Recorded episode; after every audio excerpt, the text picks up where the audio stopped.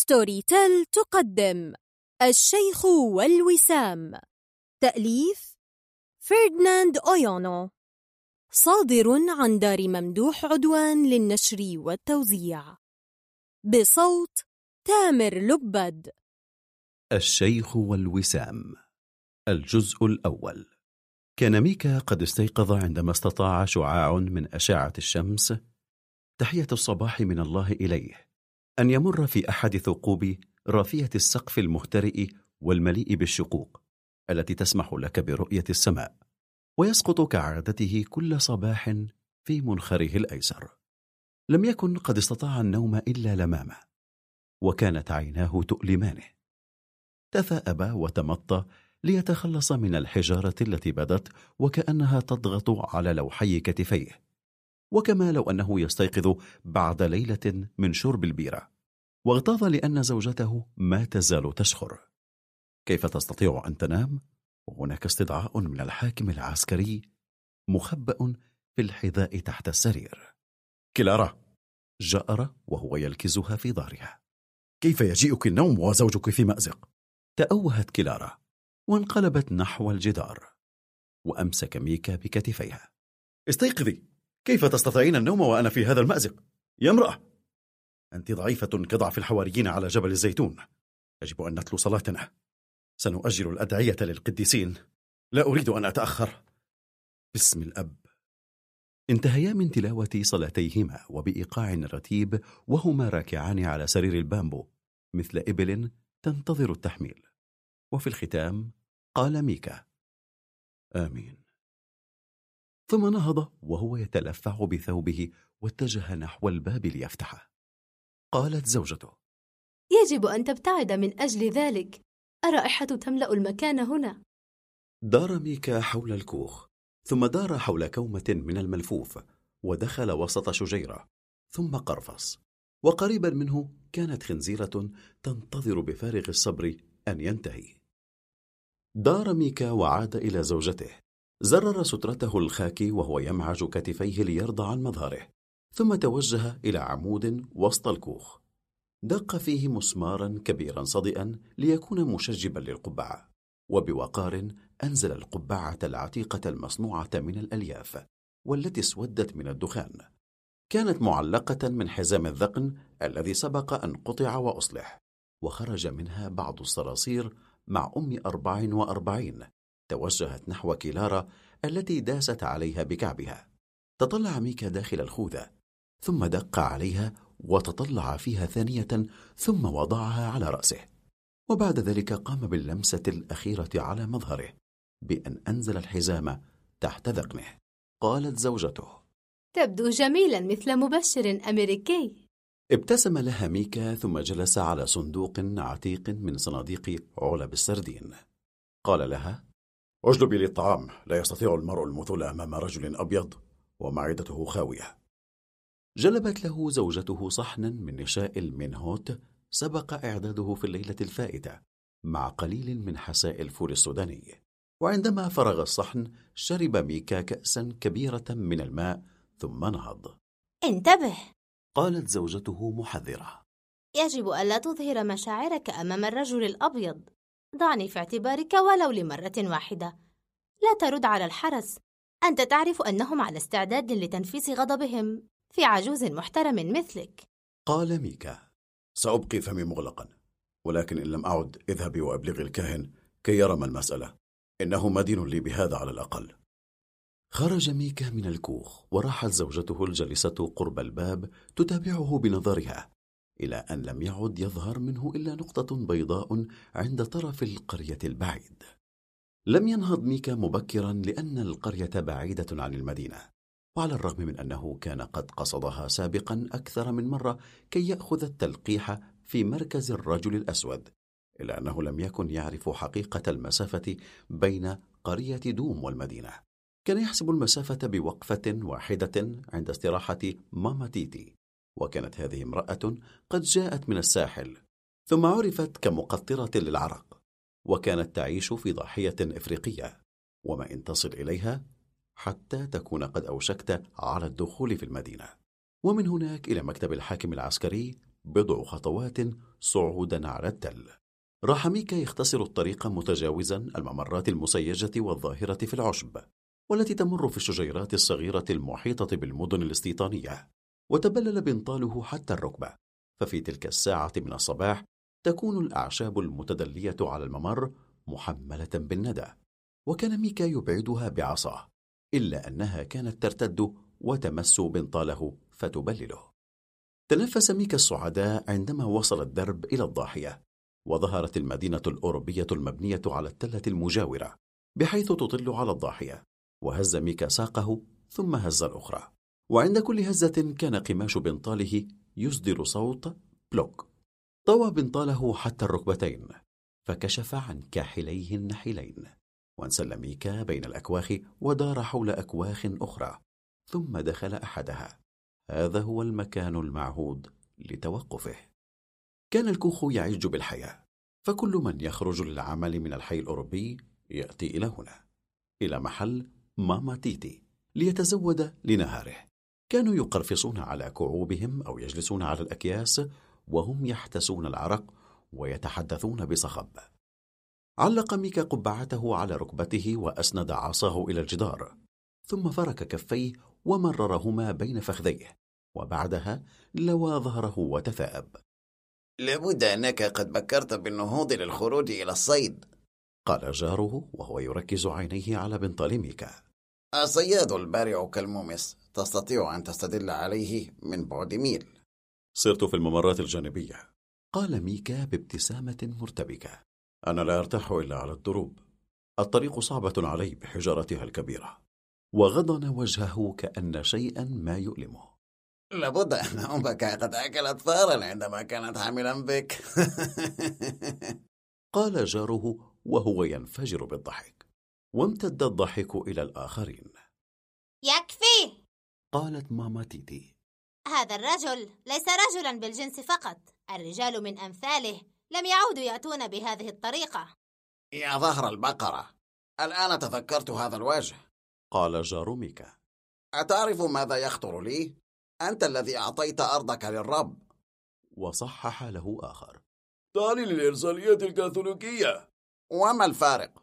وقالت ماما تيتي. الأمر ذاته. وبرزت عضلات ذراعيها القوية وهي تنتقل بين مجموعة وأخرى حاملة دمجانات الكحول البطحات وألح جاره. ولكن هل كنت أنت؟ نعم أنا. وخيم صمت الدهشة على الكوخ. قال أحدهم. يا للمقبوح الغبي! وقال ميكا. أنت على الأقل صريح في هذا. وقال آخر. لو أنهم أخذوها منك لما فاجأتني. فقال ميكا في الأمر شيء من هذا أيضا. وقال المتحدث الآخر واستدعاك الحاكم العسكري ليراك؟ نعم. لا تستطيع الذهاب لرؤية الحاكم العسكري ووجهك بهذا الشكل.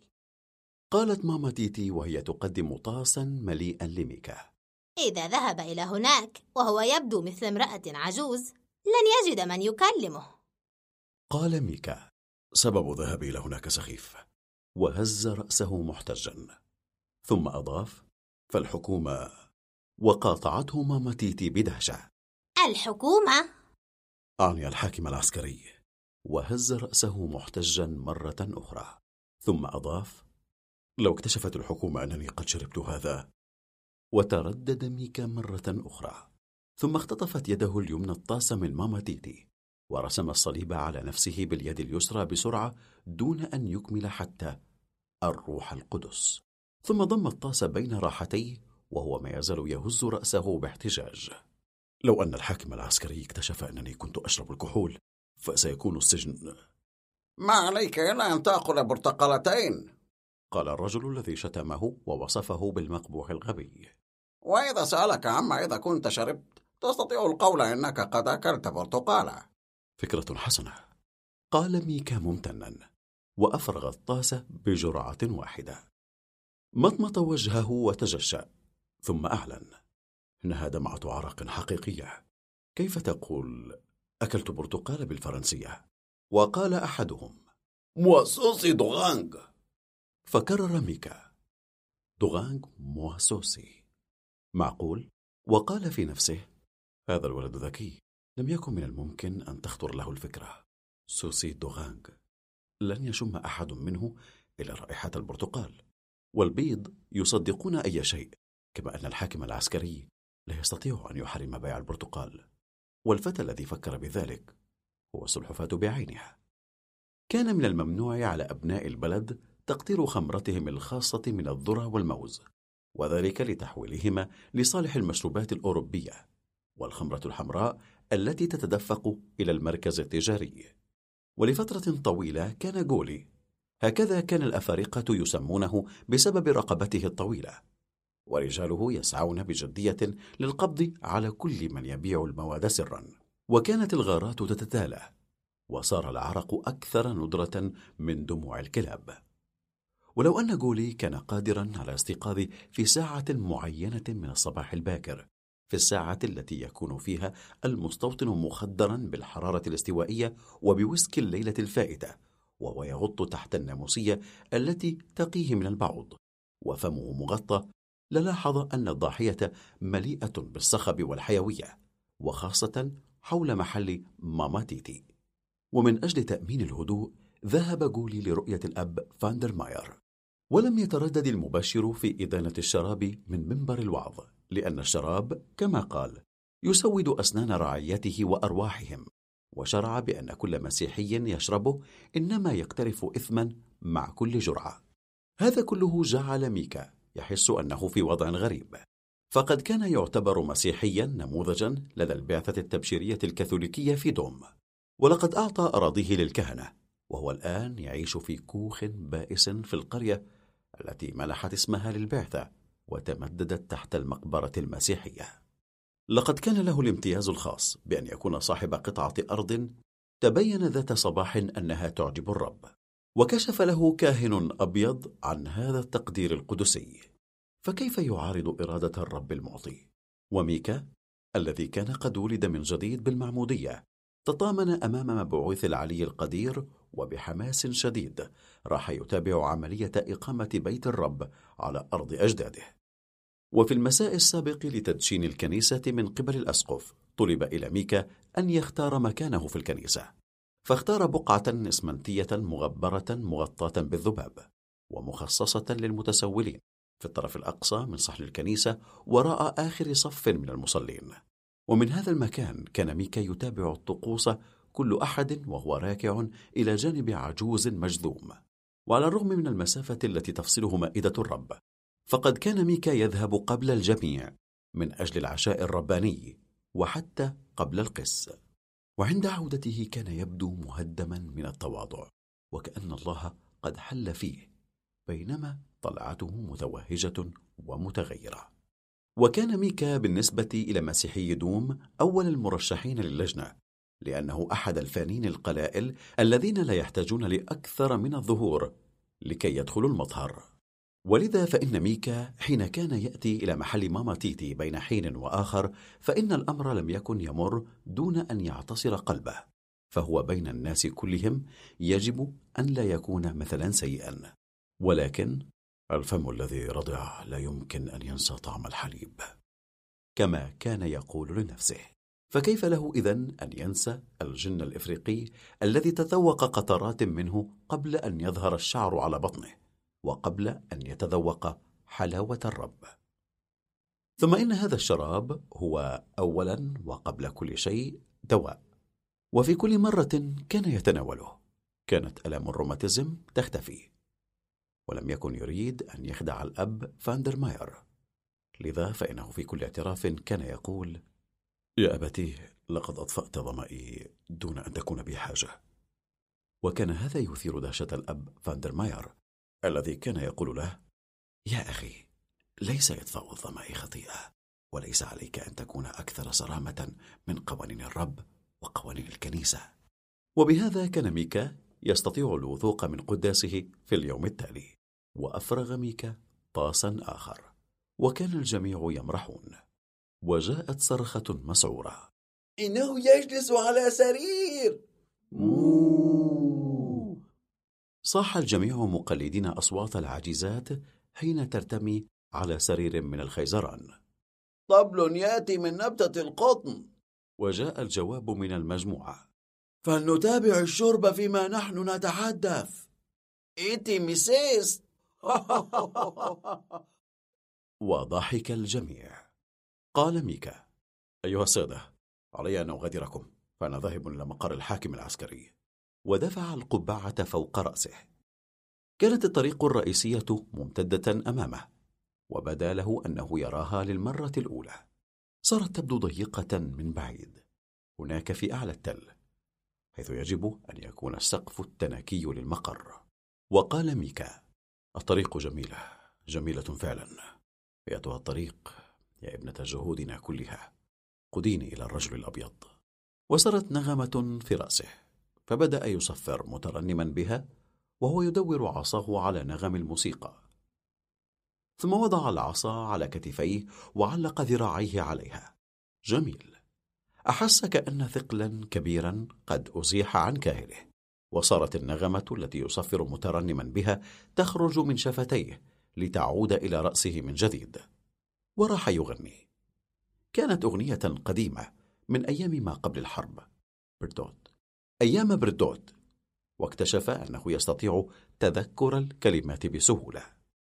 كان فمي مالح حين تطلعت إلى إبطئي وازدادت الملوحة حين تطلعت إلى مكان آخر وأنا أفضل هذه الملوحة حين أتطلع إلى مكان آخر. الملوحة المنتصرة حين أتطلع إلى مكان آخر. إنها تتعرق في الطريق. حين أتطلع إلى مكان آخر. وتنام تحت شجرة المانجا. حين أتطلع إلى مكان آخر. وتراقص ميكا قليلا. هل قدماه له فعلا؟ لا لا يمكن. إنهما خفيفتان. كم هو رائع أن تحس بأنك حر وفتي. وسعيد.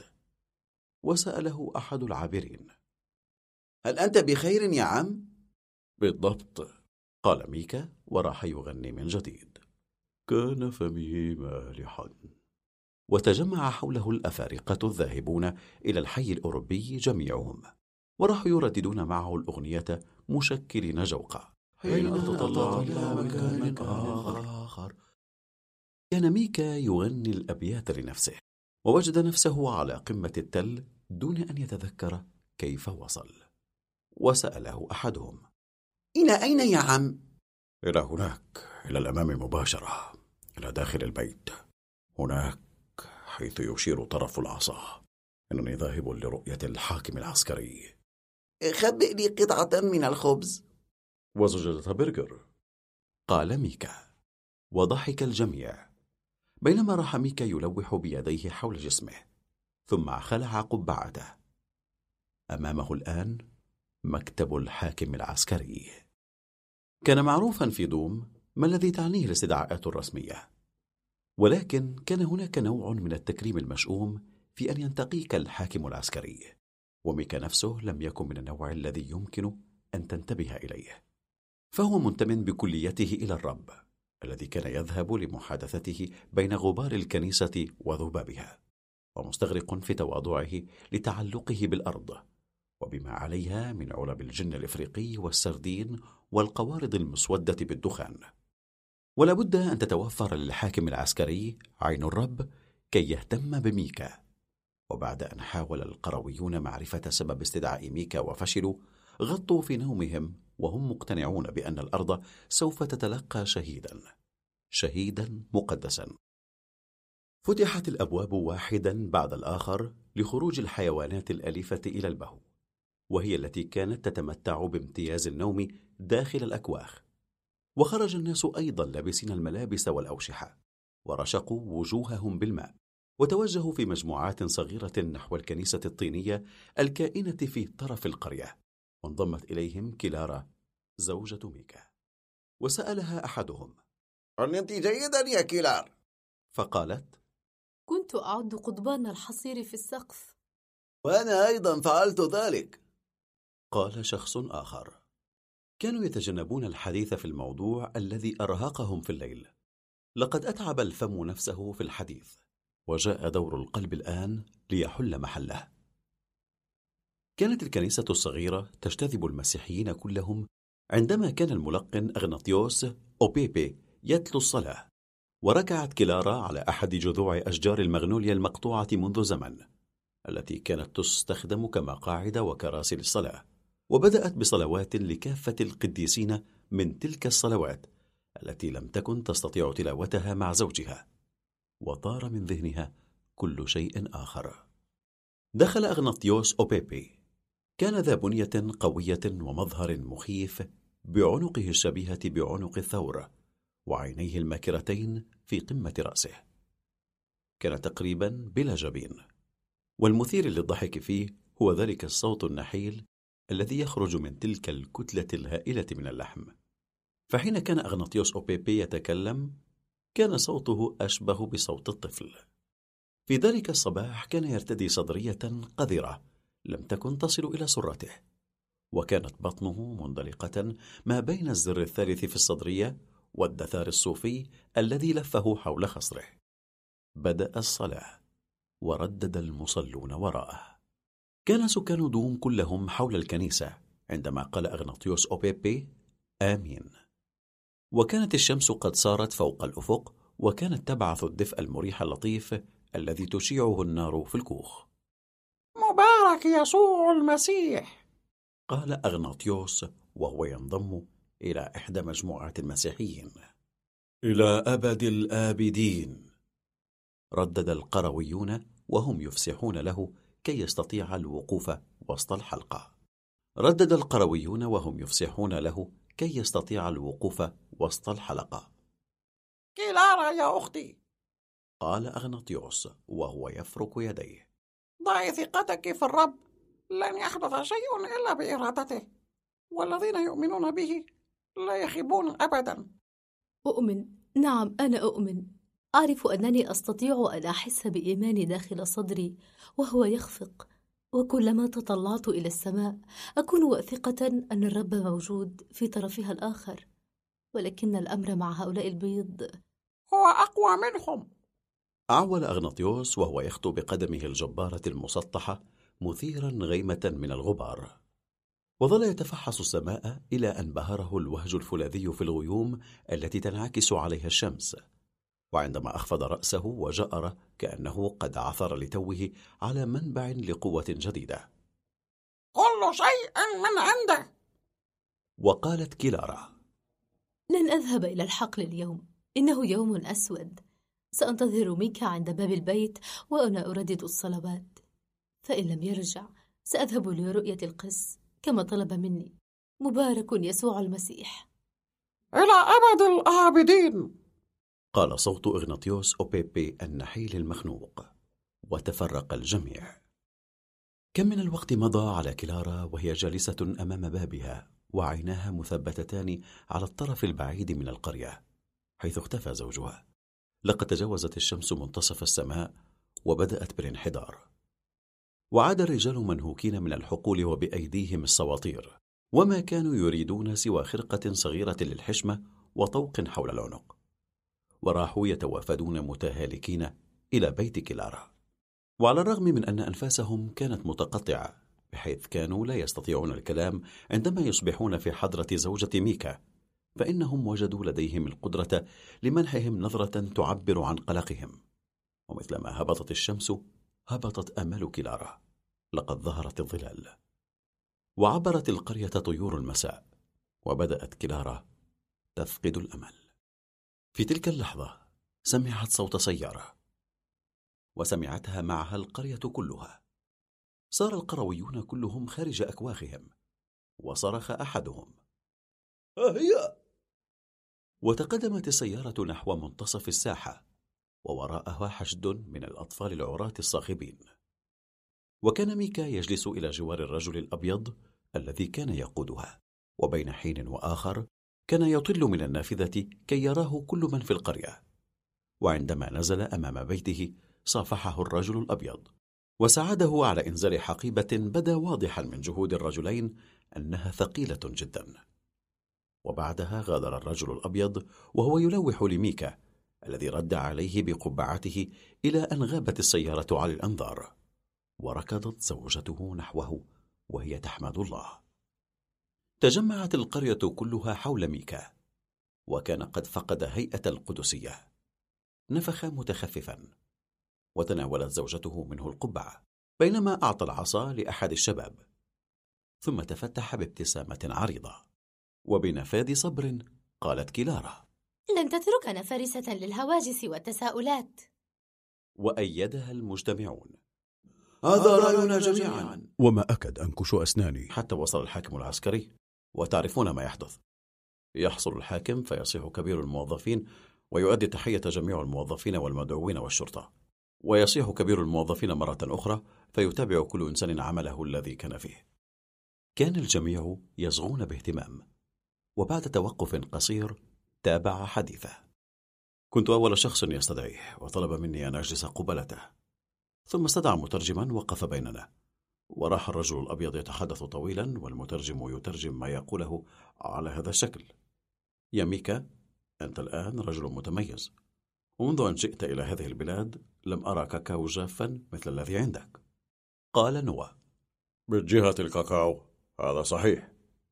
وقال لقد بذلت الكثير من أجل تقدم أعمال فرنسا في هذا البلد. لقد قدمت أراضيك للإرساليات وقدمت ولديك في الحرب التي لقيا فيها موتا مجيدا. ومسح دمعة وهمية. أنت صديق وشد على يدي من فوق الطاولة. ثم أنهى الكلام. قائلا الوسام الذي سنمنحك إياه يعني أنك أكثر من صديق. هذا تقريبا ما شرحه لي المترجم وردا على ما قاله الحاكم العسكري قلت له إنني من جهتي سعيد بأن أكون صديقا للرجل الأبيض. وسألته عمن سيمنحني الوسام لأنه قال نحن. وضحك الرجل الأبيض حين سمع كلامي. فتحدث من جديد المترجم الذي قال لي إنه رئيس البيض في تمبا نفسه وليس معاونه الذي سيأتي ويعلق للوسام. بعد ذلك انتظرت الملقن الأمريكي وهو من الانسباء لأنه في قبيلة يمجام صهر الصهر. وابنته تزوجت واحدا من هاوسة فذهبنا إلى بيتها ظهرا. تناولنا الكسكس. لا أحد يعرف كيف يطبخ الكسكس أفضل من هاوسة. وبعدها تمشينا إلى المركز التجاري. وهناك التقيت بالسيد كوبنجرومز زبوني الدائم الذي يشتري مني كاكاو. وقال لي إنني أستطيع أن أخذ كل ما أشاء من حانوته. مجانا؟ سأله موغوندو ونبرة شك في صوته. نعم مجانا. ربما أن قلبه حدثه لا أعرف ولكنني لا أشك أنه سرق مني الكثير. ربما شارف على الموت. قال إيفينا. وهو يريد أن يتصالح مع الرب. كوبنجلوم العجوز هو فعلا على حافة القبر. قال صوت صادر من منطقة الظل. قال ميكا. وهكذا انتقيت هذه الحقيبة من علب السردين. واتجهت الرؤوس كلها باتجاه الحقيبة التي صارت الآن تحت سرير البامبو. وظهر شبح هائل لإنسان بالباب وصدر عنه صوت ناعم. مبارك يسوع المسيح! ورد الجميع إلى, إلى أبد الآبدين. هذا أنت يا أغناطيوس؟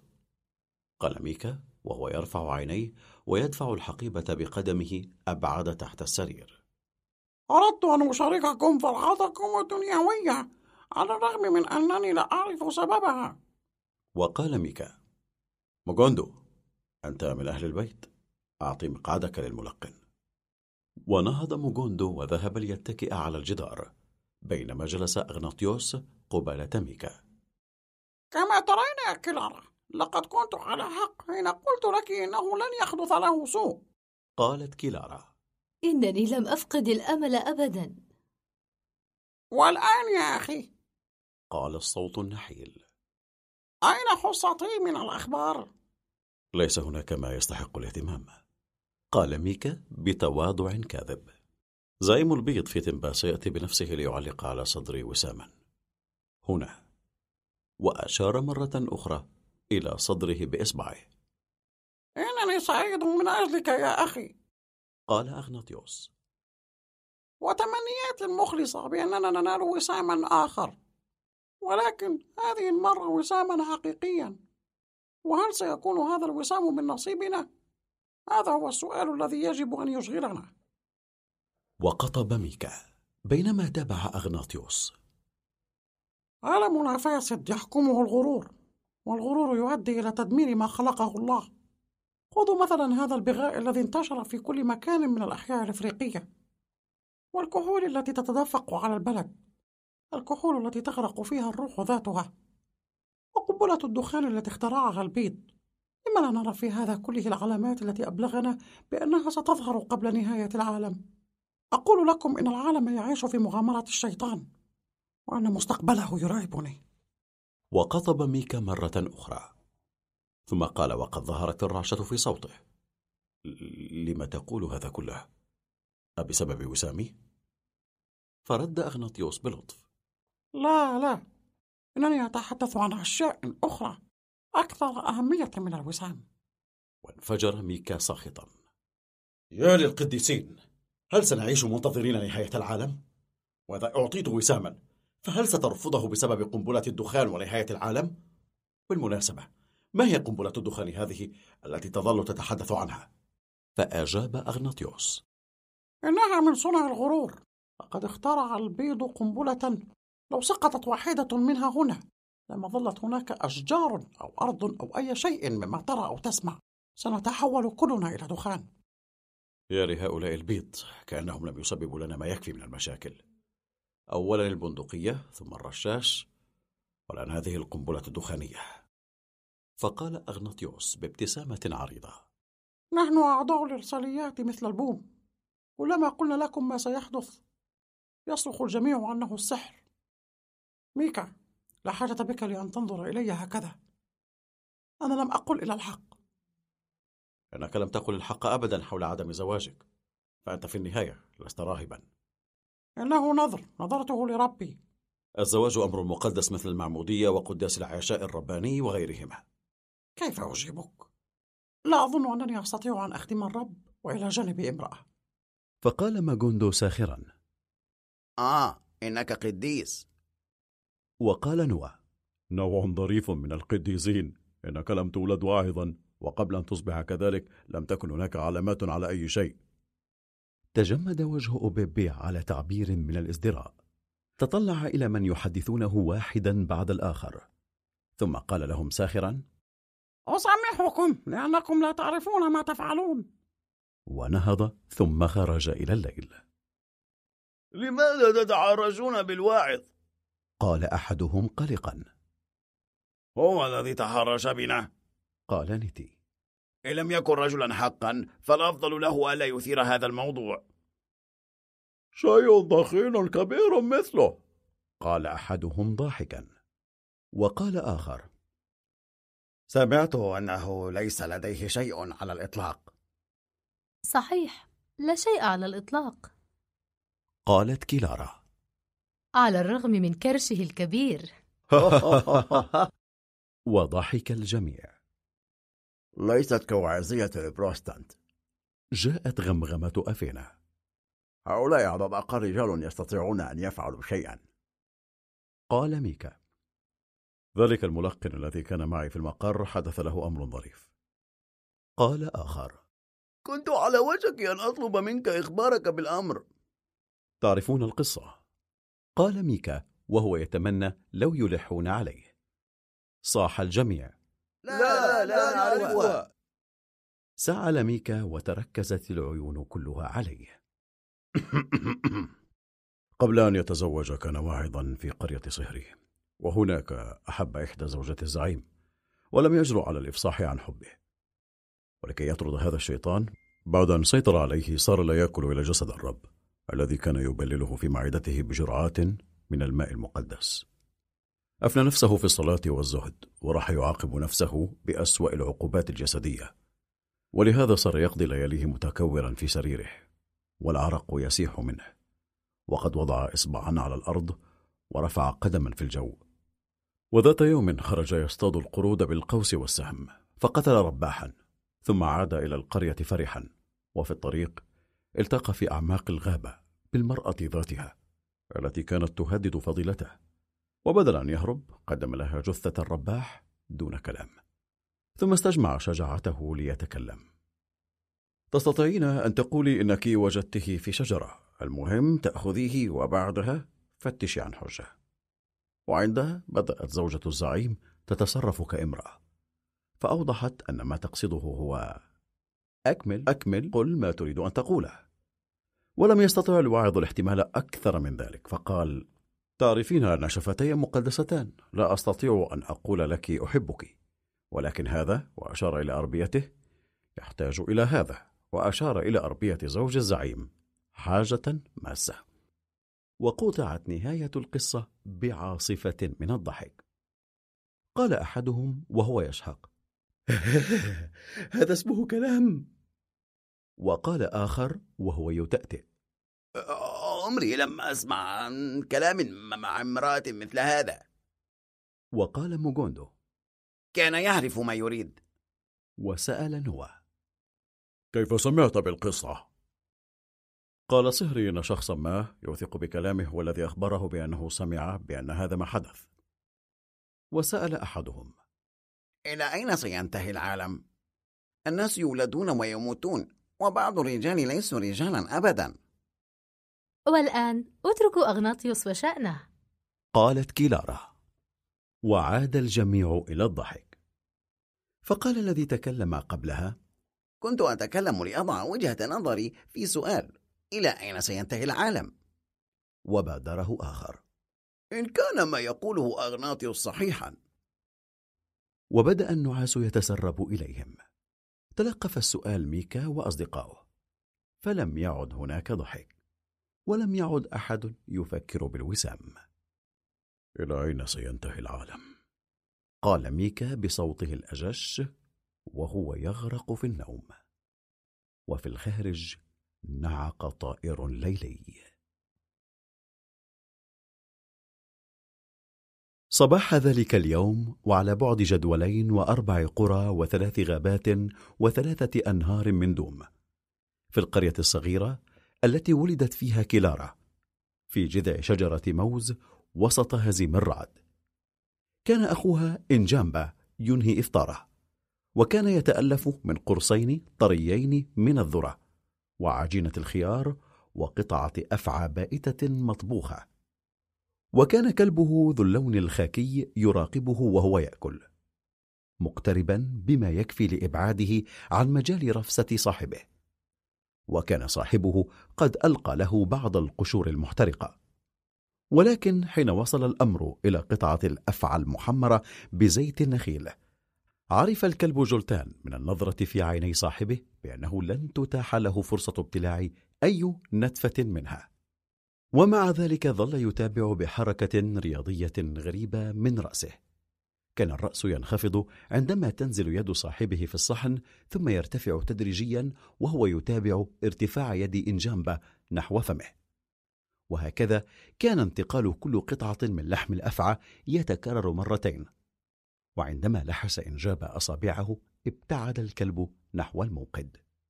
هذا صوت إنجامبا. يا له من كلب شرح. قال إنجامبا وهو يتجشأ ورفع ذراعه مشيرا إلى الخزانة الخيزرانية حيث كان فيها دلو عتيق.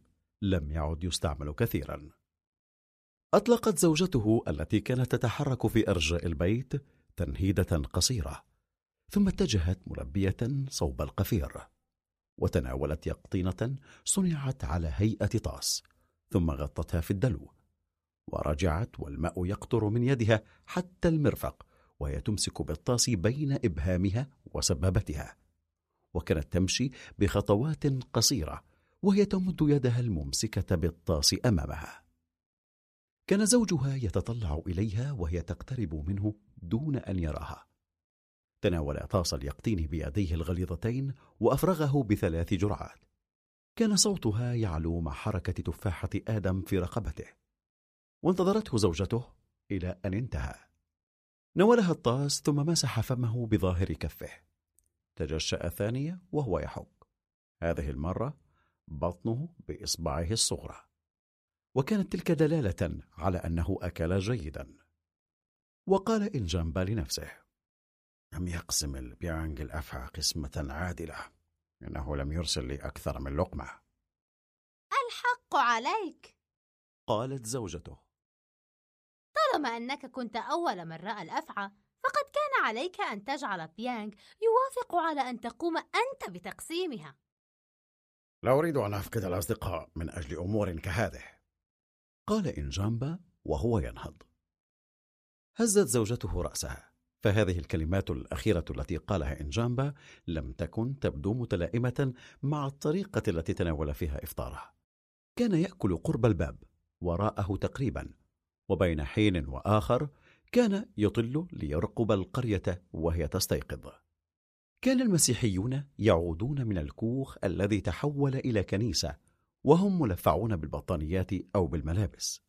فالذين كان لهم أقرباء في المدينة كانوا يلبسون فوق لحومهم معطفا قديمة أو سترة أو نوعا من ملابس النوم. فتبدو بشكل محزن غير متلائمة مع هذه المخلوقات المتزينة بزنانير القطع المعدنية المقدسة أو بالأوشحة الكتفية والسبحات. وأحيانا بصليب رصاصي كبير معلق من رقابهم بحبل من ألياف الروطان. عبروا الباحة وهم يناقشون بصوت مرتفع أسرار الكنيسة. وعندما كانوا يتطلعون في اتجاه كوخ إنجامبا كان يختبئ وراء الباب المصنوع من ألياف الرافية. فقد كان يعرفهم حق المعرفة إخوة الدم والروح هؤلاء. كان بينهم مبوكسي الذي تقدس وإياه. ولقد ذهب الأخ الأصغر لمبوغي إلى غينيا الإسبانية ولم يمضي على ذهابه عامان إلا وكان قد أرسل له معطفا قديما وقبعة من الإسفنج وساعة منبه.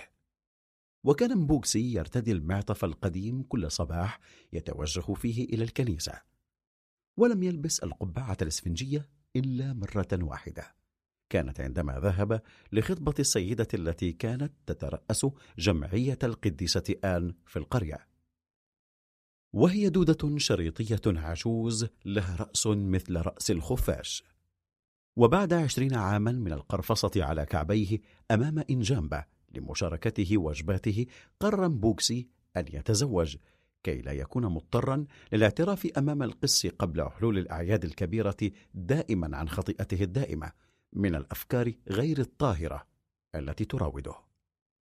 ولكن الرئيسة العتيقة لجمعية القديسة آن والتي بدأت تورمات الشيخوخة تظهر خلف أذنيها وفي نقرتها قذالها وفقدت أسنانها الأمامية رفضته. ووجد مبوكسي الراحة من التعليقات العقيمة الموجودة في الإنجيل المبسط الذي كان يحمله معه أينما ذهب. وعندما مر أمام بيت إنجامبا دلت التعبيرات التي تتالت على وجهه على الجهد الذي يبذله كي يفهم لماذا لا يمكن توجيه النداء إلى يسوع المسيح إلا بهاتين الكلمتين. وعندما مر أخفى إنجامبا نفسه تماما عن الأنظار وراء الباب.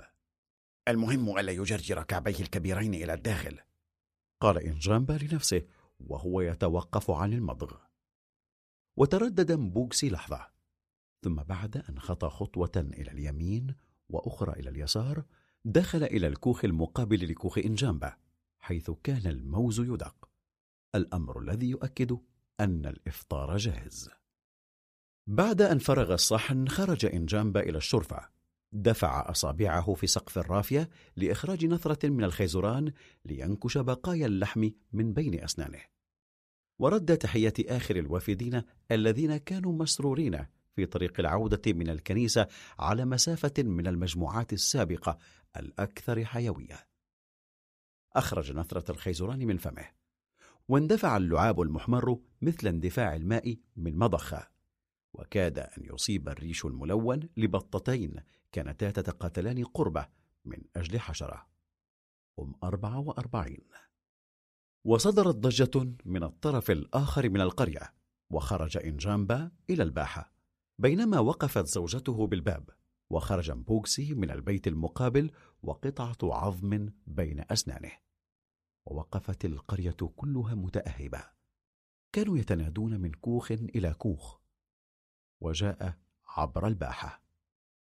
وكانت ساقا بنطاله مدروجتين حتى الفخذين. وكان يحمل حذاء قماشيا مربوطا من رباطه بعضا معلقة على كتفه كالبندقية. وكانت مسحة الغبار المصفر التي تلوث بنطاله الخاكي ورزمة السمك المقدد التي يتأبطها تبينان أنه عائد من المدينة وكان قد جاء وكأنما في أعقابه أحد وبمشية متأرجحة تذكر براقصة هز البطن وسئل هل تعبر أخبارا سيئة؟ من مات؟ فهز رأسه إنكارا وزاد في سرعة مشيه وعندما رأى إنجامبا توجه إليه وقدم نفسه. نكولو موندو ابن موندو ونكولو من جولمان. قال إنجامبا وهو يشير إلى كوخه. تفضل واعتبر كوخي بيتك. دخل الرجل أولا. وتنحت زوجة إنجامبا لتسمح له بالمرور. وتوجه الغريب نحو مكان الجرة. عبأ الطاس بالماء. وبدأ يلعقه مثل كلب. بدا عليه أنه أروى ظمأه وتطلع حوله بحثا عن مكان للجلوس ثم جلس على أحد سريري الخيزران ووضع رزمة السمك المقدد على الأرض وإلى جانبها العصا والحذاء القماشي ثم مسح شفتيه بكفه. والآن ما الذي تخفيه؟ سأل إنجامبا متلهفا. وتظاهر الرجل أنه لم يسمع. اتخذ وجهه سمة الجدية. وفي الوقت ذاته أظهر تعبيرا غامضا. سحب رزمة السمك المقدد إلى ما بين ساقيه. ثم عقد وحل عقدة ربطة حذائه القماشي. وفي هذه الأثناء كان كوخ إنجامبا قد بدأ يمتلئ. وكانت ثرثرات القرويين تتوقف عند العتبة حالما تلمس بواطن أقدامهم تراب الأرض في كوخ إنجامبا. وتتركز أعينهم على شفتي نوكولوموندو. وعندما لم يعد هناك متسع لأحد وحتى لجلتان المسكين الذي أخرج مطرودا بالرفسات من كل جانب رفع الغريب الذي كان ما يزال يحدق إلى رزمة السمك المقدد رأسه نحو إنجامبا. وحرك إنجامبا رأسه إلى هذه الجهة ثم إلى تلك حول كتفيه وتطلع وراءه ثم واجه القسمات الهادئة في وجه نوكولو مستسلما.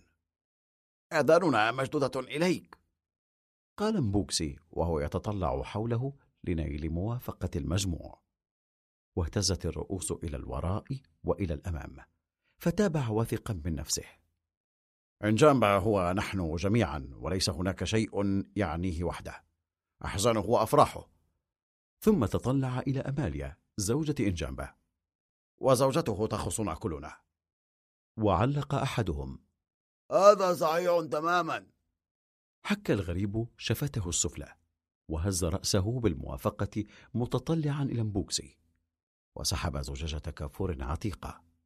فتحها وأخذ منها حفنة من مسحوق كاستنائي اللون. دفعه أعمق ما يستطيع داخل أنفه الذي كان أسود مشعرا مثل جلد الغوريلا. امتلأت عيناه بالدموع ولكنه بهزة عنيفة من رأسه أرجعها وقدم الزجاجة المفتوحة لمبوكسي ثم حك أنفه بظاهر يده الفارغة وحين أخذ مبوكسي حاجته مرر الزجاجة لجاره الذي مررها بدوره إلى الشخص التالي. هذا صوت ممتاز فعلا منذ زمن طويل لم أستنشق مثله. قال مبوكسي وهو يفرك أنفه. لقد نشط دماغي. قال آخر. حتى وجع أسناني زال تمايل الغريب وحشر الزجاجة في الجيب الخلفي لبنطاله. كان يتمهل مماطلا كي يبقى على تشوق إنجامبا وأصدقائه. وسأل. هل الزعيم بينكم هنا؟ تسبب هذا السؤال في بعض الامتعاض. فمبوكسي الذي لم يستطع طوال عشرين عاما أن يجلس على كعبه ترك ردفيه يهبطان على الأرض. وتطلع إلى إنجامبا الذي كان يرتعش ثم سأل الغريب. هل الأمر هام بهذا المقدار؟ نعم ولا. لدي أسباب لهذا السؤال. نهض إنجامبا ومضى إلى وسط الكوخ. الأمور كما هي عليه هناك من هو مسؤول عنها وهي تسير كما يجب. واتكأ على العمود الذي يسند سقف الرافية وتابع حديثه دون أن يقول شيئا. إذا تكلمت الأشباح هطل المطر ليلا. وإذا طلبت منك أن تخفض صوتك فهذا لأن هناك عدوا. صحيح. أجابه ثلاثون صوتا غليظا اجتمعت في كوخ إنجامبا. قال أحدهم إن جنبه حكى الصدق. وقال آخر نعم هذه كلمات إنسان آدمي. وعاد إنجامبا إلى مقعده وأراد مبوكسي أن يأخذ مكانه عند عمود الكوخ. فأوقفه أحدهم. أجلس! أي نوع من الأوادم أنت؟ كلما سمعت صوت الطبول تسارع إلى المآدب التي لم تدع إليها. هل ستكون شرها للكلام أيضا؟ قال مبوكسي. إن جنب أخي فنحن من عائلة أمة واحدة. أمه وأمي من قبيلة بينز. وكل ما يعنيه يعنيني أيضا. إن فينا الدم ذاته وأستطيع أن أحكي باسمه. ثم قل لي هل سبق لي أن أكلت في بيتك؟ هل أكلت؟ وعلى صوته. اهدأ. زمجر إنجامبا وهو يعود إلى عمود الكوخ. لا تبدأ ألعابك السحرية هنا. إن لدى الغريب خبرا لي ولم نعرف بعد ما هو. ومع ذلك فإنكم تثيرون هذا اللغط كله. ما الذي ستنتهي إليه هذه القرية؟ وعاد إنجامبا إلى مقعده تتبعه همهمة موافقة. وقال آخر أيها الغريب هل جاء دورك في الكلام؟ إنه دوري؟ قال نوكولو وهو ينهض. وبعد توقف قصير تابع يقول الأمور كما هي عليه يوم أمس مشيت تحت الشمس اللهبة وتحديت أرواح الليل كلها كي أجلب لكم النبأ الذي ما أزال أحمله في سري. ولذا فإنه من العبث إعطاء الدور للكلام. إنني قادم من دوم. وما رأيته وسمعته هناك لا يحكى. لقد ذهبت إلى هناك لبيع بعض كاكاو وكان حموا المستقبل قد طلبا مني بعض السمك المدخن كي أتمكن من الزواج من ابنتهما حسب الأصول. لقد أعطيتهما حتى الآن ثلاثين ألف فرنك وصندوق بيرة وقبعة ليف وكيسا من الملح وثلاثة مناجل وثلاث غنمات وسطل ماء وقدرا من الحديد الصلب وكيسا من الأرز ولم يتبقى إلا السمك المدخن. المهم أنني ذهبت لبيع الكاكاو لليونانيين الذين يسرقوننا دائما. وعندما وصلت إلى دوم أحسست أن الجو فيها ليس كعادته. كل ما رأيته فيها كان يبدو عليه أنه ينتظر شيئا ما. كان المساجين يملؤون الشوارع وهم يضعون أقواس النخيل على معابر الطرق. وشاحنة المعبأة بالجنود المسلحين بالبنادق تعبر المدينة مسرعة باتجاه مكتب الحاكم العسكري. تعرفون أولئك الجنود الذين جاءوا من الغابون. إنهم سود مثل قفع القدر ورؤوسهم مثل خصي الخواريف وأسنانهم كأسنان المنشار. وكان هناك أيضا جنود بيض. وأنتم لم يسبق لكم أن رأيتم جنودا بيضا. وهمهم بوكسي. حرب. اشتعلت حرب؟ كنت أعرف أن الألمان لن ينهزموا بهذه السهولة قال هذه الكلمات كلها دون توقف أو التقاط نفس. وهو يلوح بذراعيه. وكان الجميع يراقبونه وقد أرعبتهم كلماته التي كانت كافية لقلب معد فلاحي زوريان المسالمين هؤلاء. هذا ما ظننته أول الأمر. قال الغريب. والتفت إليه الجميع. فقد كان هناك ذعر قذر يملأ نفوسهم. هذا ما ظننته أول الأمر. كرر القول ثم أضاف. ليس هناك داعي للقلق. الحقيقة أن دوم مضطربة لأن زعيم البيض ليس ذلك الذي يعيش في تمبا بل في باريس. سيأتي بنفسه هو بعينه وليس شبحه وليس نائبه وليس بديله. سيأتي إلى دوم ليمنح وساما ل ميكا. هاتف إن جنبه ميكا صهري أليس كذلك؟ كنت أعرف. ليلة أمس حلمت أنني أكبر من الفيل. أمسك بالغريب من ذراعيه ثم دفعه على طولهما ليتطلع إليه ثم أحاطه بهما. وأطلقت أماليا أعلى صرخة ابتهاج. استطاعت تدبيرها وهي تدور بجسمها حول نفسها. وفي الخارج بدأت فاتنات أخريات يهتفن ردا عليها. واندفعت خارجة من الكوخ وبدأت ترقص وحدها في الباحة.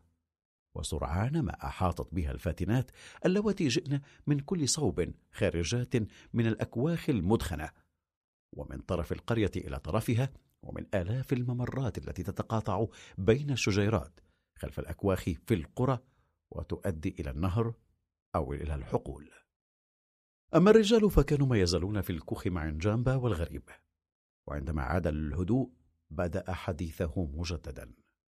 صهرك الآن مشهور شهرة الحاكم العسكري في دوم ويخجلني أن أقول إنني لم أعرفه. ولكن عندما أخبروني أنه متزوج من امرأة من ناحيتنا فكرت بك لارا فورا.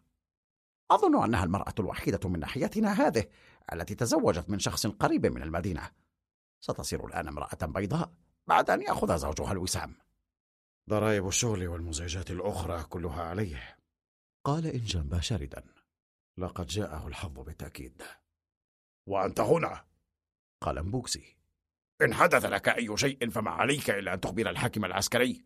إنكم سهر الرجل الذي جاء الزعيم الأبيض ليمنحه وساما. نعم هذا صحيح. قال الغريب.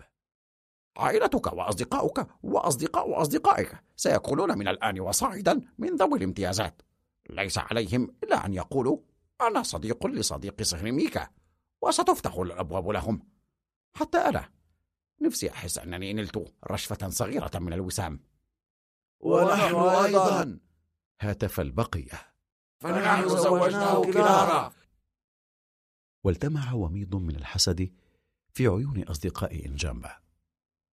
فمن وجهة نظرهم كان قد اكتسب الآن أهمية وقد بدا سعيدا للشهرة التي أصابها ونزلت عليه من السماء وطلب بأن تعاد القصة كلها عليه بكل ما جرى فيها في دوم. من المؤسف أن يكون الرابع عشر من تموز بعد غد. كان من الممكن أن أقصد الجداء التي أربيها على بعد ثلاثين كيلومترا. إذ ليس لدي ما أخذه لصهري إلا فحل العجوز وهو الحيوان الوحيد الذي أبقيته في القرية. ووعده أحدهم بديك وآخر ببطة وثالث بزجاجة من خمر البلح. قال إنجامبا لنفسه آه لو أنهم يفون بوعودهم. وفيما كان يتأسف لذكره فحله العجوز فإنه آسف أيضا لأن الكذب الاعتيادي لا يعتبر خطيئة قاتلة.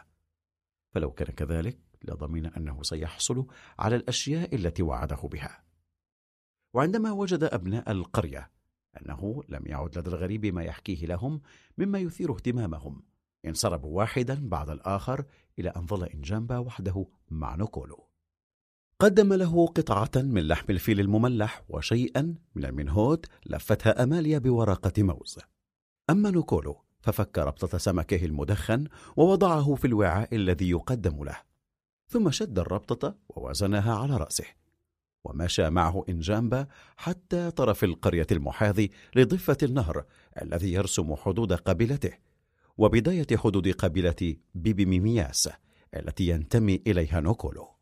وعندما آن أوان الوداع قال إنجامبا الصديق أكثر أهمية من الأخ؟ سيظل كوخي مفتوحا لك وكلما مر طريقك من أمام شرفة بيتي عليك أن تتوقف لتتناول شيئا من الطعام أو لاتقاء حر الشمس حتى لو لم أكن في البيت. وأنزل نيكول رزمته إلى كتفه وهو يقول لقد التقيت بمن هو أعز من الأخ وإذا قدتك قدمك ذات يوم إلى نوغلمان فإنك ستحتسي خمرة بلح ممتازة وعندها فإن الخمرة بدورها ستشربك. إن لدى الزوجة الثالثة أسلوبها البارع وسوف تدفئ ظهرك. تصافحا. ووقف إنجامبا يرقب نيكولو وهو يتدحرج في مشيته. وارتعش قليلا وهو يتمايل على اللوح الممدود فوق النهر الصغير. ولكن لم يحدث شيء ذو بال. وعندما وصل نيكولو إلى الضفة الأخرى لوح كل منهما للآخر. حفظك الله! هتف نيكولو مع السلامة! أجابه إنجامبا وعاد إنجامبا إلى القرية. كان في البداية يمشي غارقا في أفكاره وهو يحدق في المرج الذي يتلوى فيه الطريق. وبعد ذلك تطلع إلى الخلف. كانت الشجيرات النامية على الضفة الأخرى. قد غيبت نوكولو وأحس بغصة صغيرة في قلبه فهز كتفيه وتلك كانت الحركة التي يقوم بها عادة لمنع نفسه من الانجرار مع عواطفه. لم يكن يعرف نيكولو معرفة خاصة لكنه كان يحس أن بني جولمن كلهم أصدقاؤه وتأسف لأنه لم يطلب من نيكولو أن يقضي الليل عنده ولكنه تذكر أن نيكولو وهو المتعدد الزوجات. لن يكون سعيدا بالنوم في سرير الخيزران الآخر الذي ينام عليه جولتان.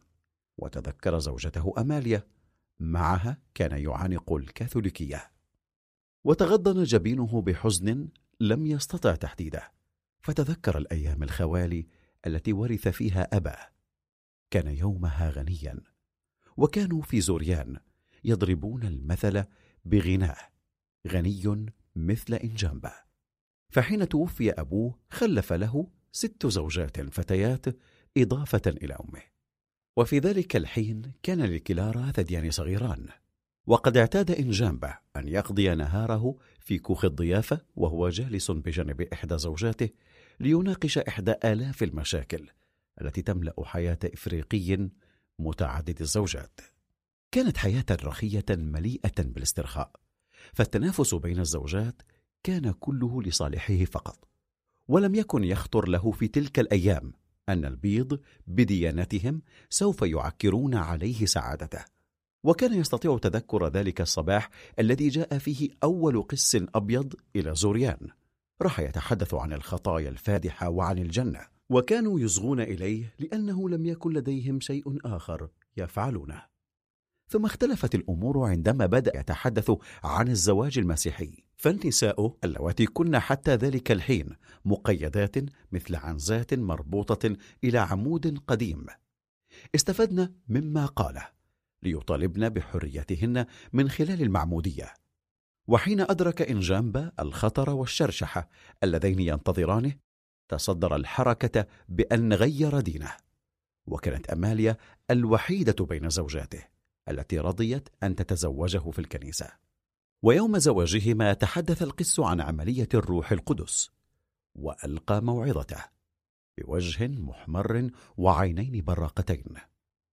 حول انتصار الديانة الكاثوليكية في تلك البلاد التائهة التي كانت رحمة الله تخطو خطواتها الأولى فيها إلى قلب إنجامبا أول الوثنيين المهتدين.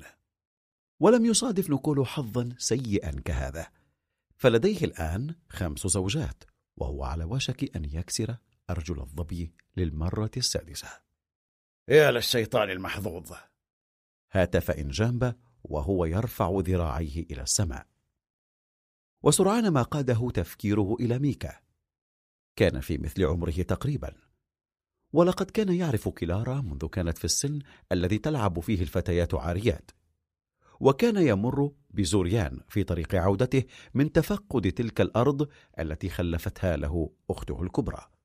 وفي ذلك الحين كان والد إنجامبا أقوى رجل في زوريان وكان منزوله مبنيا وسط الساحة العامة تماما بحيث أن أي إنسان يسير في الطريق الذي يتجاوز زوريان لابد له أن يمر فوق ساقيه الممدودتين والمسندتين على ظهر إحدى زوجاته. وكان كل غريب يشاركه في أكواب من خمرة البلح التي كان يجلبها له أحد العبيد كل صباح. وحسب ما يكون الغريب قويا أو ضعيفا كان يصادقه أو يستعبده.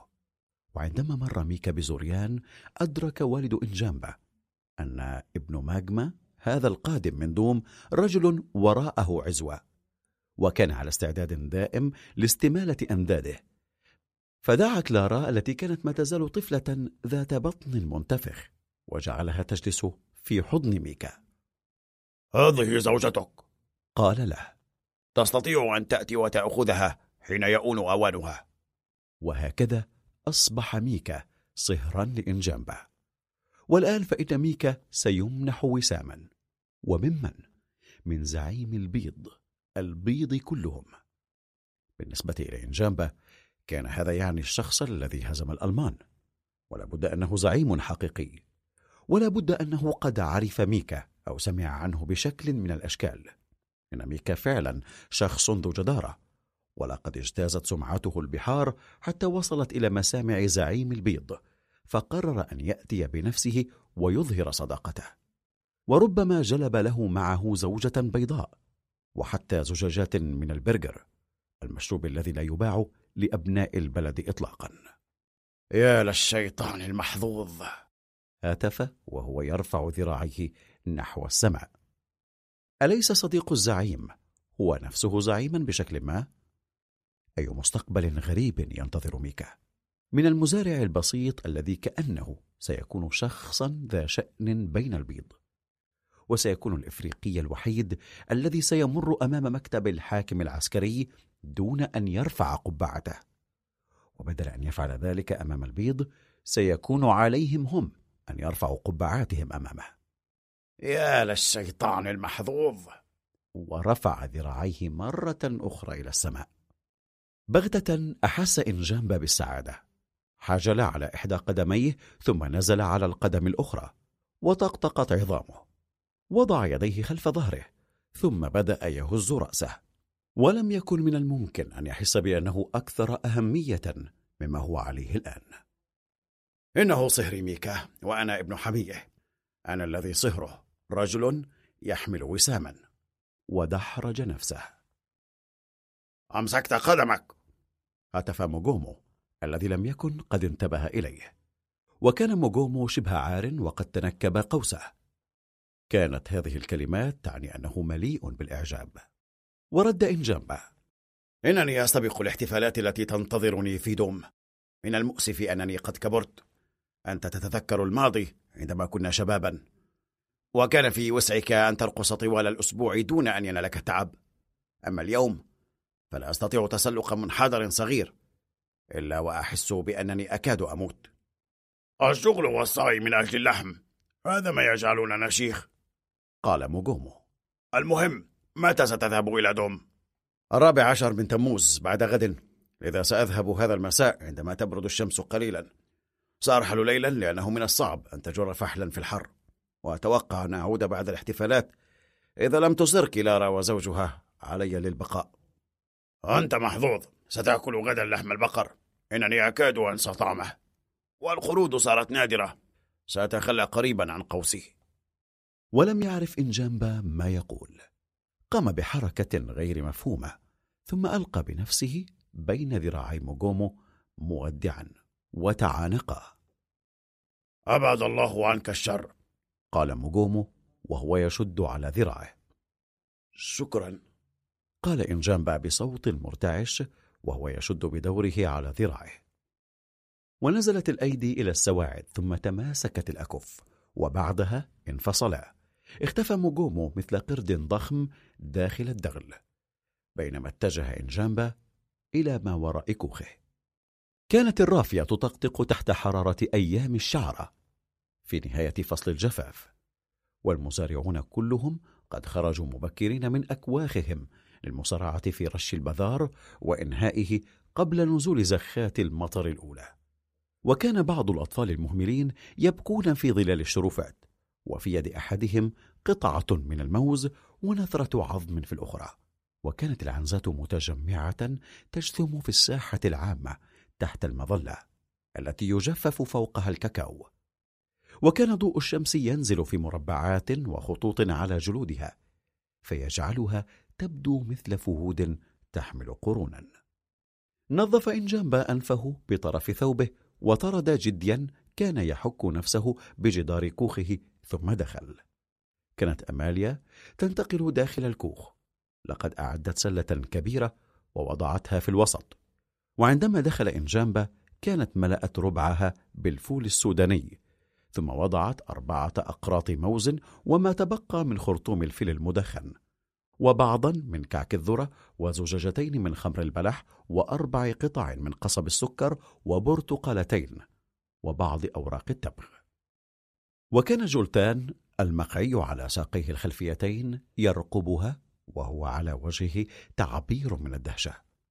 وعندما دخل صاحبه انسل تحت السرير. لماذا لا تذهب للإمساك بالفحل؟ سألته أماليا. صفر إنجامبا من بين أسنانه بانزعاج وقدمت له زوجته عرنوس ذرة. فنادى جولتان الذي تكور خائفا تحت السرير. اخرج! زمجر إنجامبا وهو يرفع السرير. واندفع الكلب خارجا إلى الساحة وذهب إنجامبا إلى المسطح حيث كان القسم الأعظم من مواشي القرية متجمعا. أبعد المواشي ليرى إن كان فحله بينها وتفرقت الحيوانات ولكن إيبوغو لم يظهر. إيبوغو هو الاسم الذي كان قد أطلقه على فحله وكان فحلا أبيض بلحية سوداء وقرنين مكسورين. وقد أعطي إليه عندما تزوج ابنه بالمعمودية. وقد أصبح الآن واعظا. على بعد يوم من زوريان. وكي يعوده على كوخه أبقاه في الأيام الأولى مربوطا إلى عمود الكوخ. وعندما ملت أماليا من كنس الزبل من تحته واعتبرت أنه قد تعود على البيت أخرجته. ولهذا فإن إيبوغو يظل مشتاقا إلى بيت صاحبه ولا يبرح ظلال الشرفة. وفي البدء كان إنجامبا سعيدا لأن هذا الفحل قد أحبه. وقد أعطاه هذا الاسم وهو اسم الزوجة الفتية وهي الأخيرة في سلسلة النساء اللواتي ورثهن عن أبيه. وإيبوغو هذه التي كانت تحمل لإنجامبا من المشاعر ما تحمله الفأرة للهرة. كانت تعيش بانتظار اليوم الذي سيحررها فيه القس الأبيض من الرجل الذي تكرهه. وسرعان ما صار إيبوغو الفحل مصدر إزعاج وكان إنجامبا يجده أحيانا يجتر فوق سريره الخيزراني وكان يرى الأمر طريفا في البداية. وذات ليلة قامت زوجته بدفعه بعيدا عنها وقالت له إن رائحته كرائحة الفحل. ويومها تشمم إنجامبا تحت إبطيه بينما إيبوغو ينتظر وعيناه تلمعان في الظل. قفز من السرير كالمجنون وقذف بإحدى حجرات الموقد نحو إيبوغو الذي لم ينتظر أكثر من ذلك. ومنذ ذلك الحين صار ينزوي في الطرف الآخر من القرية حيث صار يعيش مع عنزات موغومو. وصعد إنجامبا ساحة القرية مرة أخرى وهو ينادي جولتان وتبعه الكلب على بعد معقول مثل زوجة صيني. وراح إنجامبا ينادي إيوغو بأعلى صوته. وبعد ساعة لمح الحيوان يخرج من مزرعة كاكاو وهو يطارد عنزات وعرف جولتان واجبه فوقف في طريق الفحل وهو ينبح وألقى إنجامبا بعض قصلات الشعير. ولكن الحيوان كان محتاجا فلم ينتبه إليها. وانتظرت العنزات على مقربة وهن يمأمن واقترب إنجنب أكثر فاندفع الفحل في الثغرة القائمة بين جلتان وصاحبه. وأطلق إنجنب شتيمة بينما راح جلتان ينبح. ورد كلب آخر على النباح. ثم مجموعة من الكلاب. وسرعان ما صار إنجنب محاطا بزمرة منها. شكرا يا جلتان قال وهو يبتسم للكلب. واندفع جلتان وزملاؤه وراء الفحل وتبعثرت العنزات وقد أحست بالخطر في كل اتجاه تاركه الذكر وحيدا وسرعان ما رأت الكلاب إيبوغو. كان متشبثا بمكانه وراقب إنجامبا ساقيه الخلفيتين ومد ذراعيه إلى الأمام بينما كان الفحل يواجه قسما من زمرة الكلاب وخطى زوج أماليا خطوة ثم أمسك الساقين الخلفيتين للفحل. وبدأ إيبوغو يرفس ويثغو وتشبث به إنجامبا. ثم جره نحو كوخه بينما كان جولتان وزملاؤه الكلاب تمسك به من كشحه. وخرجت أماليا بحبال ليف الراتان فقيدا إيبوغو إلى عمود الكوخ. وحاول إنجامبا استعادة أنفاسه فمسح كفه على وجهه وشرب كوبا من الماء. بينما كان لسان جولتان يتدلى بين ساقيه. وكان إيبوغو قد توقف عن شد الحبل وراح يجتر. انحنت أماليا تحت السلة التي تحملها ووقفت وسط الساحة وهي تعطي تعليماتها الأخيرة لجارتها منجي قالت صارخة افتح الباب كل مساء للدجاجات! وقالت منجي ولا تنسي أن تشتري لي النفتالين وذيل الثورة. لن أنسى! سأفعل كل شيء كما لو كنت هنا. وسألت منجي. وماذا ستفعلين بجولتان؟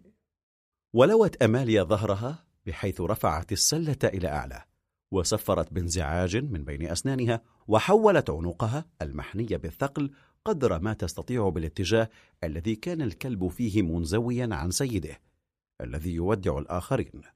وعندما سمع اسمه رفع أذنيه وسار باتجاه سيده. ألن تأخذيه معك؟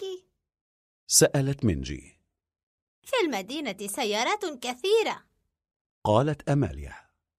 والبيض لا يكترثون بحيوانات مثله. ألا تستطيعين الانتباه إليه؟ ونادت منجي الكلب وبطواعية تبع سيدته الجديدة. كان إنجامبا واقفا يقوم بتوديعات لا تنتهي ورمحه في يده. ابتعد متجها نحو جماعة من القرويين المجتمعين في الساحة ثم ابتعد عنهم وعاد من جديد. وقال لهم بوكسي ستخبرنا بكل شيء عندما تعود سنكون بانتظار عودتك. وقال آخر أنا أقول إنه سوف يأكل مع زعيم البيض لا شك أنه سيدعوه إذا دعا صهره. وصدرت من الحشد همهمة حسد. وشد إنجامبا على أيديهم جميعا وكل منهم شد على يديه. دفعوه ودفعهم واحدا بعد الآخر وبعدها توجه ليفك إيبوغو. بدأت ظلال الغابة تملأ الساحة وبدأت ببغاوات المساء تطلق أصواتها في الجو وهي تعبر القرية. وكان إنجامبا الذي يسير ورمحه بيد وباليد الأخرى حبل الفحل يتمنى أن يتوقف مرة أخرى للتوديع. ولكن الفحل شد الحبل فأنشد جامبا مرغما. وأرخت الخطوة الأولى التي خطاها ثوبه الذي كان محشورا بين إليتيه. فكشفت الفتحة الموجودة في ظهر سترته الخاكي عن سن الفهد الكبيرة التي كان يربطها حول خصره. لم يكن نكول يكذب. الجو في دوم قد تغير فعلا. لقد كان الرابع عشر من تموز صاخبا وزاخما مثل حفل ختان. ولا يشبه ابدا أعياد الرابع عشر من تموز في السنين السابقة. والتوترات التي سادت الاستعدادات هي التي أدخلت فكرة الحرب إلى عقول الإفريقيين. وانتشر الذعر عندما راحت الشاحنات المحملة بالجنود المصفرين من الغبار تعبر المركز التجاري مسرعة وتتجه صعودا نحو مكتب الحاكم العسكري. وراح الأفارقة يهمهمون مذعورين. عادت الحرب! عادت الحرب! تذكروا الأيام السوداء التي كانت فيها هذه الشاحنات ذاتها المحملة بالجنود تعبر البلاد للمشاركة في القتال في أرض الرجل الأبيض. وحتى أضعف المراقبي ملاحظة. كانوا قد ارتبكوا أمام حقيقة أن البيض الذين كانوا في تلك الأيام قد توقفوا عن التبختر المعهود بصدور يدفعها الإحساس بالأهمية إلى الأمام. هم الآن يتصرفون على عادتهم دون أن يتغيروا. كان الجميع يتحركون باسترخاء وهم يرون المساجين يملؤون الشوارع وهم يرفعون الأقواس من أوراق النخيل ويعلقون عليها الأعلام. كان السيد فوكوني المتصرف العام الذي وصل مؤخرا إلى دوم يريد أن يجعل من هذا اليوم القومي الذي يتصادف مع وصول الحاكم مناسبة رائعة. وكان يقود مجموعة من الجنود يتدربون في الشوارع من أجل الاستعراض. وراحت الموسيقى العسكرية التي لم يسبق لها أن سمعت في دوم أيام السلم تهدر وتثير الرهبة لدى السكان. وضباع الجو الطائرات والعقبان أقلقتها هذه الضجة غير العادية التي تملأ دوم فراحت تحلق أعلى مما اعتادت. وكان فوكوني يشرف على الأمور وهو بقميصه ذي الأكمام.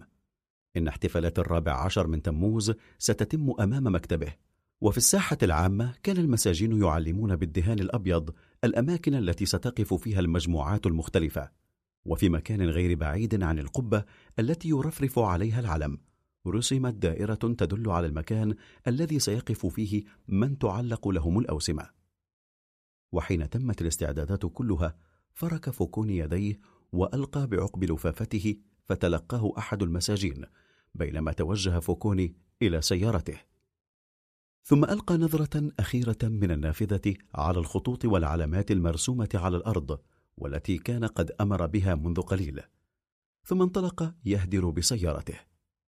وقال لنفسه ما يهمه هو أن لا تمطر غدا.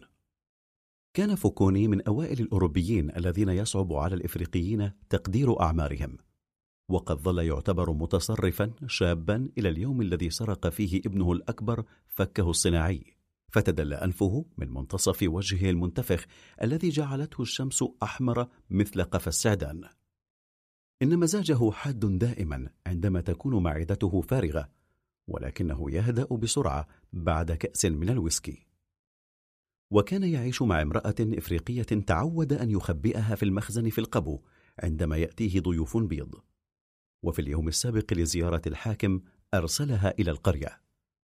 وعندما عاد فوكوني إلى المقر كان المنظف قد أحضر له بذلته البيضاء فانتزعها من يدي خادمه وقلبها مرة بعد أخرى ثم شمها وصاح. قلت له أن لا يهرئ هذه السترة الكتانية بالنشاء الحقير البليد. ومرت عيناه فوق رأس خادمه ثم عبر ستارة الباب المنقشة. كانت تنتظره على الطاولة زجاجة ويسكي. هدأ غضبه وفقد اهتمامه بالسترة البيضاء وانشغل بمتابعة البرنامج الذي أعده للاحتفالات حين سمع نقرة على الباب. هتف؟ من هذا؟ أزيحت الستارة وتقدم إفريقي يمسك بقبعته ثم انحنى وقال بابتسامة عريضة. المشروبات يا سيدي المشروبات فقط. نحاه فوكوني جانبا وخرج إلى الشرفة. عند أسفل الدرج كان يقف خمسة عشر إفريقيا. اثنان منهم يترنحان تحت ثقل أقفاص كبيرة. وأشار الرجل الذي قرع الباب إلى الثلاثة الأوائل بقبعته. شمبانيا! ثم أشار إلى الثلاثة الذين بعدهم وقال مكررا شمبانيا! ثم أشار إلى السابع وقال ليس شمبانيا ولكن الشيء ذاته. وراح يتأتئ. فيه فش فش فش. وتقدم فوكوني من القفص وقرأ. فان موسو. والتفت إلى الإفريقي وسأله. والبقية؟ وانحولت عينا الإفريقي لجزء من الثانية عندما كانت إحدى عينيه تراقبان الحاكم العسكري بينما الثانية تفشي ابتسامة مبهمة. ويسكي ويسكي. لهث وهو يفرك جانبيه. ويسكي ممتازة. ومرر الحاكم لسانه على شفتيه. والتقت عيناه بعيني الإفريقي. وبما أن وجهه كان أحمر أصلا فإنه التهب الآن بظل قاتم. ولم يتلاشى غضبه. قدم له الإفريقي ورقة فتطلع إليها. ثم رفع رأسه نحو الموظف.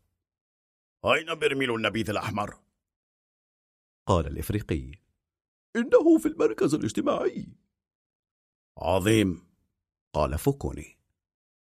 خلال ذلك كان الحمالون يتمايلون يمنة ويسرى تحت الشمس التي كانت تصب على ظهورهم رصاصا مسهورا وكانت في أرجلهم قرفة جرح أو كدمة متقرحة. كانوا يجهدون لإبعاد الذباب المتكوم عليها بتحريك أقدامهم. خذ هذا كله إلى هناك أيضا. قال الحاكم. ودار الحمالون دورة شبه كاملة. وصاح إيه أنت.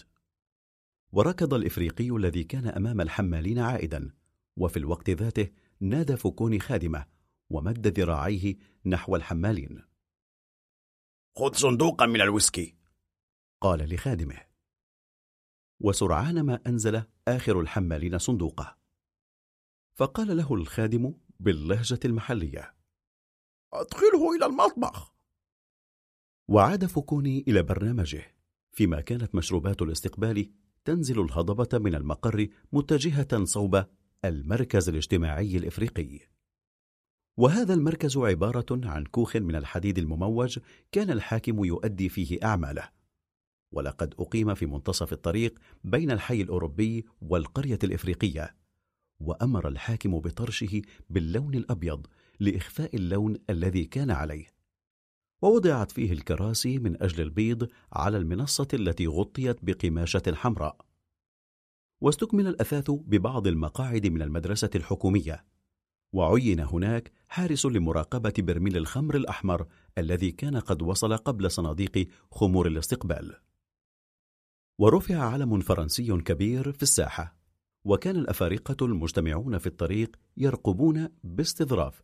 هذه التغييرات التي تجري على الكوخ الذي سيأوي إليه زعيم البيض. وحتى الحاكم كان قد ذهب إليه مرارا ليطمئن على سير الأمور. المهم ألا تمطر غدا. وهو يلقي بنظرة قلقة إلى حد ما على المركز الاجتماعي. وقال الأفارقة لأنفسهم المهم ألا تهب غدا العاصفة الأولى التي تهب عادة في نهاية فصل الجفاف. وفي المركز التجاري وعلى شرفة حانوت أنجيلو بولوي حيث يضع إلى خياط دوم الشهير ماكينة خياطته كل صباح. كان ميكا يعلك جوزة كولا وهو ينتظر سترته. لقد صار الوقت ظهرا وبدأ ميكا يتساءل عما إذا كانت سترته ستنتهي قبل غروب الشمس. وكان إيلا من جهة أخرى يريد أن يتأكد من أنه يصنع اليوم رائعة العمر. السترات التي يلبسها البيض ليست حسنة الصنع. قال وهو يضع قدمه على الدواسة. ولو أنك تطلعت إليهم وهم يلبسونها لرأيت أنهم يبدون كالمخنوقين. سأعمل لك سترة عظيمة. إنها تفصيلة زازو. وما هذه؟ سأل ميكا بقلق. انظر إلى السترات التي يلبسها البيض. إنها أشبه بسترة الرباح التي لا تستر قفاه. إن أردافهم تظهر فيها وما أريد أن أفعله هو أن أصنع لك سترة تصل إلى ركبتيك. وهذه ما تسمى سترة زازو. لقد جاءني الكتالوج من باريس وأنا على صلة دائمة بآخر الأزياء. وما يزعجني فعلا هو أن أرى أبيض يمشي أمامي على هذا الطريق وردفه ضغيران. يخطر لي أحيانا أن أذهب إليه وأقول له سيدي لما لا تتفضل وتطول سترتك؟ وكان ميكا متحيرا لا يفقه شيئا. تعال مرة أخرى. قال له إيلا كي نرى الطول. وجاء إليه ميكا. ففرد إيلا شريط القياس ووضع ميكا قرب الجدار ثم طلب منه ملاصقة كعبيه وإخفاء ردفيه ودفع صدره إلى الأمام. عظيم! قال وهو يفرد الشريط ليسقط حتى يصل إلى النقطة الموازية للركبة. وتطلع إليه من فوق نظارته. هذا هو الطول الذي نريده. ولكن سترات الإزاز هذه؟ قال ميكا متحيرا. هل أنت واثق أنها ليس هوز بوبوس؟ ورفرفت ابتسامة تسامح على شفتي إيلا. وهز رأسه وهو يضغط على الدواسة وتطلع إلى ميكا من فوق نظارته وقال متلطفا يصعب عليكم معشر الريفيين أن تفرقوا بين الأشياء. إنها مسألة مستوى تفكيرك مثلما أن الكاكاو فوق مستوى تفكيري. الحرف والأعمال الكثيرة متنوعة تنوع الطيور التي خلقها الله. وما من أحد يعرف حرفته ما لم يعرف لمعرفتها وللسيطرة عليها. إنني أعد لك سترة زازو ليسألك الجميع عما إذا كانت سترتك قد جاءتك من باريس وسرعان ما ستغرقني الطلبات. وسيكون علي التفكير في تشغيل صانع آخر معي. وقال ميكا وهل لديك صانع الآن؟ طبعا عندي. هاتف إيلا وهو يرمي رأسه وراء كرسيه. إن كان في الخنزير شحم فكم يجب أن يوجد من الشحم في الفيل؟ لدي خمسة صناع وهم الآن مشغولون ببناء كوخ لي. تطلع ميكا إلى الخياط مندهشا. كانت قطرات كبيرة من العرق تتساقط على آلة الخياطة وكان قميصه الصوفي مفتوح الأزرار حتى السرة كان رجلا غزير الشعر دون أن يبدو أن شعرا سبق أن نما على رأسه وكان يرتدي بنطالا ذا حملات مطاطية مرتفعة. تبسم بين الكلمات ابتسامة معزية وجد ميكا من الصعب تحملها. وطلب من ميكا أن يرفع أحد ذراعيه. وبالنسبة لكميك قال وهو يهتز من الضحك. كماك الآن. كماك الآن قصيران جدا. تبدو وكأنك تلبس معطف واعظ وقدم ميكا ذراعه بطواعية متعبة. وأطلق إيلا ضحكة أخرى ممطوطة. سترى عندما يعلق زعيم البيض الوسام هنا. قال وهو يشير إلى السترة التي يخيطها.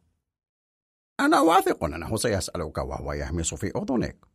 عن عنوان خياطك.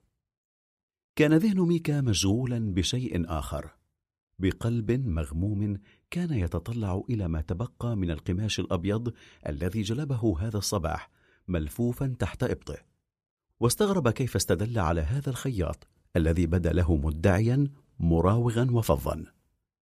وقال لنفسه بعد أن تخرج السترة من هذه الفوضى سأستطيع أن أقول له رأيي فيه بصراحة. راح إلى يثرثر ويلهث ويشرب ويعلك شاربه وراحت قشور الفول الذي يمضغه تتساقط عن الملابس. تعرف لن أغسل هذه السترة قبل لبسها. قال له ميكا. وابتسم إيله الفول لا يبقع آه لو أن كل ما يأكله الإنسان شبيه بهذا. وأحنى رأسه مستسلما. وحين بدأت أول الحوانيت تغلق مغاليقها سحب إلى السترة من الآلة وقطع بأسنانه الأطراف القطنية. انتهت قال وهو يتمطى. ألقى السترة على ركبتي ميكا وكان قد بدأ ينعس. جربها. قال الخياط. علي أن أدخل الآلة الآن. أنجيلو بولوس سيغلق حانوته بعد قليل. وأوشك ميكا أن يخلع سترته التي يرتديها. أبقها. قال الخياط. يمشي الحال مع سترات الزازو هذه. خطر لميكا في البدء أنه قد تحول إلى نصف قزاقي. إنه مسيحي طيب لكنه سيكون أول مسيحي يرتدي لباسا قزاقيا. زازو زازو قال الخياط وهو يدور حوله. ركع على ركبة واحدة وضم ردفتي الفتحة ورجع إلى الوراء عدة خطوات. ثم طلب من ميكا أن يمشي إلى الأمام. واستدار إلى الأمام ثم وضع يديه على كتفيه وأمره. حركها! وأطاع ميكا من جديد. هنا! وقضم إلى خيطا قطنيا من الكم. بالنسبة للأزرار سأعطيك بكرة من الخيطان وإبرة. عمل سهل. عمل نساء. وأضاف بارتعاشة في صوته. زوجتي مريضة. ما بها؟ سأل ميكا وهو يحس بالشفقة نحوه. مرض نساء. قال الخياط وابتسامة مظفرة على شفتيه. الألم في كل مكان ولكن ليس في الأربية. بماذا تنصح؟ الأمر سهل. قال ميكا وهو لم يلاحظ أن إيلا يجمع أدواته. كل ما عليك أن تفعله هو أن تطلب منها أخذ مسهل بالصابون. الأب هاندرمي هو الذي علمني ذلك. قال وقد ابتلع حرفين من اسم القس. صحيح؟ قال إيلا وكان الآن قد وضع الغطاء على آلته. أي نوع من الصابون؟ لا أعرف. قال ميكا مرتبكا. المهم ألا يكون صابون مرسيليا قال إيلا ضاحكا. نعم هذا هو. قال ميكا فرحا. هذا هو. شكرا. قال الخياط وهو يخرج إلى الشارع. تستطيع أن تأخذ سترتك الزازو مد يده مودعا وأخذ ميكا سترته الجديدة فطواها أربع طيات ثم بحث في جيب من جيوب سترته التي يلبسها وأخرج خمسمائة فرنك قدمها لإيلا. آمل أن هذا كل شيء. قال ميكا بصوت غير واضح. سعر للأصدقاء.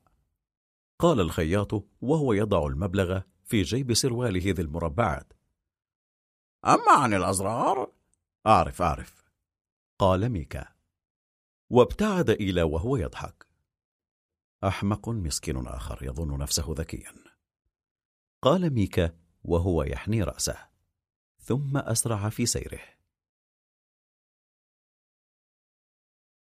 كان إنجامبا يمشي على إيقاع المشية المقيدة للفحل المربوط إلى الحبل ولم يسبق له أن سار بهذه السرعة. ولذا فقد كان يتعرق على الرغم من برودة الجو. وعندما حاول الحيوان أن ينطلق جامحا لف إنجامبا الحبل حول معصمه وتوقف بحدة ثم بدأ يمشي إلى الوراء. وحاول الفحل أن ينطلق في عدة اتجاهات. ولم تكن ساقا إنجامبا العجوزان قادرتين على مقاومة ذلك كله. ولذا فإنه كان بين حين وآخر يجد نفسه ملقا على وجهه إلى جانب الطريق. فألقى برمحه كي يستطيع الإمساك بالحبل بقوة وبيديه الاثنتين معا. وكاد الفحل أن يختنق. توقف تنفسه. ولم يعد يتحرك. قام إنجامبا عن عنق الحيوان ولكز خاصرته بخشبة الرمح فتحرك وصار يمشي. ظلا يسيران هكذا إلى أن هبط الليل على الغابة. كانت أماليا ما تزال تسير في المقدمة وإن جامبا يحاول أن يظل مبصرا سلتها. كانت تمشي وكأنما لها أجنحة وكانت سلتها متجمعة في الزاوية المتشكلة بين ظهرها ومؤخرتها المستديرة. وراحت تتقدم دون كلل. ويداها وراء رأسها وهي منحنية مثل حمار مطواع. صرخ إنجامبا وهو يلهث. لا تسرعي كثيرا لا تسرعي كثيرا. تعرفين أن رجلي تؤلماني. توقفت أماليا قليلا. وهزت كفها لتوازن السلة. وشدت حبل الليف الذي جعلته مقبضا لها. وبفعل ثقل المؤونة كان الحبل يحز في جبهتها المتعرقة المتورمة. تطلعت إلى الوراء وحين صار زوجها على مدى سمعها مررت قفا كفها على وجهها وبحركة سريعة مسحت العرق. حاول أن تعجل قليلا. صاحت به. لقد بدأت أشك في أن نصل إلى دوم غدا. ثم استأنفت مشية الحيوان المحمل. لقد سبق أن حملت سلالا ثقيلة. سلال الخشب كلما عادت من الحقول وسلال الرمل من أجل الكوخ أو الطريق وسلال الحجارة من أجل بيت القس بحيث تستطيع أن تذهب وتعترف. وسلال الطعام للسفرات هذه السلال كلها هي التي شكلت تلك الزاوية المفرغة في ظهرها مثل ثلم في شجرة ضربت ضربات مميتة بفأس. ولقد أصبح الجلد حول تلك المنطقة سميكا مثل جلد الفيل. هذا لحمي ودمي؟ كانت أمها تقول وهي تنشج عندما كانت أماليا وهي ما تزال سوية كطين على جدار. كانت قد بدأت تمر مقطبة وهي تحمل سلة الزوادة التي عملوها من أجلها خصيصا. من سيرغب بالزواج من فتاة هشة كهذه؟ وتتابع من سيطلب للزواج فتاة لا تستطيع أن تحمل سلة؟ كانت أماليا تحب أمها وحين كانت أمها تبكي كانت أماليا تبكي معها ثم تسألها عن سبب بكائها فتقول لها أمها القرية كلها تسخر منا الجميع يقولون إنك لست امرأة لا تستطيعين حتى أن تحملي سلة ما الذي سوف يأكله زوجك فتمسك أماليا بسلة أمها الثقيلة وكأنما لدغها عنكبوت سام وتحملها وتجري بها إلى الحقول. تعبئها بزوادة تكفي ليومين ثم تقعي لتثبت الأنشوطات الثلاث حول رأسها وكتفيها ثم تضم ساقيها تحت بطنها وتكز على أسنانها وتتلوى قليلا ثم تنهض على قدميها. كانت تسلك الطريق إلى بيتها الواقع في أقصى القرية وهي تغني بأعلى صوتها. وكانوا يخرجون من الأكواخ لرؤيتها ويقولون هذه فتاة سوف تعرف كيف تطعم زوجها. يا له من رجل محظوظ لن يموت من الجوع. أتيمة أم أماليا لها بنت بين البنات. وحين كانت تسمع ذلك كانت أماليا تنسى الحبال التي تحز في لحمها وظهرها الذي يحنيه الألم. ثم تتهاوى في شبه إغماء عند قدمي أمها التي كانت تسرع بإغلاق الباب كي لا يرى أحد هذه النهاية المحزنة للمأثرة. وفيما بعد حين تحسنت أماليا تلقت عشرة عروض للزواج. ومن بين المتقدمين كان إنجام بثري من زورين. وقد فضلت أماليا هذا الرجل بزوجاته الكثيرات على العازبين الشبان. وكانت تقول لنفسها معه على الأقل سيتم تقاسم عمل الزوجة. وهكذا تزوجت أماليا إنجامبا. كانا قد خرجا من الغابة وكان الظلام قد حل. هتف إنجامبا بزوجته. سنصل إلى نكانجو قبل وجبة العشاء وهناك سنرتاح قليلا. أليس كذلك؟ كانت نكانجو أول قرية تمر بها في الطريق بين زورين ودوم. وهي عبارة عن عشرة أكواخ متداعية مبنية حول ظليلة مسقوفة بالقش ومفتوحة الجوانب. هي كوخ المشاورات. حين وصلت أماليا وزوجها استطاعا تبين أشكال متجمعة حول نار كبيرة. رفع أحدها نظرة فوق اللهب باتجاه الساحة ثم هتف. أيها المسافرون تعالوا وشاركونا وجبتنا المتواضعة. لن تستطيعوا السفر ليلا. فلليل ألغازه العديدة دخلت أماليا كوخ المشاورات قبل زوجها وقالت وهي تدخل مساء الخير أنا أماليا آتوا زوجة إنها زوجة إنجامبا قال رجل استطاع التعرف إليها. هذا أنت يا بنامة؟ قالت وهي تمد له يدها. نعم أنا. قال الرجل وهو يعيد ربط المئزر الصغير الذي لفه حول خصره. أين زوجك؟ أنا ذا. قال إنجامبا الذي كان يربط فحله إلى عمود في الساحة. أنزلت أماليا سلتها ودخل زوجها. أحييكم تحية صديق. نحييك من أعماق قلوبنا. نحييك من أعماق قلوبنا. نحييك من أعماق قلوبنا. ردت عليه أصوات من العتمة. حيث وجدت أشكال لم يستطع ضوء النار أن يصل إليها. وتقدم إليه بناما وشد على يده مرحبا. أعط مكانك لرجل أكبر منك. قال بناما لولد يلحس قدرا. وكان الطفل عاريا تماما إلا من صليب في عنقه. قال الرجل ذو المئزر هذا ديغول ابني الثاني. تتذكر أنني تزوجت أمه بعد الحرب. آه. قال جنبه الأولاد هذه الأيام يكبرون مثل الذرة. تعال سلم علي يا ديغول. وتراجع الطفل الذي خاف من الغريب في العتمة ومعه قدره. وحين مد إن جنب يده انسحب الطفل أكثر مبتعدا في العتمة. وصاح أبوه ديغول تعال وسلم عليه هل عندي ولد مخبول؟ عند ذلك تقدم ديغول نحو إنجامبا وهو يضع إصبعه على أنفه.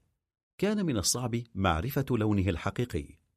فكل غبار الساحة الأصفر مع مزيج من رماد الموقد وخمرة البلح التي تقاطرت على بطنه المنتفخة. هذا كله شكل ستارة ملونة خططتها ممرات قطرات الماء المنسكبة عليه. وفتح إن جنب ذراعيه وساقيه واندفع الطفل بينهما. إنه طفل قوي! قال الأب. وأمسك إن جنب بالطفل وأبعده عنه كي يراه.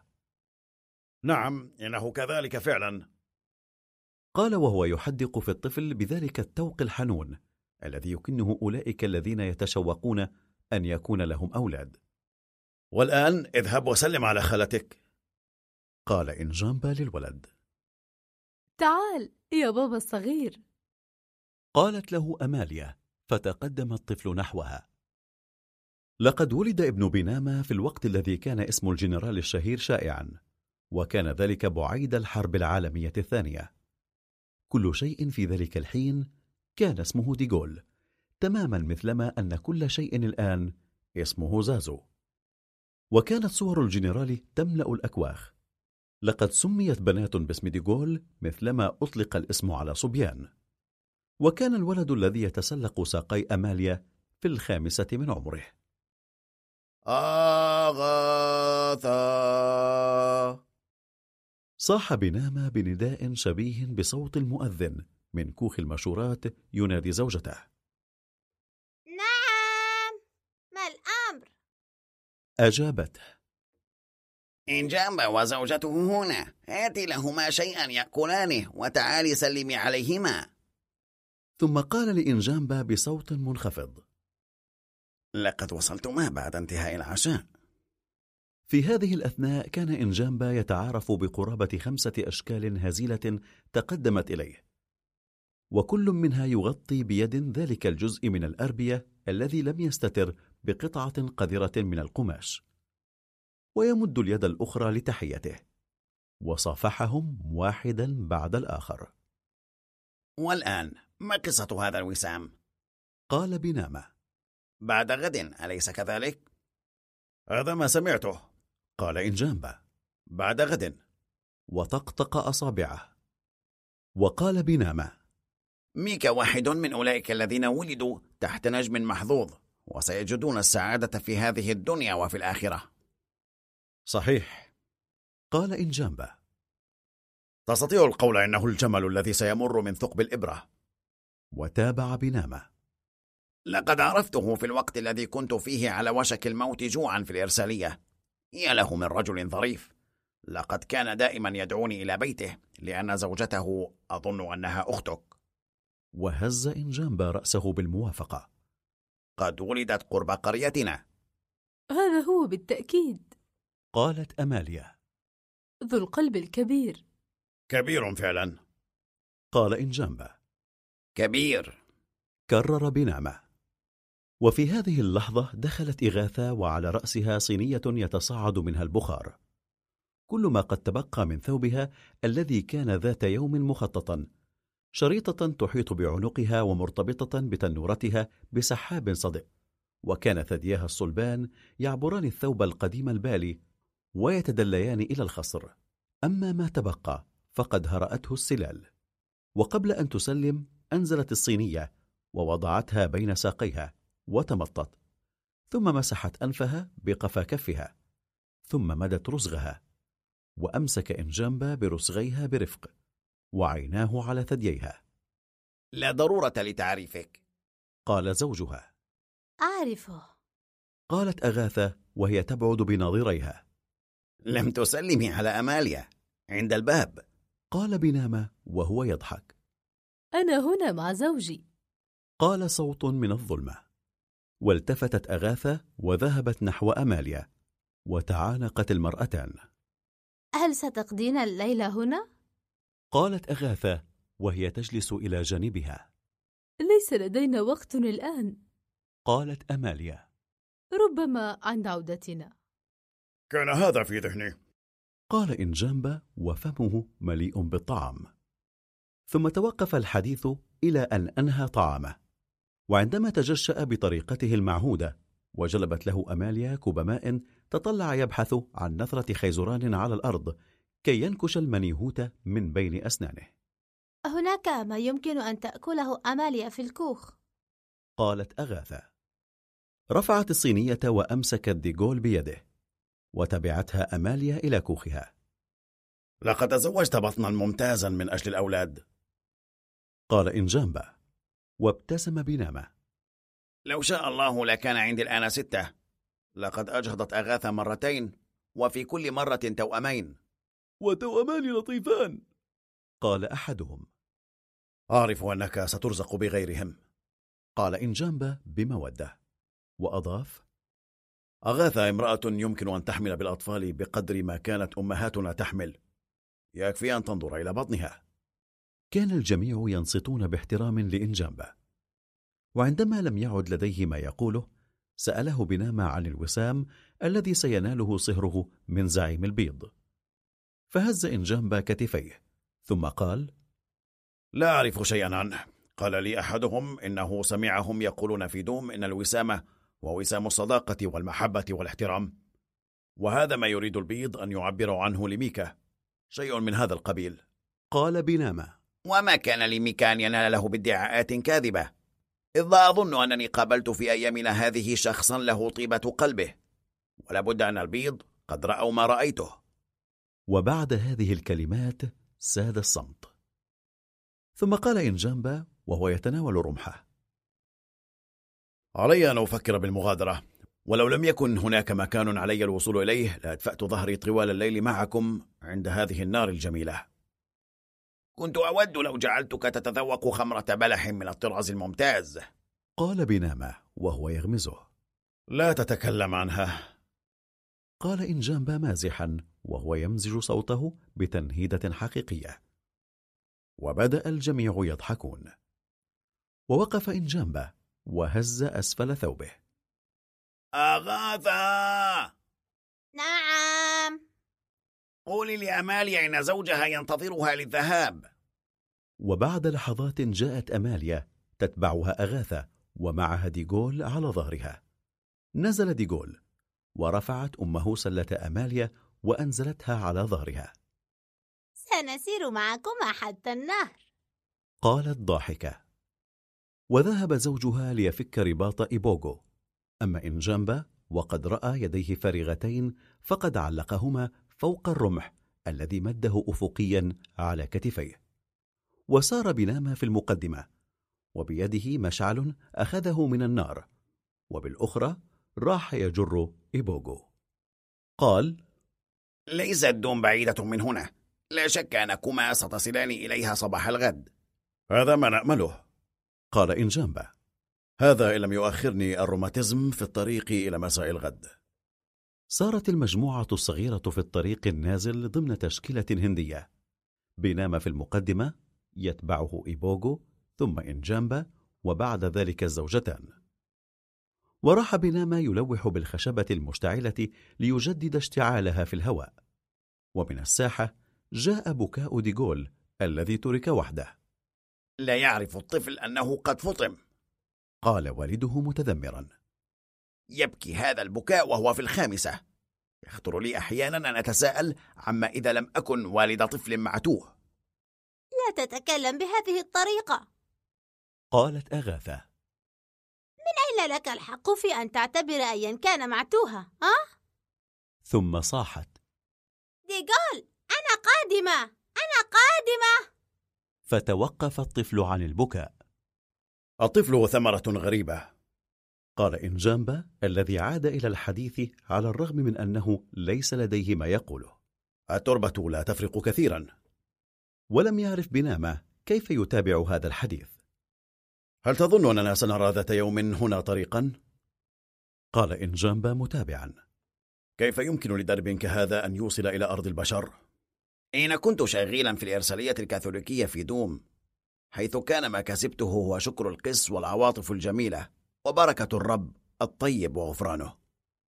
سمعت بوجود مشروع في مكتب الحاكم لشق طريق جديدة وستنطلق من دوم لتمر في غابة القرود ثم بجانب تل الأشباح إلى أن تصل إلى زورين.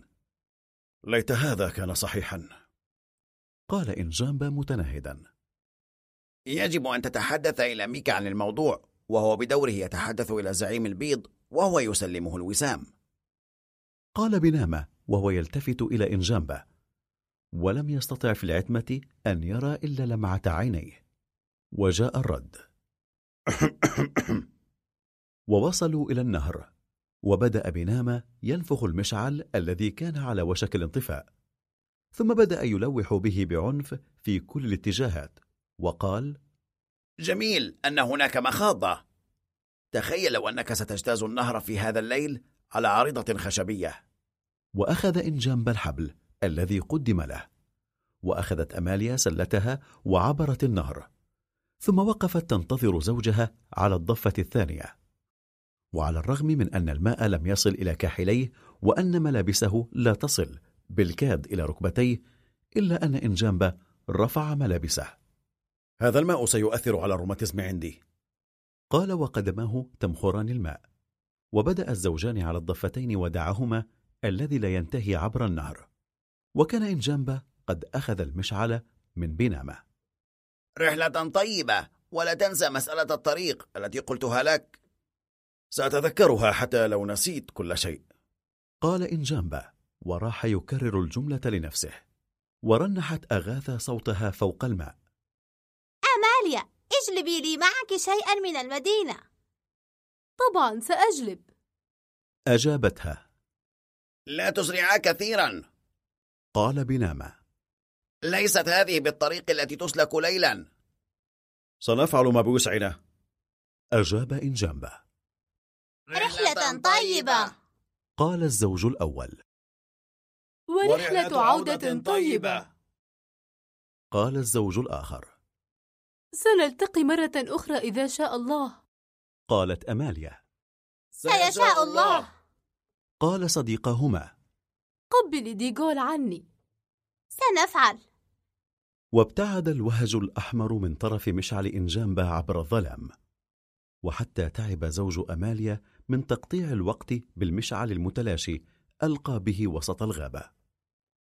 ولاحظ أن الظلام في الدرب لم يزدد ولم يقل عما كان قبلا. دفع إيبوغو أمامه وتركه يجره. وراح الحيوان يتقدم بسهولة وخطمه إلى الأرض. وكانت أماليا تحس به عند كعبيها فيما كانت قدماها تدبان على الطريق بطريقة آلية. كان الجميع نائمين في القرى الأخرى التي عبراها وتابعا السير فترة طويلة مستضيئين بشجيرات مشتعلة على جانبي الطريق. ومع أول صيحة للديك لم يكن قد تبقى أمامهما إلى قرية واحدة قبل الوصول إلى الطريق العام الذي سيقودهما إلى المدينة بعد مشي نصف ساعة. لقد مشينا بشكل ممتاز. قال إنجامبا الذي كان فخورا بوصوله إلى غابة بيتون مع الفجر. أعرف شخصا في آخر قرية أعتقد أننا التقينا قبل ثلاثة فصول جفاف عند ميكا. تذكرين يوم ذهبت إلى دوم لشراء فأس. وأطلقت أماليا همهمة موافقة. نستطيع أن نتناول الفطور عنده. سنرى. قالت أماليا. أظن أننا سنصل إلى هناك بعد انتهائهم من صلاة الصبح ونستطيع الوصول إلى دوم قبل الظهر إذا أردت. سنرى. قال إنجامبا بدوره ورسم إشارة الصليب وبدأ بتلاوة صلاة الصبح.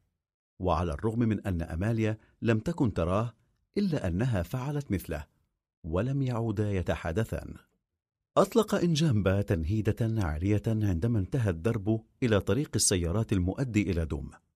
وعلى الرغم من أن الشمس لم تكن قد وصلت إلى قبة السماء إلا أنها كانت قد ابتعدت عن خط الأفق.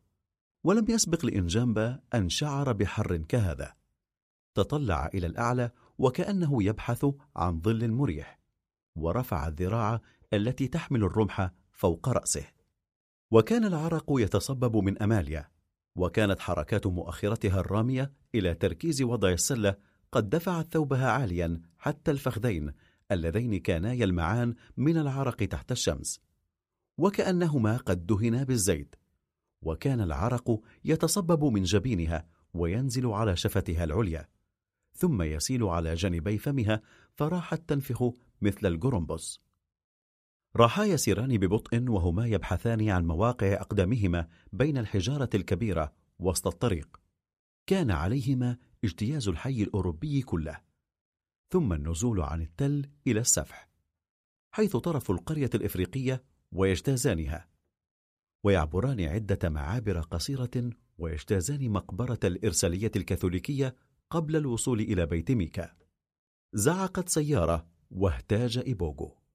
قفز قفزة كبيرة قذفت إنجامبا في الهواء ثم ألقت به وراء النباتات التي تحدد طرفي الطريق وكان الحيوان ممددا غير بعيد عن إنجامبا وعيناه تدوران محقنتين قام على قدميه بأسرع ما استطاع متناسيا جراحه ليفك الحبل الذي كان يخنق الفحل.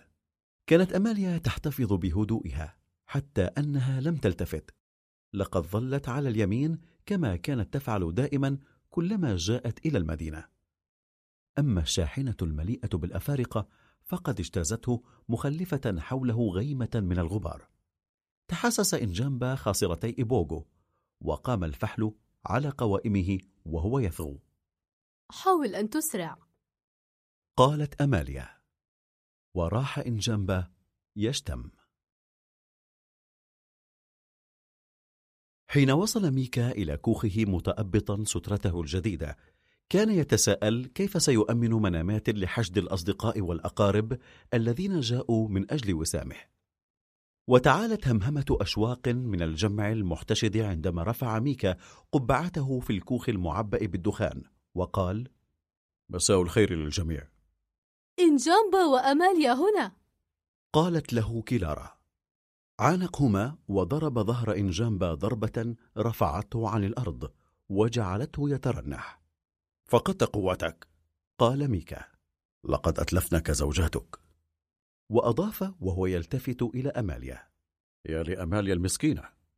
أنا ما زلت معافى. قال إنجامبا وهو يضحك ضحكة صاخبة ويمسك بميكا. وأكثر من ذلك أنوي أن أعبئ القرية بزوجاتي كما كنت من قبل. وأعاد ميكا إلى الأرض ثم انفجرا ضاحكين. وأعلنت كيلارا. وإيسومبا وزوجته هنا أيضا. أين حفيد الأقزام؟ قال ميكا ضاحكا. انفخوا ليقوى اللهب كي أستطيع أن أراه. أنا لا أختبئ أبدا. قال صوت أجش. وإذا اختبأت فمن الذي ستراه؟ واحتضن كل منهما الآخر. أين زوجتي؟ قال ميكا ممازحا. وجاءت زوجة إيسومبا وألقت نفسها بين ذراعيه. كنت أتساءل دائما كيف أن غوريلا مثلك يتزوج زوجة جميلة كهذه؟ هذا لا يعني له شيئا. قالت المرأة الفتية الضعيفة دون أي إحساس بالتواضع. إنه لا يعرف قدري. هنا يوجد رجل. قال إسومبا وهو يضرب صدره بقبضته. وبدأ الجميع يضحكون. كان إسومبا ابن أخت خال جد ميكا ولم يكن عنده شيء من ذكاء ميكا ولا بنيته النحيلة المتميزة التي كانت من صفات عائلة ميكا الكبيرة. كان رجلا قصيرا بدينا بعينين حولوين تحت حاجبين كثيفين أشعثين. كان يلقب بقزم العائلة ولعله كان يحس بالفخر من هذا اللقب. وكانت زوجته غير الجميلة رشيقة وفتية. كانت ترضي رجلا. عائلة إيسومبا مثل عائلة إنجامبا. جاءت عندما سمعت أن ميكا سوف يمنح وساما. وصافح ميكا السلسلة اللامتناهية من الأيدي التي امتدت إليه في الظلام. أبناء عمومته كلهم. ذكورا وإناثا جاءوا. بعضهم لم يره ميكا منذ سنوات وقد جاءوا الآن مع أطفالهم وكل من يمت لكلارا بصلة بعيدة أو قريبة جاء أيضا. فمثلا هناك امرأة عجوز نسيت كلارا اسمها وحتى حينما ذكرتها العجوز بنفسها لم تستطع أن تتذكرها. قالت العجوز إنها اعتنت ذات يوم بأم كلارا في مرضها وكانت أمها قد ماتت قبل الحرب العالمية الأولى بمدة طويلة. كما وجدت المجموعة المألوفة نوابجما الذي لا يهدأ ونتي بقدميه المتورمتين وموغوندو بتجاعيده وإيفينا المسكينة التي كانت قذارتها تسبب المرض. كما أن أبناء عمومة ميكا وزوجته وأصهارها الذين كانوا في القرية قبل أن تبدأ هذه القصة أجلوا رحيلهم مرة أخرى. كما جاء أهل القرية كلهم لتكريم ابن قريتهم ولمواجهة هذا الغزو قطفت كلارا أوراق الموز كنست أجزاء من الشرفة وأمام البيت وخلفه أي تحت أفريز الرافية. وكانت تنتظر انتهاء وجبة العشاء لتمد أوراق الموز كفرش للنوم. وكانت تقول لنفسها المهم ألا تمطر. أشعل المصباح. يأمرها ميكا. وهو يجلس في مكانه المعهود على أول أسرة الخيزران حيث كان ينام مع زوجته. وتأتي كلارا وتنحني أمام الموقد ذي الحجارة الأربع قرب سرير الخيزران المزدوج وتشعل عودا تدفعه في فتحة من الزجاج المكسور في مصباح قديم مضاد للريح. ويتوهج الفتيل فترفعه كلارا وترتمي حلقة من الضوء تضيء نصف المجتمعين. ويرتمي ظل ميكا وهو يستند بساعديه على ركبتيه على رافي السقف المسودة بالدخان فيبدو مثل قرد يجلس على مؤخرته هل كانت سفرتك مريحة؟ وجه السؤال لإنجامبا الذي كان يتمدد على السرير المقابل سفرة مريحة؟ قال إنجامبة وهو يتقلب ويسند ذقنه على المسند الخيزراني الصلب الذي كان يستخدمه كوسادة. ليس فقط أن قدمي ألمتان بل كان هناك ذلك التيس التعيس الذي كنت أجره طوال الطريق من أجلكم. وابتسم ميكا. شكرا لك. قال له. ولكنني أتساءل عما إذا كان علي أن أشكرك فعلا فليس على المرء أن يشكر نفسه. متى غادرت زوريان؟ سألته كيلارا.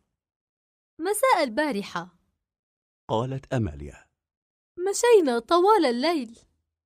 وما هي الأخبار التي صادفتموها؟ سأل ميكا.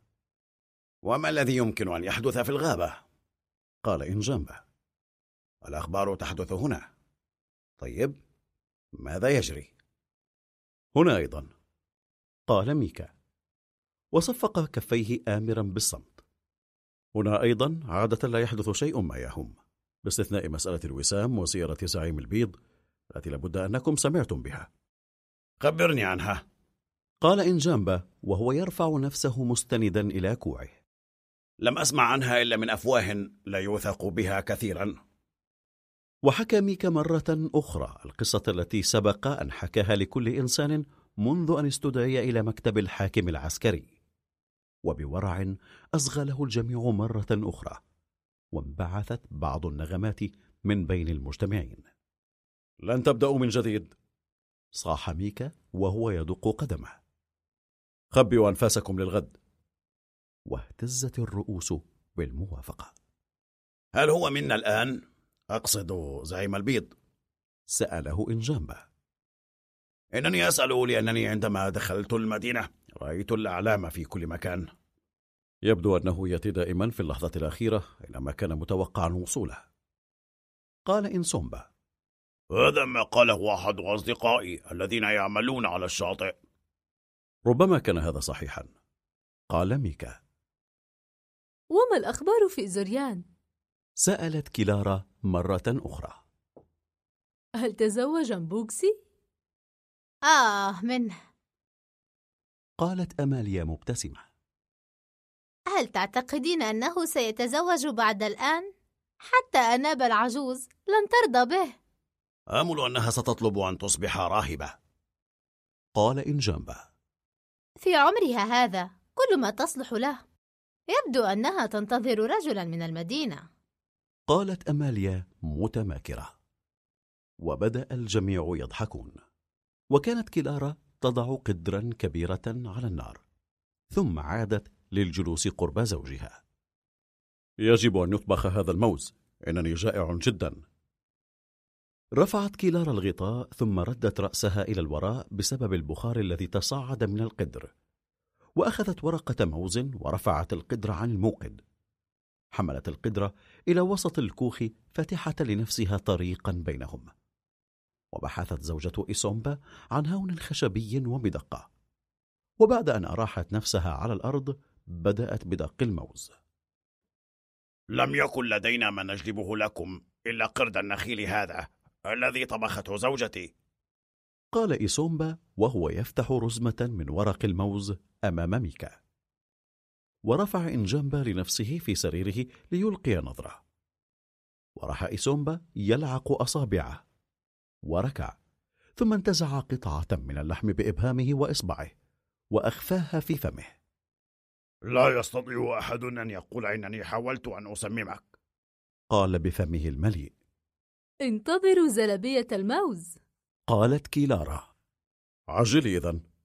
قال ميكا وهو يرفع عينيه من فوق المسبح اجلب سرة إنجامبا قال لإسومبا وزحف إنجامبا إلى الأمام على السرير إلى أن صار صدره على مسند الخيزران وغرقت يداه الطويلتان في السرة.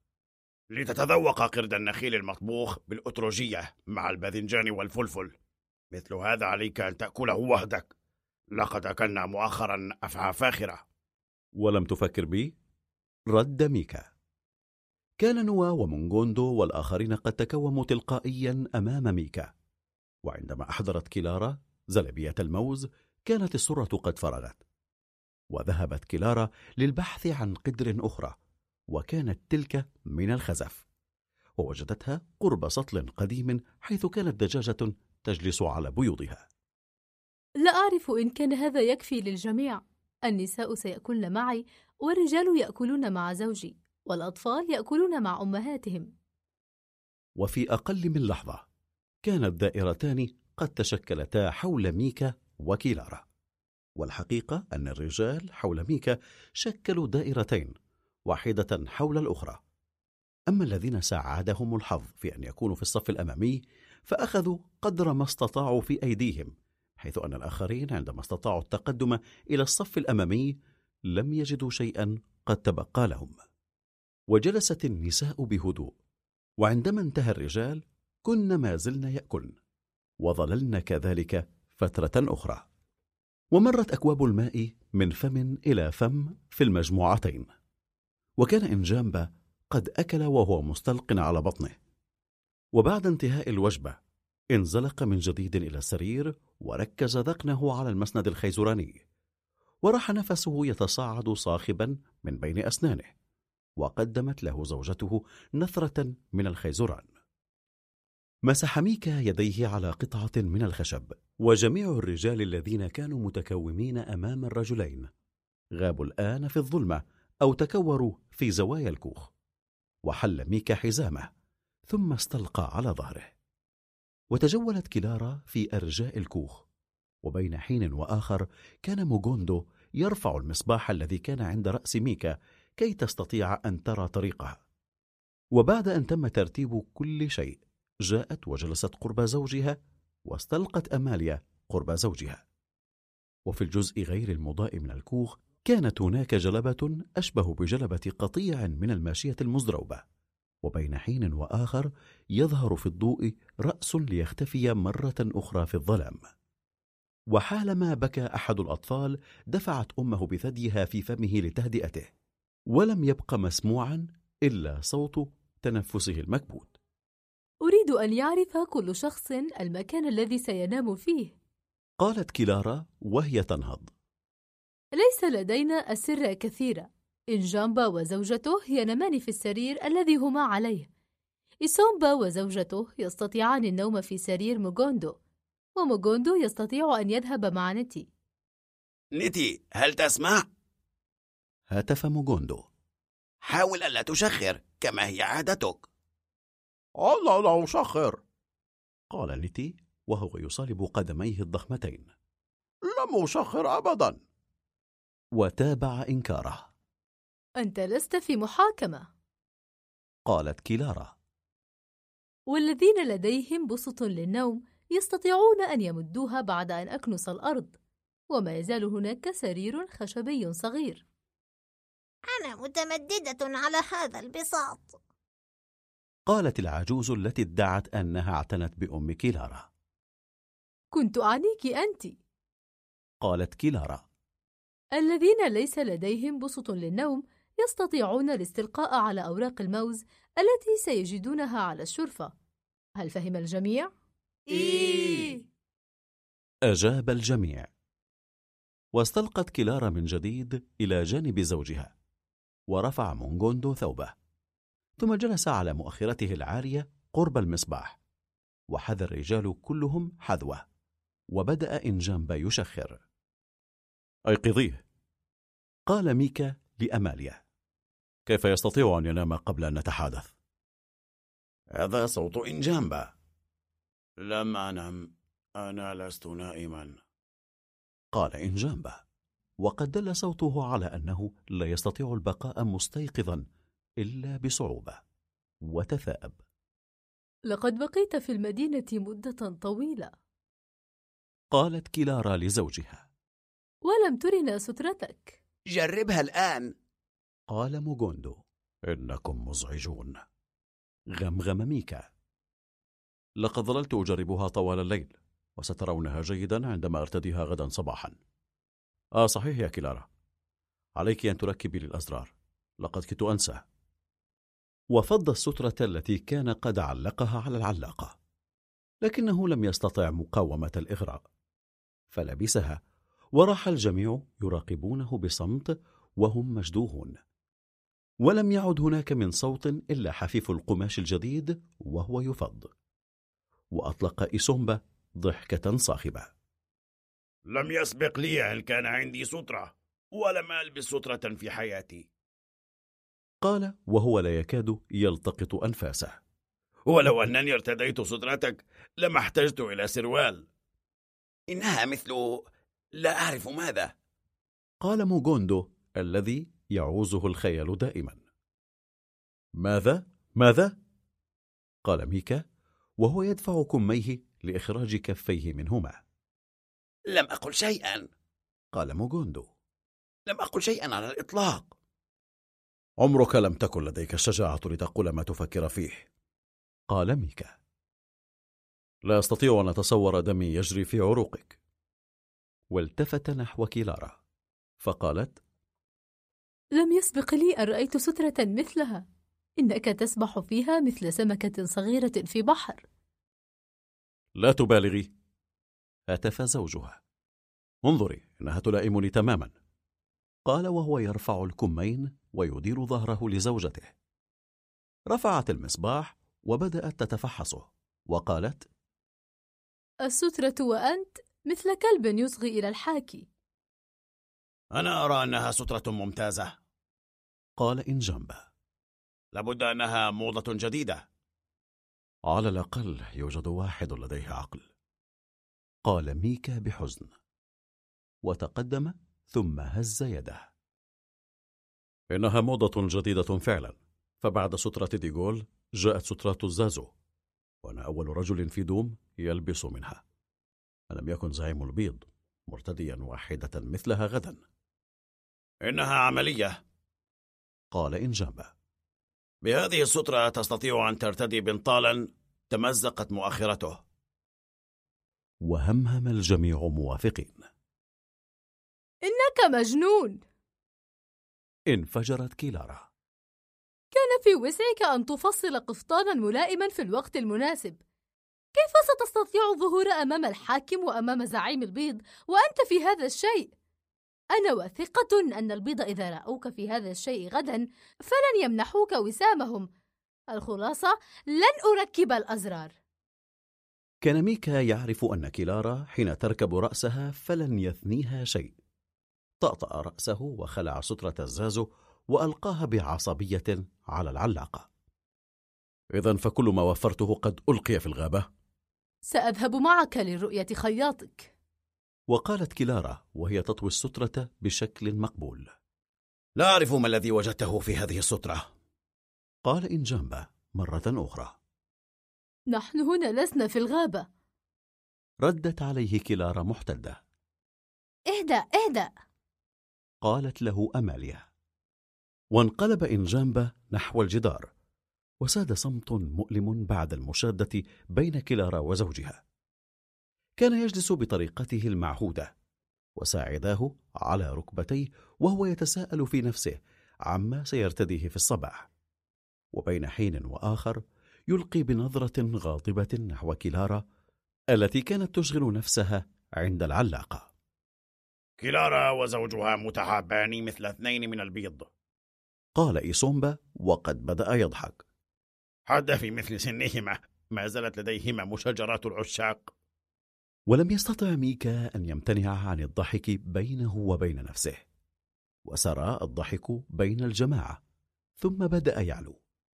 وكف ميكا عن الضحك. كان يحرك شفتيه دون أن يصدر عنهما صوت. وامتدت شفتاه كتبويزة امرأة تريد أن تتظاهر بأنها عصية المنال بأكثر مما هي فعلا. وجاءت كلارا وجثمت أمام زوجها ثم وضعت بجانبه رزمة كانت قد جلبتها تحت ذراعها وتشكلت شبه دائرة من المتفرجين حولهما. وكشفت كلارا عن فخذها ووضعت قدم زوجها عليه وبدأت تفك خيوط الحذاء القماشي الخاكي العتيق الذي يلبسه. علينا أن نرى إن كنت ستستطيع غدا احتمال الحذاء الذي اشتريته من عند مدام بيانياكس. لم تكن قدم ميكا قد صنعتا لتدخلا في حذاء الإنسان الأبيض.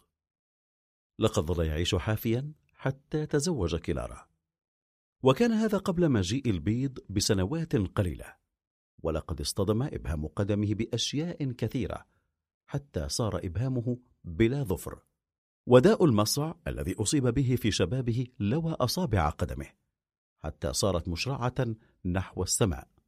وهذا كله لم يكن كافيا فازداد الأمر تعقيدا بأصابع صغيرة تعلقت على جانبي قدميه مثل أيدي السلحفاة. وكلما اشترى زوجا من الأحذية القماشية كان يفتح نافذتين صغيرتين من أجل إصبعيه وتستطيع أن تراهما بمجرد أن يحاول لبس حذائه. ولم يلبس ميكا في حياته حذاء جلديا.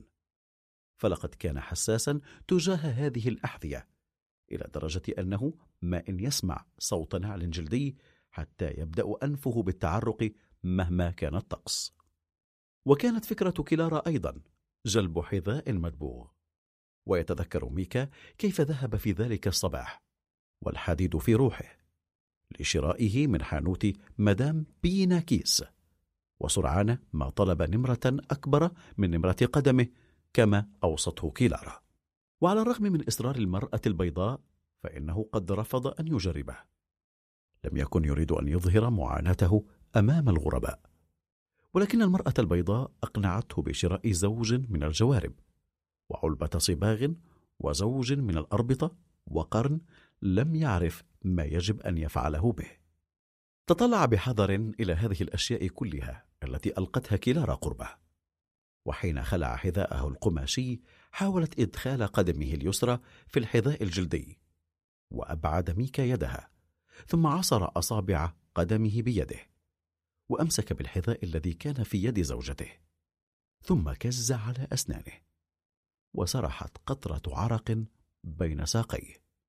ثم عصر الأصابع مرة أخرى ودفعها داخل الحذاء. ووقف ليضغط بثقله على كعبه الذي دخل في الحذاء وهو يصدر صوتا أشبه بصوت القبلة. نهضت كيلارا وهي تقول أرأيت؟ إنها ممتازة. وجلس ميكا ثم مد القدم التي فيها الحذاء. حاول أن تمشي. قالت كيلارا حاول أن تمشي هنا. حاول أن امشي تمشي امشي. هنا امشي. وصارت الأصوات تأتيه من هذه الجهة أو تلك. وأمسك ميكا بمسند الرافية الذي كان تحت فخذه وغاصت قواطعه في شفته السفلى ثم نهض وجرب عدة خطوات وسرعان ما بدا كالأحنف فعاد وجلس على السرير. لن أستطيع السير بهذا الحذاء.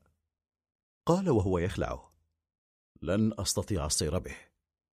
لا تستطيع أن تذهب حافيا ولا تستطيع أن تلبس حذاءك القديم. قالت كلارا نستطيع أن نجرب توسيع هذا الحذاء. قال إنجامبا فلنملأه بالرمل ولنبلل الجلد لنجعله أكثر مرونة. وغدا صباحا سيستطيع سهري كما أعتقد أن يلبسه.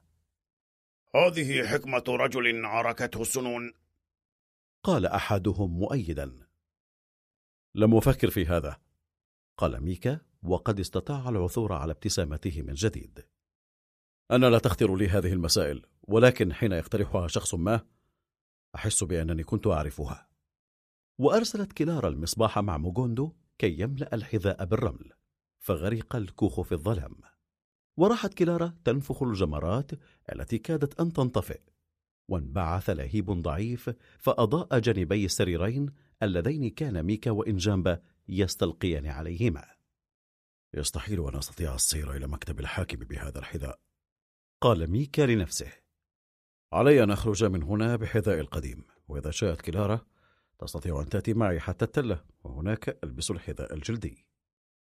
صحيح فكرة ممتازة.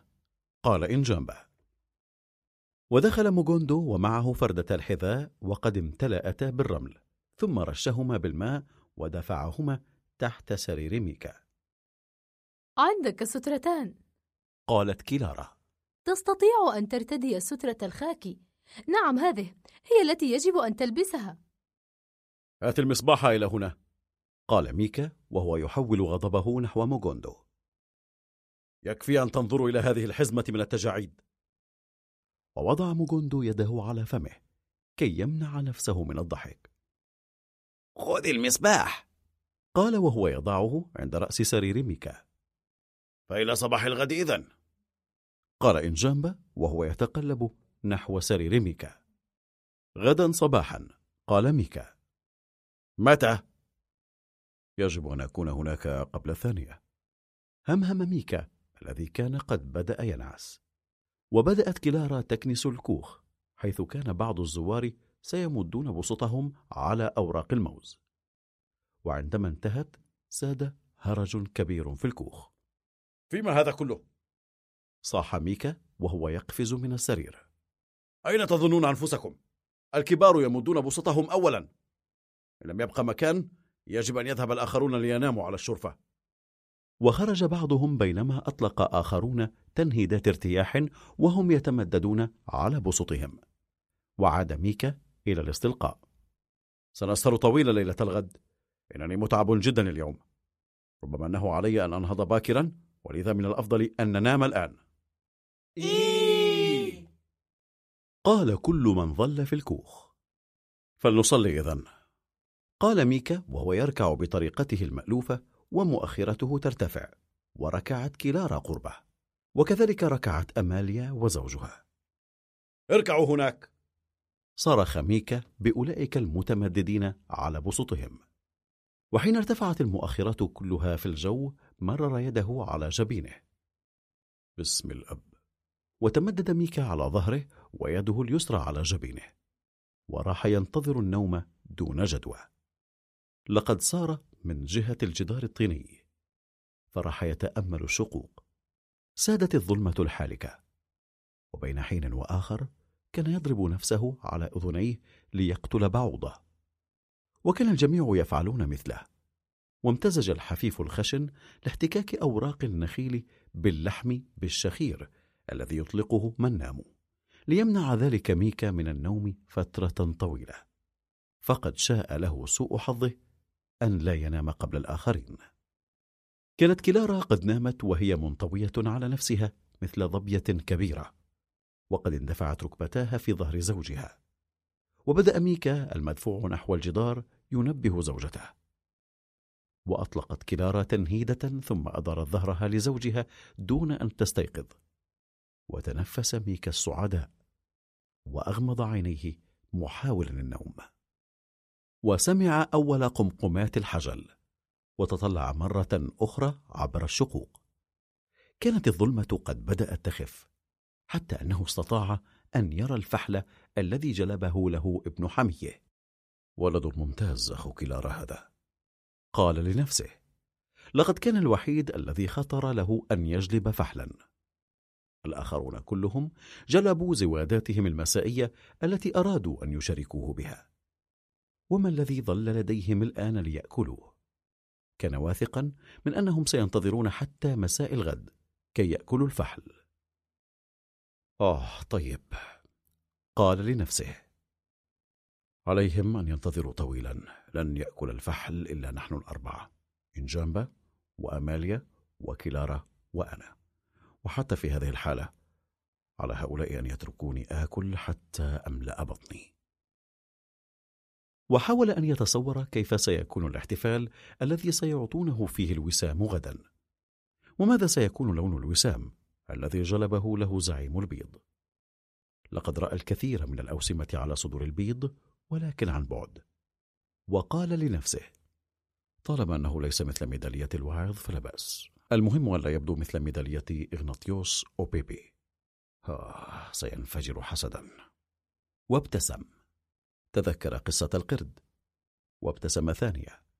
ثم حاول أن يرسم في ذهنه صورة زعيم البيض. كيف سيكون شكله؟ وما الذي سيقوله له؟ كيف سيسلم ميكا عليه؟ وبما أنه سيصبح صديقه فهل على ميكا أن يلقي نفسه في أحضان الرجل الأبيض؟ هل يجب أن يأخذ له شيئا؟ وما هو؟ فكر بالبيض. يقولون إن البيض مغرمون بالبيض وأن البيض هو سبب مجيئهم إلى إفريقيا. كان على وشك أن يوقظ كلارا ويطلب منها تجهيز سلة بيض للغد. ولكنه فكر في الأمر مليا. سيكون هناك وقت لذلك في الصباح. وتمدد. وعلقت إحدى أصابع رجليه بين عودين من الخيزران فأحس بالألم الذي أحس به عندما جعلته كلارة يجرب الحذاء الجلدي المدبوغ. جف دمه في عروقه فجلس ليحرر أصابعه. أي استشهاد؟ قال بصوت مرتفع. حالما آخذ الوسام سوف أخلع الحذاء. وتابع يقول لنفسه بمجرد تثبيت الوسام بالدبوس هذا لن يستغرق إلى لحظة. وغاص مع الفكرة في خاطره. ولا حتى هذا. وعندها لم يعد يفكر في شيء. أحس بثقل كبير في جفنيه. وأحس أنه أخف مما كان وهو يخرج من حانة ماما تيتي. وغط في النوم. الجزء الثاني. وقف ميكا حاسر الرأس دون حراك ويداه إلى جانبيه داخل الدائرة المرسومة بماء الكلس حيث وضع لينتظر وصول الزعيم الأبيض. كان الحراس يجدون صعوبة في إبعاد حشد زملائه الأفارقة المتجمعين وراءه. وفي الأمام تحت شرفة السيد فوكوني كان يوجد البيض. ولكن الوحيد بينهم الذي استطاع ميكا التعرف إليه كان الأب فاندر ماير بقفطانه الأسود ولحيته السوداء. بالنسبة إليه كان البيض متشابهين كالبقر الوحشي. لهم جميعا الوجوه ذاتها. تطلع ميكا حوله بحذر مثل حيوان يحس أنه مراقب. وجاهد أن يمنع رغبة لديه في أن يمر بيده على وجهه ليمسح العرق الذي تجمع بشكل قطرة كبيرة على طرف أنفه وأدرك الوضع الغريب الذي هو فيه. لم يسبق لجده ولا لأبيه ولا لأي من عائلته الكبيرة أن وضع مثله داخل دائرة من ماء الكلس بين عالمين. عالمه وعالم الآخرين الذين اعتبروا أشباحا عند مجيئهم إلى هذه الأرض. لم يكن الآن مع أناسه ولم يكن مع الآخرين. وسأل نفسه عما يفعله وسط ذلك الحشد الصاخب وراءه. ثم يتم استدعاؤه من أجل الوسام عندما يصل الزعيم الأكبر للبيض. من أين جاءت هذه الفكرة الغريبة لزعيم البيض في دوم؟ بأن يضعه وسط دائرة مرسومة بماء الكلس. إنه هنا منذ ساعة وربما أكثر. ولكن زعيم البيض الكبير لم يأتي بعد. كان الطقس حارا وخطر لميكا أن قلبه ينبض في قدميه. لقد لبس حذاءه في رأس التلة وبعد أن وقع نظره على مكتب السيد فوكوني ولم يكن يحس أنه يلبسه عندما ذهب ليبلغ الحاكم العسكري بوصوله. ومشى ميكا إلى موقعه هذا تحت العلم وكأنه ملك دوم. لم يلق حتى بنظرة عابرة على زعماء القبائل الذين استطاع تمييزهم من الأطواق الحمراء على أكتافهم. وقال لنفسه إن أغلبهم يتفجرون حسدا. إنني أحتقرهم. أحتقرهم. ثم ضم كعبيه مثلما رأى الجنود يفعلون عندما يمر بهم رجل أبيض.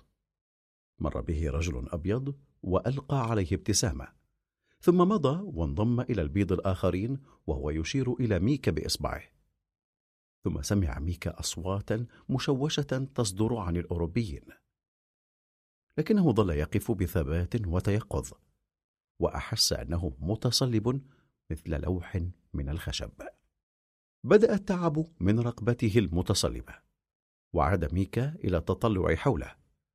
وبما أنه بدأ يحس بقلبه ينبض في قدميه فقد بدأ يشك في أن يستطيع الاستمرار في البقاء وسط دائرته إلى أن يصل زعيم البيض. تطلع إلى حذائه وبدأ له كما لو أنه قد انتفخ زيادة عما كان عليه في الصباح عندما أفرغه من الرمل الذي عبأه فيه خلال الليل. حاول أن يحرك إحدى قدميه فضم قبضتيه وكتم أنفاسه. ولعدة ثوان أحس براحة كبيرة. ثم حاول أن يرخي بثقله كله على قدمه اليمنى التي كان الألم فيها أقل من الأخرى. وارتاحت قدمه اليسرى لكنه لم يعد يعرف ماذا حدث لقدمه اليمنى. أحس كما لو أن الإبرة التي أعطاه إياها إيلا تمزق إصبعه الصغرى ثم تمر إلى كاحله حتى الفخذ. لتتوقف في عموده الفقري. وتكاثرت الإبرة. فصارت ملايين الإبر تحوم وتنغرز في كل جزء من جسده. وصار ميكا يسبح بالعرق. لطيف أنني لم ألبس الجوارب قال لنفسه. ثم حاول أن يستدعي إلى خياله ألما أشد تعذيبا من الألم الذي يحسه الآن. وقال لنفسه وما هذه المسألة؟ أنا رجل رجل كما صنعني أسلافي وتركوني. إنهم يرقبونني الآن وأنا في هذا الوضع. يجب أن لا أجعلهم يخجلون مني. لقد ختنت بالسكين ثم بصق الطبيب الفلفل على الجرح ولم أبكي. وشد على أسنانه بقوة أكبر. لم أبكي. في حياتي كلها لم أبكي. الرجل الحقيقي لا يبكي أبدا وهذا ما كان عليه ميكا إنه رجل رجل حقيقي أوليس هو ابن ميكا العظيم الذي صمد تلك الفترة الطويلة أمام البيض الأوائل؟ فهل يصح أن يبكي هو الآن أمام هؤلاء وأمام شعبه الذي عرف أباه أو سمع قصصا عنه؟ وبنوع من التحول راح ميكا يتطلع مستهينا بالبيض مد إحدى قدميه ثم وضع القدم الأخرى جانبا ثم دورها وضم كعبيه معا. التفت حوله وابتسم للأفارقة وكأنه يريد أن يطمئنهم ولم يعد يحس بحذائه. تطلع إلى العلم الذي يخفق فوق رأسه ثم تطلع إلى البيض وإلى الجنود ثم هز رقبته لينشطها. قال لنفسه سأنتظر حتى لو أنه لم يأتي إلى الليل حتى لو لم يأتي إلى الغد حتى لو لم يأتي إلا بعد عام أو حتى نهاية الدنيا. وبغتة تشنج جبينه وغطت وجهه مسحة من التشاؤم. بدا أن هناك ثقلا كبيرا في أسفل بطنه. من بعيد وبعيد جدا استطاع أن يحس باقتراب الدافع لقضاء الحاجة. كان السيد فوكوني في الصف الأول بين أوروبي دوم. يجلس بين غوليه ومساعده وهو شاب ذو هيئة جميلة. كان لديه شعر أسود غزير وحوض عريض. وكان الأفارقة يسمون الرجل والمرأة الواقفان معا. تقدم السيد فوكوني. ونزل الدرجات حتى صار في الساحة. ولحق به مساعده. تحدث قليلا على بعد عدة أقدام من ميكا. وتطلع إليه السيد فوكوني وابتسم. ورد ميكا بأعرض ابتسامة استطاع التوصل إليها. ثم مضى الرجلان الأبيضان لمناقشة زعيم الجنود. وبعدها عاد السيد فوكوني ومعاونه يتبعه إلى جماعة الرجال البيض. وماذا يعني إذا ابتعدت؟ قال ميكا لنفسه. وقد كانت قدماه تحترقان وماذا يعني إذا ابتعدت؟ طرح السؤال على نفسه عدة مرات ثم هز كتفيه. ثم جمع شجاعته كلها في كفيه ومسح وجهه المتعرق. تطلع حوله كأنما يريد أن يرى إذا كان هناك من انتبه لذلك. تمايل وقام بحركة غامضة. كان يريد أن يصفر. تماسك ثم مسح بكفه على شفتيه. وتساءل عما يجب أن يفكر فيه كي يستطيع نسيان الحاجة التي صارت أكثر الحاحا وحرارة النار التي تلتهم قدميه. كان على استعداد لأن يضحي بالدنيا كلها مقابل أن يكون الآن وراء كوخه تحت شجرة المنغولية التي اعتاد أن يقرفص تحتها كل صباح بعد الصلاة. وأغمض عينيه. وتمتم مصليا. أيها الرب أيها الرب العظيم أنت وحدك ترى كل ما يخطر في قلوب الناس. أنت ترى أن أعز رغبتي لدي الآن وأنا أنتظر الوسام والزعيم الأبيض. وحيدا في هذه الدائرة بين عالمين. وفتح عينيه ثم تطلع أمامه ووراءه. ثم أغمضهما ثانية. بين عالمين. يا الله يا من خلقتنا مختلفين واحدنا عن الآخر. إن رغبتي الكبيرة وتشوقي العظيم أن أخلع هذا الحذاء وأن أتبول. نعم أتبول. إن لست إلا خاطئا مسكينا ولا أستحق منك أن تسمعني.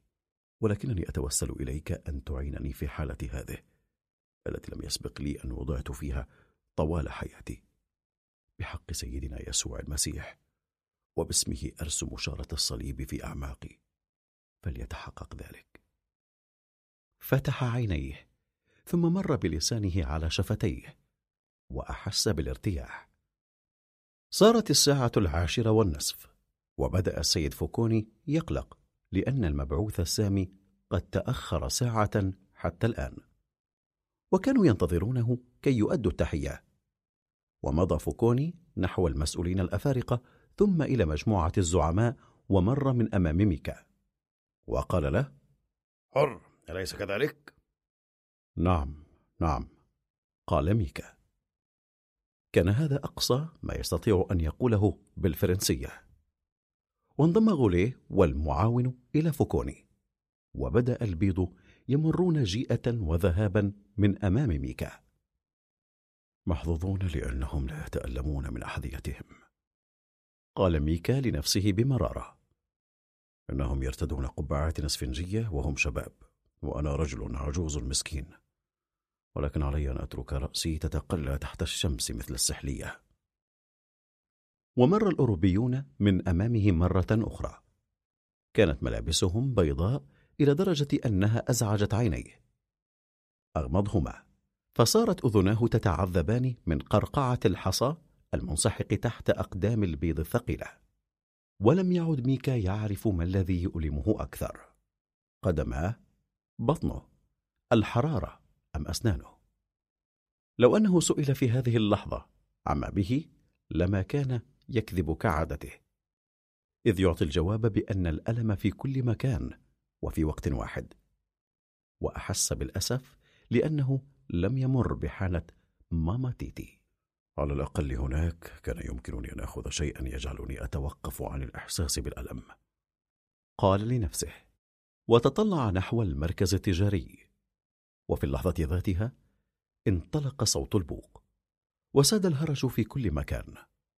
ورأى ميكا سيارة سوداء كبيرة تحمل علما مثلث الألوان تقترب بفخامة من الساحة التي يقف فيها. ووقفت السيارة أمام فوكوني ومعاونه. وفتح حاكم دوم أحد الأبواب. وخرج رجلان أبيضان هائلان. وتساءل ميكا عمن بينهما يكون الزعيم الأبيض الكبير الذي ينتظرونه جميعا. ومشى الأبيضان ووراءهما فوكوني ومعاونه جيئة وذهابا أمام الجنود. ثم قادهما فوكوني إلى شرفة مكتبه حيث كان أوروبي دوم ينتظرون. بعد قليل قدم لهما فوكوني مجموعة المسؤولين الأفارقة ثم مجموعة زعماء القبائل. وهنا لم تتم المصافحة بالأيدي كثيرا. وعندما رآهم ميكا يتجهون صوبه أحس بحد سكين يخرق أحشاءه. كز على أسنانه. وشد عضلاته كما كان يفعل عندما يواجه خطرا. أشار فوكوني إلى ميكا بطرف ذقنه. ثم التفت إلى الزعماء وهو يتحدث. وتساءل في نفسه عما إذا لم يكونوا قد قدروا حاجته الملحة. اعتصر عينيه وشد قبضتيه. وعندما أنهى فوكوني ما كان يقوله مد كل من الرجلين الأبيضين له يدا ناعمة. شد عليهما وكأنها خرقة مهترئة. ثم عاد إلى جماعتهما. كان ميكا في الرمق الأخير من قواه. الحر شديد حتى أنه تطلع إلى السماء ليتأكد من أن الشمس ما تزال فيها ولم تنزل على ظهره لماذا لم يعطوه الوسام؟ كيف يتركون رجلا في مثل سنه يقف هنا طوال ساعة؟ هل ضيعوا الوسام الذي سيناله؟ أم أنهم نسوا أن يجلبوه؟ هذه الفكرة أرعبته ماذا سيقول لأصدقائه؟ وخاصة لأولئك الذين كانوا يراقبونه وهو يتظاهر بشيء من الأهمية فيما يتعلق بتقليده الوسام. آه من هؤلاء البيض. لا شيء مستقيم عندهم. يركضون عندما يسيرون ثم يتحولون إلى سلاحف إذا وعدوك بشيء. إنهم يستمتعون بوقتهم هناك في الطرف الآخر من الباحة ويطيلون عروضهم وتحياتهم. هز رأسه وتطلع إلى قدميه. واستطاع أن يمنع نفسه من القفز في الهواء. لدي قدما بولنتي قال لنفسه متألما. ووضع كفيه في أسفل بطنه. فجعله هذا يحس بالراحة. وسرعان ما ضم كعبيه معا عندما رأى الغريبين الأبيضين مع فوكوني ومساعده وبيبيانياكيس يجيئون نحوه. مد ذراعيه لأقصى ما يستطيع إلى جانب فخذيه. ثم رفع رأسه عاليا ووقف بثبات كامل. ورأى بيبينياكيس يقف إلى جانبه بينما ظل فوكوني والآخرون على بعد خطوات أمامه. وتصاعد صوت البوق ثم جاء قرع طبول. وجاء نحو بيبينياكيس واحد من الأبيضين العملاقين. إنه هو الزعيم الأبيض الكبير. فكر ميكا. لم يسبق له أن رأى شيئا أو شخصا يشبهه. كل ما استطاع أن يراه هو طيات الجلد المتراكمة تحت ذقنه والتي كادت أن تخفي عقدة ربطة عنقه. كان الزعيم الكبير يتحدث إلى بيبينياكيس وكأنه يتحدث إلى شخص أصم. وكان بيبينياكيس واقفا بثبات كالتمثال. وعندما انتهى الزعيم تناول وساما من علبة صغيرة كان مساعد فيكوني يمسكها له ويمدها إليه. ثم ثبته بدبوس على صدر بيبينياكيس. ثم رأى ميكا الزعيم الكبير يمسك بكتفيه ويضع خديه واحدا بعد الآخر عند خدي اليوناني. وعند كل حركة كانت طيات الجلد تحت ذقنه تتأرجح مثل ثدي ذابل قاتم. ثم جاء دور ميكا. وقف الزعيم الأبيض أمامه وبدأ يصرخ.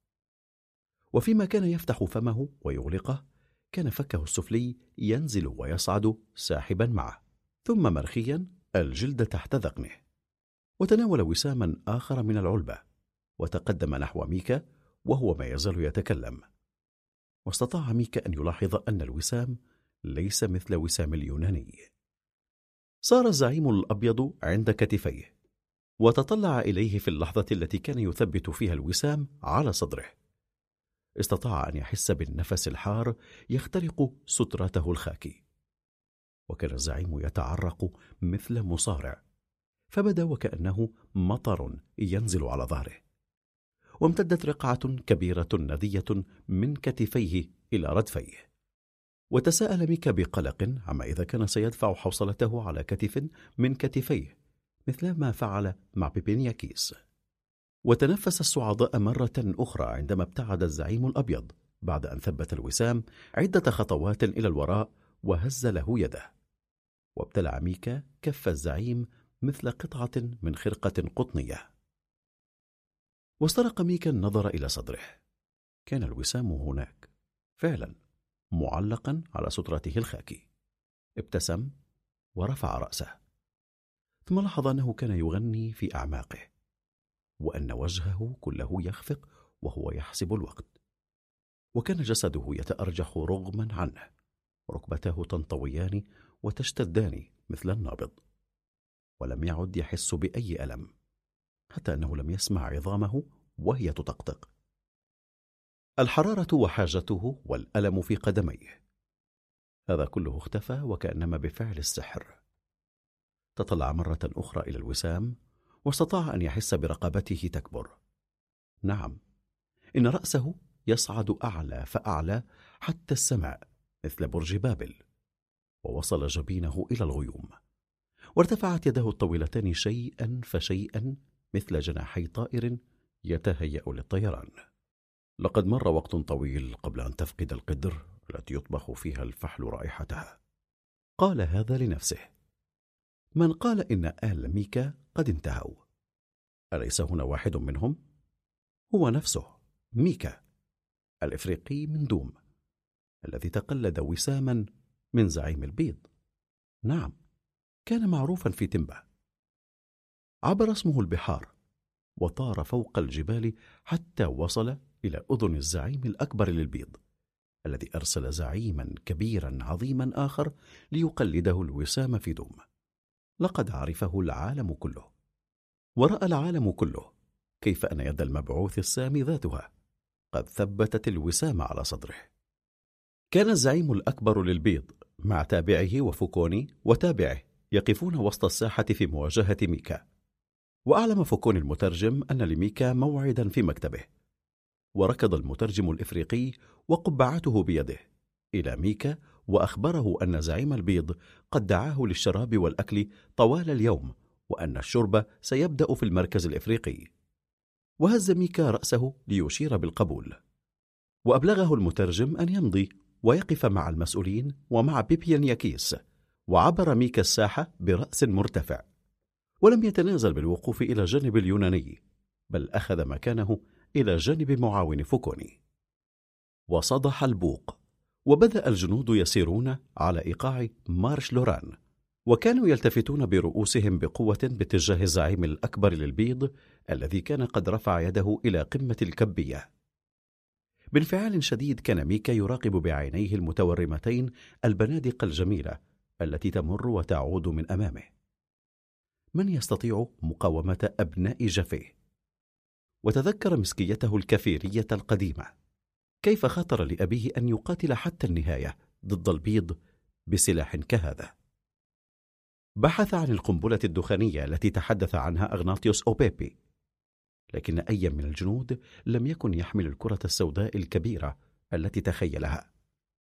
وبدأ ميكا بعد البنادق. ضيع العدد فحاول أن يبدأ من جديد وضيع العدد مرة أخرى. ثم فكر في الغوريلات تلك المخلوقات القذرة. التي تخرب بيارات الموز. لو أنه أعطي واحدة من هذه البنادق المهدورة هنا واحدة فقط لعرفت الغوريلات ما الذي تتعرض له. وقرر أنه سيطلب بندقية من زعيم البيض. هذا يكلفه أن يقدم إحداها هدية؟ ونمت الفكرة في ذهنه حتى صار ينقل نظرة من زعيم البيض الكبير إلى فوكوني ثم يعود من جديد. جاءته نظرة المعاون الذابلة. وحرك ميكا شفتيه وتقدم خطوة إلى الأمام وأشار له المعاون بحركة حازمة أن يرجع وأحس بارتعاش شديد في قدميه. مرر يده على وجهه فهز المعاون كتفيه ولم يعد ينتبه وشعر ميكا بجفاف حلقه. ضم كعبيه وانحنى إلى الأمام قليلا ليراقب آخر البنادق وهي تختفي. وعندما استقام ثانية تلقى نظرة ذابلة أخرى من المعاون وعادت الحاجة الملحة تضغط عليه. كانت كلارا تراقب زوجها وهو يتلقى الوسامة بعينين بل لهما الفرح. وعندما صافح الرجل الأبيض يد ميكا أحست أن قلبها قد توقف عن الخفقان. هذا شخص له قيمته كانوا يقولون. لا تستطيع أن نقول إنه ليس لدينا رجل عظيم في دوم. ثم قال بعض المشاغبين أعتقد أنه كان عليهم أن يغطوه بالأوسمة. هذا كان سيعجبه أكثر. تصور أنه فقد أرضه وأولاده من أجل هذا. كانت تلك ملاحظة غادرة بددت كل حماس كلارا عندها فقط عرفت أن حزنها ما يزال كبيرا وأنه ما من شيء. يمكن أن يعادل فقدانها لولديها. فكت عقدة منديلها ودفعته في فمها كي لا تبكي. ماذا جرى للعجوز؟ سأل أحدهم. هل هي مريضة؟ أمسكتها امرأة من كتفها وبدأت كلارا تنتحب من أعماق قلبها على كتف المرأة. وراحت المرأة تبكي معها بدورها. وحول الرجال عيونهم عنها. وتساءلوا مرة أخرى. ما الذي يمكن أن يكون قد حدث للعجوز؟ أحست كلارا بالغصة التي برزت في حلقها. قد بدأت تتلاشى وهي تبكي. وعندما أحست أنها قد اختفت تماما شكرت المرأة التي ساعدتها. ثم وقفت على رؤوس أصابعها لترى ما في الساحة حيث كان الاستعراض يصل الآن إلى نهايته. رأت زوجها ورأسه تحت الشمس يلمع. وهو يبتسم ببلاهة لزعيم البيض. شيء ما حدث في أعماقها لم تستطع أن تفهمه. بدلها ميكا كشخص لم يسبق لها أن رأته من قبل. أيمكن أن يكون ذلك الرجل الذي يبتسم هناك هو زوجها؟ تطلعت إلى الخفين العتيقين اللذين لفتهما في صحيفة وتأبطتهما. وعادت إلى الوقوف على أطراف أصابعها. الرجل الذي يضحك هناك لا تربطها به أي علاقة. خافت من نفسها. فركت عينيها. وتطلعت مرة أخرى إلى ميكا. وانفرجت زاويتا فمها عن تكشيرة ازدراء. شقت طريقها بين الحشد حتى وصلت إلى الشاب الأخرق فأمسكت بيده. وتطلع إليها الشاب وقد فتح فمه دهشة. أنت الذي تحدث منذ قليل؟ قالت له شكرا لك. لقد تحدث الروح القدس من فمك. كان الشاب على وشك أن يعترض ولكنه غير رأيه ومرر يده على شفتيه. يا الله! قال بصوت مرتفع. ما الذي قلته؟ أتريد أن تعرف؟ قال جاره وهو شاب قصير القامة أشبه ما يكون بالصينيين. أنت الذي جعل العجوز تبكي منذ قليل. وعندما التفت الشاب الأخرق مذعورا ليعتذر من كلارا كانت قد اختفت قال لا أفهم هل هي زوجة الرجل الذي أعطوه الوسام منذ قليل؟ ربما كانت هي لأنها بدأت تبكي عندما قلت إنه كان يجب أن يعطى عددا كبيرا من الأوسمة كيف عرفت أنه فقد أرضه وأولاده مقابل الوسام الذي أعطوه إياه؟ كان الحاكم يقول ذلك ليلة أمس للسيد بيبينياكيس عندما كان يتحدثان على العشاء نسيت أنني خادم الحاكم؟ وصمت الشابان. على الشرفة خارج مكتب فوكوني كان ميكا الأسود الوحيد وبقعة الخاكي وسط البدلات البيضاء التي يلبسها أوروبيو دوم وكان يجبر نفسه على الاستمرار في الابتسام ليلفت انتباههم. وبين حين وآخر كانت يد بيضاء تمر على رأسه أو قرب أذنيه. قبل إبداء إشارة إعجاب تقليدية بالوسام المعلق على صدره. وقد سره أن يلاحظ أنه ما من أحد من البيض يعلق وساما مثل وسامه. وتوجه للأب فاندر ماير بأوسع ابتسامة استطاع أن يرسمها عندما ربت القس على كتفه. وقال له بابتسامة ترف على جانب فمه إنه الآن الشخص الأكثر أهمية. ولم يعرف ميكا كيف صار واقفا خارج الدائرة التي شكلها الأوروبيون حول زعيمهم. كان الأفارقة الآن يرقصون في الساحة وكان ضرب الطبول قد بدأ عند نهاية الاستعراض. ولم يعرف ميكا من سيسأل عن موعد ذهابهم إلى المركز الإفريقي. توجه إلى الأب فاندرماير وربت على كتفه وأطلق القس نظرة غاضبة نحوه ولوح يبعده عنه بقفا كتفه ورفع ميكا يده. وهو خائف إلى ذقنه. ثم فتح فمه كالسمكة. لا إنه لا يصدق ذلك. لا يمكن للأب فاندرماير أن يرد عليه ردا كهذا. ابتعد ميكا عدة خطوات واستند إلى الجدار. مد رجليه ووضع كفيه على ردفيه. حرك رأسه عدة حركات ثم ثبته. وظل فمه مفتوحا بالدهشة مثل فم حيوان مخنوق. حدق إلى الأرض في استغراق بليد وكأن للإسمنت عيني أفعى. لم يعد يراقب مجموعة البيض ولم يعد يصله إلى همهمة حديثهم. أين سبق له أن سمع بيضا يتحدثون هكذا دون أن يفهم ما يقولونه ودون أن يراهم؟ وضع يديه على رأسه وراح يضغط صدغيه وكأنه يريد استخراج الذكرى الضائعة من فوضى ذاكرته المشوشة. قطب قليلا ثم انفرجت أساريره. تذكر. كان ذلك وهو يصغي إلى الحاكي. أغمض عينيه.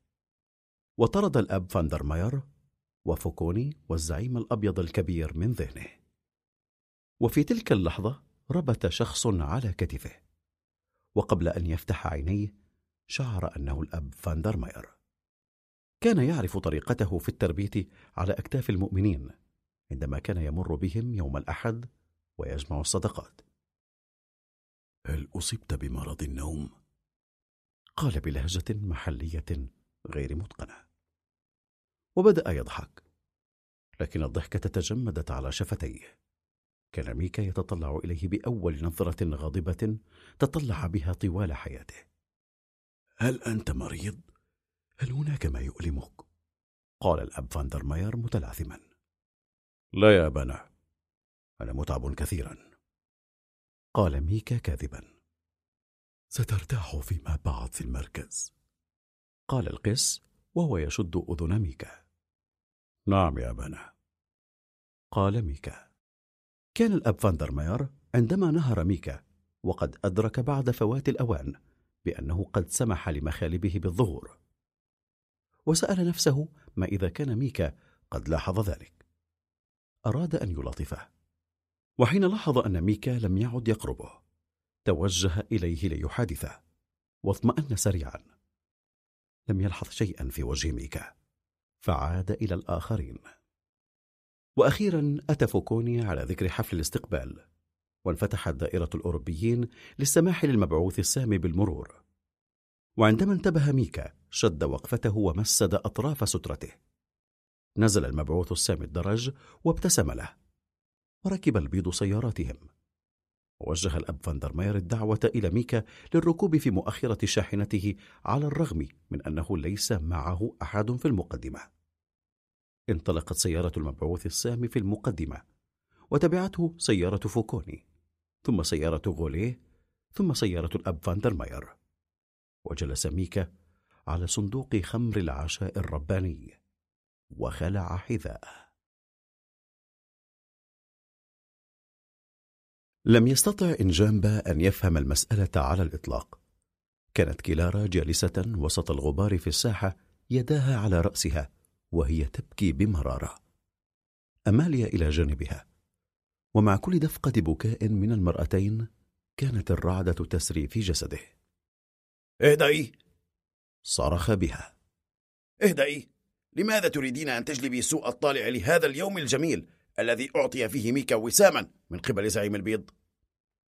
وتضاعف صراخ كلارا وبكاؤها لهذا الكلام وبدأت تتمرغ على الأرض مثلما يتدحرج جذع شجر ثم شدت شعرها وحاولت أن تبصق على وجهها.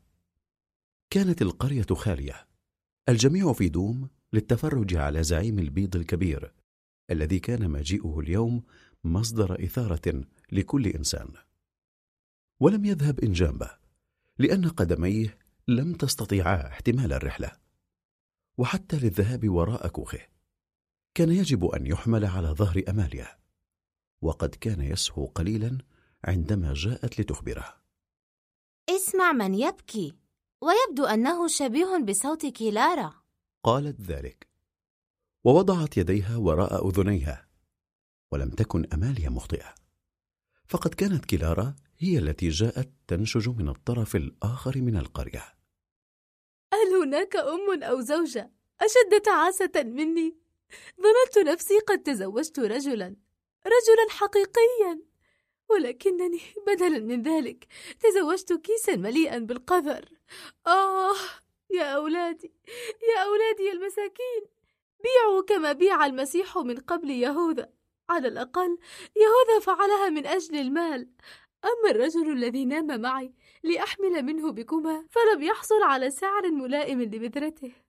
أنتما يا صغيري لم يكن ثمنكما إلا وساما.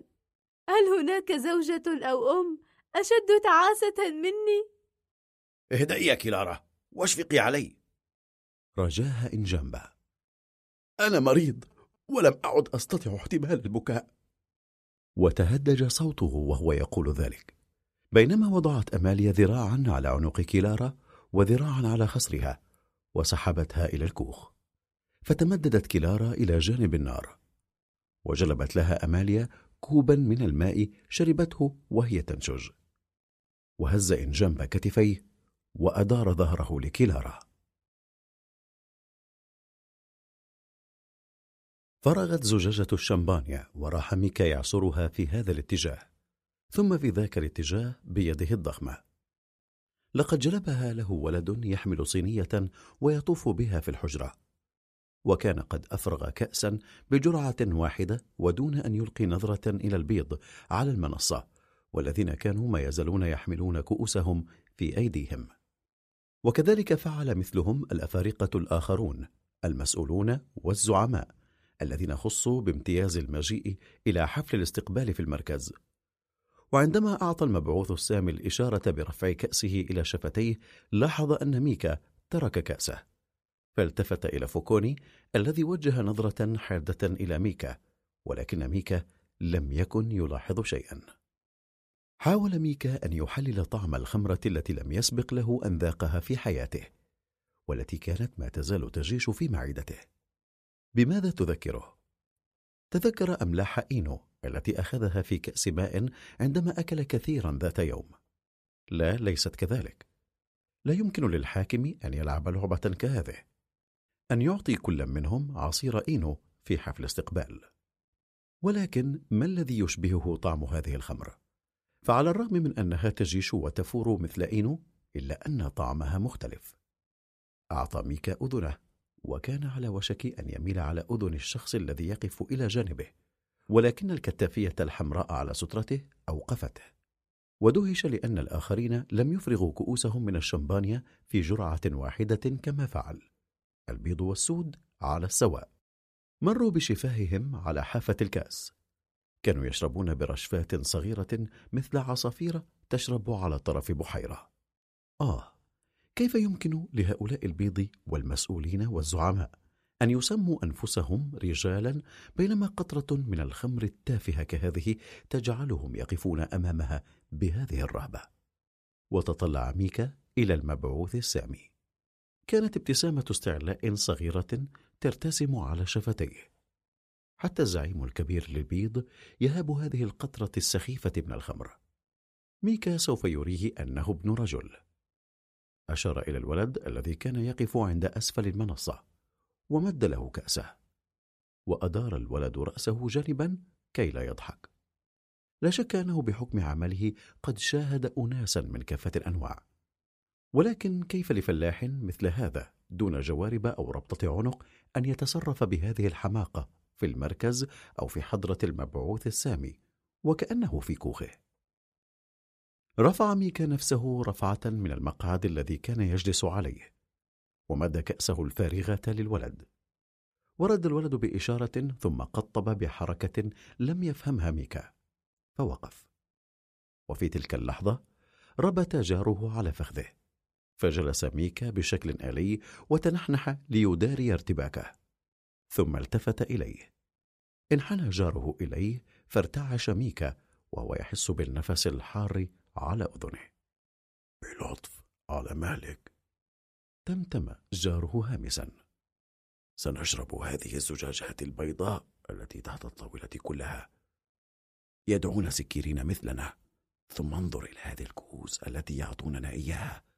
لا أظن أنها ستجعلنا نسكر. وبدأ يضحك ضحكة مكتومة. وضحك ميكا بدوره. دعنا ننتظر. قال الآخر.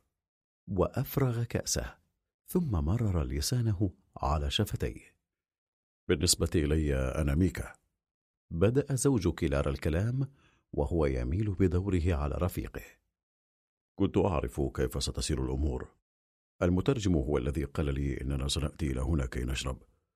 فلماذا أعطونا كؤوس القربان الصغيرة هذه؟ هل سنؤدي الصلاة؟ وبدأ الرجلان يضحكان من جديد. واخترق الولد الصفوف وبيده زجاجة جديدة إلى حيث كان ميكا يجلس. وعندما أراد أن يعبئ له كأسه خبأها ميكا وراء ظهره وقال له إن لم يكن عندك شيء آخر فسأذهب. إن بطني منتفخة بما فيه الكفاية. وتجشأ.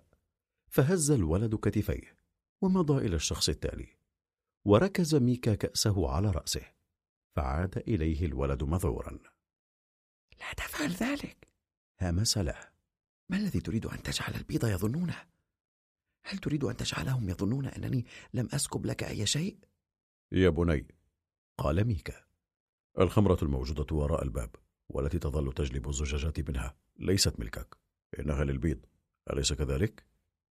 إيه همس كل من كان إلى جانب ميكا. اجلب لنا بعض الويسكي. قال ميكا. هيا. الحاكم لن يأكلك. لا يحق لي ذلك قال الولد وهو يتلفت حوله.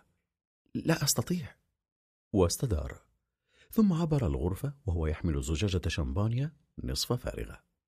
وبعد لحظات عاد ومعه زجاجتان. استطاع ميكا تمييزها من بعد. وعندما قام الأفارقة الذين كانت كؤوسهم ما تزال مليئة بإفراغها تحت مقاعدهم. وفتح الولد زجاجة.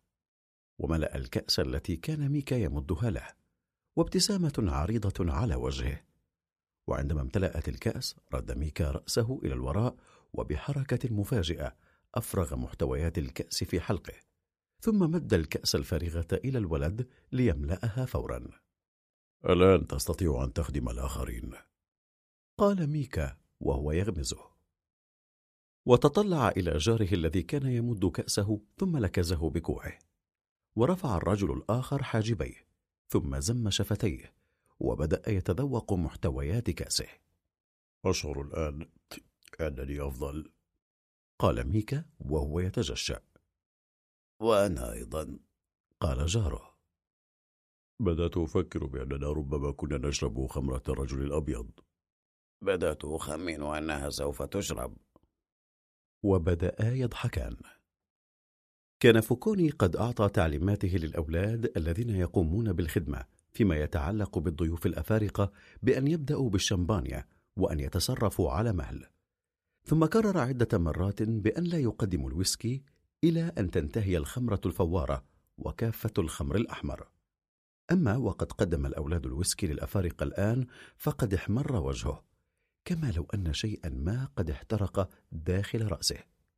وقد بذل قصارى جهده كي يستطيع الاستماع إلى ما يقوله له المبعوث السامي. ولكن بين حين وآخر كانت عينه تتتبع الأولاد الذين صاروا خائفين الآن من الاقتراب لتقديم الخدمة على المائدة العالية. ولم يتناول الأوروبيون شيئا باستثناء الكأس الأولى. وأفرغت الزجاجات في كؤوس الأفارقة الذين دب فيهم المرح. وعندما كان الأولاد يعودون من تقديم الخدمة للأفارقة كانوا يحرصون على أن لا ينظروا باتجاه المنصة وهم يعبرون القاعة. ولكنهم كانوا يستطيعون أن يحسوا بعيني السيد فوكوني على نقراتهم وقالوا لأنفسهم المحظور قد وقع فلنشنق من أجل كبش إن كنا سنشنق من أجل حمل. انتشى ميكا. واشتعلت آلاف النيران الصغيرة في جسده. فأحس برضا لا حدود له. صار يطير بين الغيوم فصارت الأرض بيضاء ونظيفة عند قدميه. ورأى كلارا تقود عربة محملة بالأحذية وفي أعاليها فتحت نوافذ صغيرة مطرزة بالذهب حيث ستخرج إصبع قدم ميكا. ولقد دعا المبعوث السامي لأكل الفحل الذي جلبه له إنجامبا. وراح الاثنان يمدان يديهما في الصحن. وكانت الويسكي تنسكب من ثقوب سقف الرافية. وتتخلل جسده من كل مسامه. ابتهج بهجة لا حدود لها. وكان الأب فاندر ماير الذي تحول الآن إلى كلب أسود كبير يقف ساكنا بالباب منتظرا أن يرمي ميكا له العظام. وصارت يد ميكا طويلة بحيث أنها وصلت إلى الكلب فضربته وطردته وأحس ميكا بشخص يمسك يده. قاوم في البدء ثم هدأ وفتح عينيه. لقد بدأت تخيفني. همس جاره وهو يشير إلى المبعوث السامي الذي كان ينهي خطابه. وفي تشوشه بدأ ميكا يصفق بعنف قبل أن يصفق أحد. كان يريد أن يقف. فشدوه من طرف سترته. انتظر إلى أن ينتهي المترجم من إخبارنا بما كان زعيم البيض يقوله. أسند ميكا رأسه إلى رأس جاره وأحاط الجار بذراعه كتفي ميكا. وعند أسفل المنصة كان المترجم يشد أصابعه ويترجم ما كان المبعوث السامي قد قاله إلى لهجة ماجما وهي اللهجة الأساسية في دوم. يقول الزعيم الكبير إنه مسرور جدا لوجوده بينكم وهو يشكركم على الاستقبال الذي قدمتموه له. ثم تحدث عن الحرب التي خطموها معا ضد بيض آخرين في بلده. وانتهى إلى القول إننا أكثر من أصدقاء وإننا مثل الإخوة شيء من هذا القبيل. وبدأ الجميع يصفقون بينما كان المترجم يعود إلى مقعده. وقف ميكا على قدميه بقوة وكأن نابضا قذفه وخطى خطوة وهو يترنح.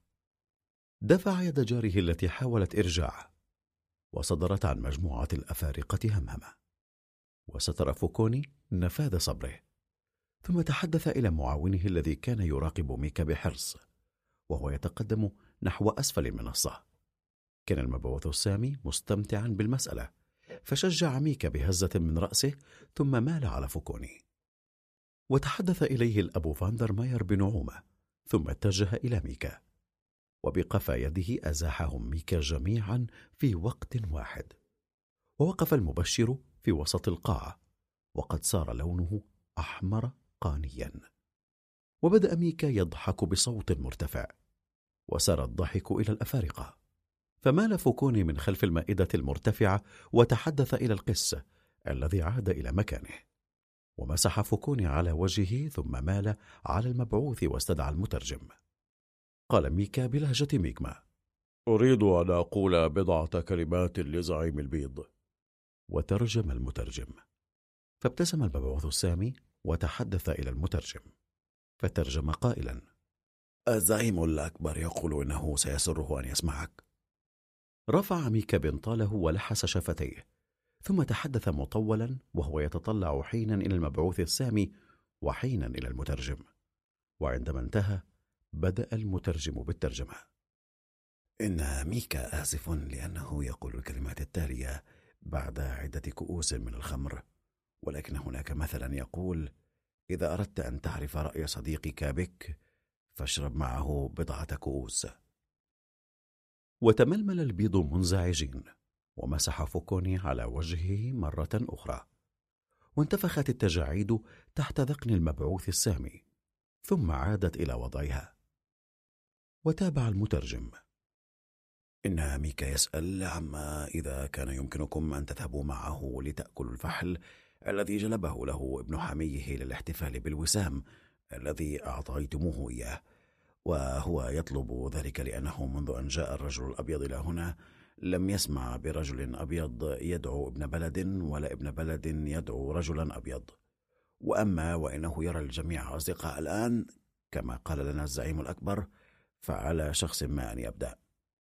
كان المبعوث السامي ونائبه أول المصفقين وحذا البيض الآخرون حذوهم وفرك المبعوث السامي طرف أنفه بين إبهامه وسبابته ثم نهض. فأرجع فوكوني كرسيه إلى الوراء وساد صمت مطبق. ووقف المترجم دون حراك وسط القاعة وهو يتشرب كلمات المبعوث السامي. ورأى ميكا الذي استطاع بشكل ما أن يعود إلى مقعده أن المبعوث السامي يطير فوق المنصة. وبدأ جسده كله منحنيا بفعل الثقل الموجود تحت ذقنه. كان يتحدث ببطء وبثبات وكأن كل كلمة يقولها هي الكلمة الأخيرة. وعندما انتهى صفق البيض وحذا الأفارقة حذوهم. وعندما ساد الصمت من جديد قام المترجم بترجمة كلمات المبعوث السامي إلى لهجة ميغما وهو يتطلع باستمرار إلى ميكا. إن المبعوث السامي مليء بالغبطة للدعوة التي وجهتها إليه. إنه يأكل فحلك معك بفكره وهو يأسف لأنه لا يستطيع أن يأتي ويأكله معك في كوخك لأنه مسافر غير أنه يدعوك لتناول الطعام معه ذات يوم. وهذا الوعد بداية مرحلة جديدة وشيء من هذا القبيل. صفق الأفارقة ثم تبعهم البيض بدورهم وأبدى الأفارقة موافقتهم بتحريك رؤوسهم وتوجهت العيون كلها إلى ميكا. وابتسم له الجميع ابتسامات عريضة. وكان أكثر أبناء بلده حماسة قد عبر القاعة بخطى غريبة وهز يده مصافحا. قالوا له أنت الآن شخص هام. لقد قلت ما كنا نفكر به كلنا. أنت الدم الأصيل من أبيك الباسل. نحن جميعا في دوم نتكل عليك.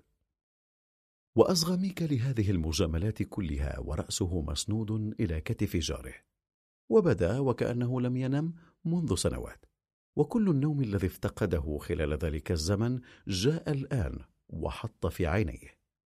وتذكر سريره بجانب موقد كلارا ورأى نفسه مستلقيا على ظهره كعادته. وساعده الأيسر على جبينه. وتذكر سريره بجانب موقد كلارا ورأى نفسه مستلقيا على ظهره كعادته وساعده الأيسر على جبينه. ثم بدأ يهوي في هوية لا قرار لها حيث كان العسل يتساقط على لسانه وبعدها لا شيء. بدأ ميكا يشخر. وحين رأى فوكوني أن الجو في المركز بدأ يصبح مزعجا انحنى نحو المبعوث السامي وكان المبعوث أول من وقف وحذا البيض الآخرون على المنصة حذوة. واستدعى فوكوني المترجم وتحدث إليه مطولا. ثم خرج البيض من الباب المفتوح وراءهم بحيث لا يضطرون إلى المرور بين الأفارقة الموجودين في الطرف الآخر من الصالة. وصفق المترجم بيديه طالبا السكوت وبصعوبة ساد الصمت. فضم يديه وراح يتكلم مع أبناء بلده الأفارقة. طلب مني الحاكم أن أخبركم أن المبعوث السامي متعب. وعلق أحدهم مازحا لأنه أكل كثيرا وانفجر الضحك الصاخب فغطى على صوت المترجم الذي فقد أعصابه فجأر صائحا أي نوع من البشر أنتم؟ أسألكم أي نوع من البشر أنتم؟ وفرض السؤال صمتا جديدا واستغل المترجم انتصاره إنني أسأل نفسي أي نوع من البشر أنتم؟ لو رآكم أسلافكم في حالتكم هذه أمام هؤلاء الناس القادمين من وراء البحار فماذا سيكون رأيهم؟ إنني خجل بكم. ضاعت الكلمات الأخيرة وسط الهمهمة فقد انقسم الضيوف البارزون إلى معسكرين. كان هناك من يريدون الاستماع إلى المترجم ومن يصرخون به يطلبون منه السكوت. ثم بدأوا ينقلبون على المسؤول التعيس. من يظن نفسه حفيد الأقزام هذا؟ ومنذ متى يكون للعبيد الحق في فرض الصمت على الأمراء؟ لقد قلب البيض تراث الأرض وها هو مجرد شخص تافه يحاول أن يفرض الصمت على الملوك. ووقف المترجم وسط القاعة والعرق يتصبب منه تحت وابل الكلمات. قام بإشارة غامضة توحي بالاعتذار وطلب الفرصة للاستماع إليه. لكن هذا أثار سخط الضيوف أكثر. واقترح أحدهم أن يشنقوه لمجرد أن يتسلوا ولم ينتظر المترجم أكثر من ذلك فخرج من الباب الواقع خلف المنصة. تتتبعه موجة صاخبة من الضحكات التي تطلقها الجماعة. وقام شخص ضخم إلى مكانه. بدأ كلامه وهو ينهي كاسه. يا سادتي كان هذا النداء الذي يتملق الإحساس بالأهمية لدى كل من الضيوف قادرا على فرض الصمت. يا سادتي! تابع الشخص الضخم. بما أنني سيد أتكلم إليكم سيد إيكانس ابن أكوم العظيم. وصفق الجميع.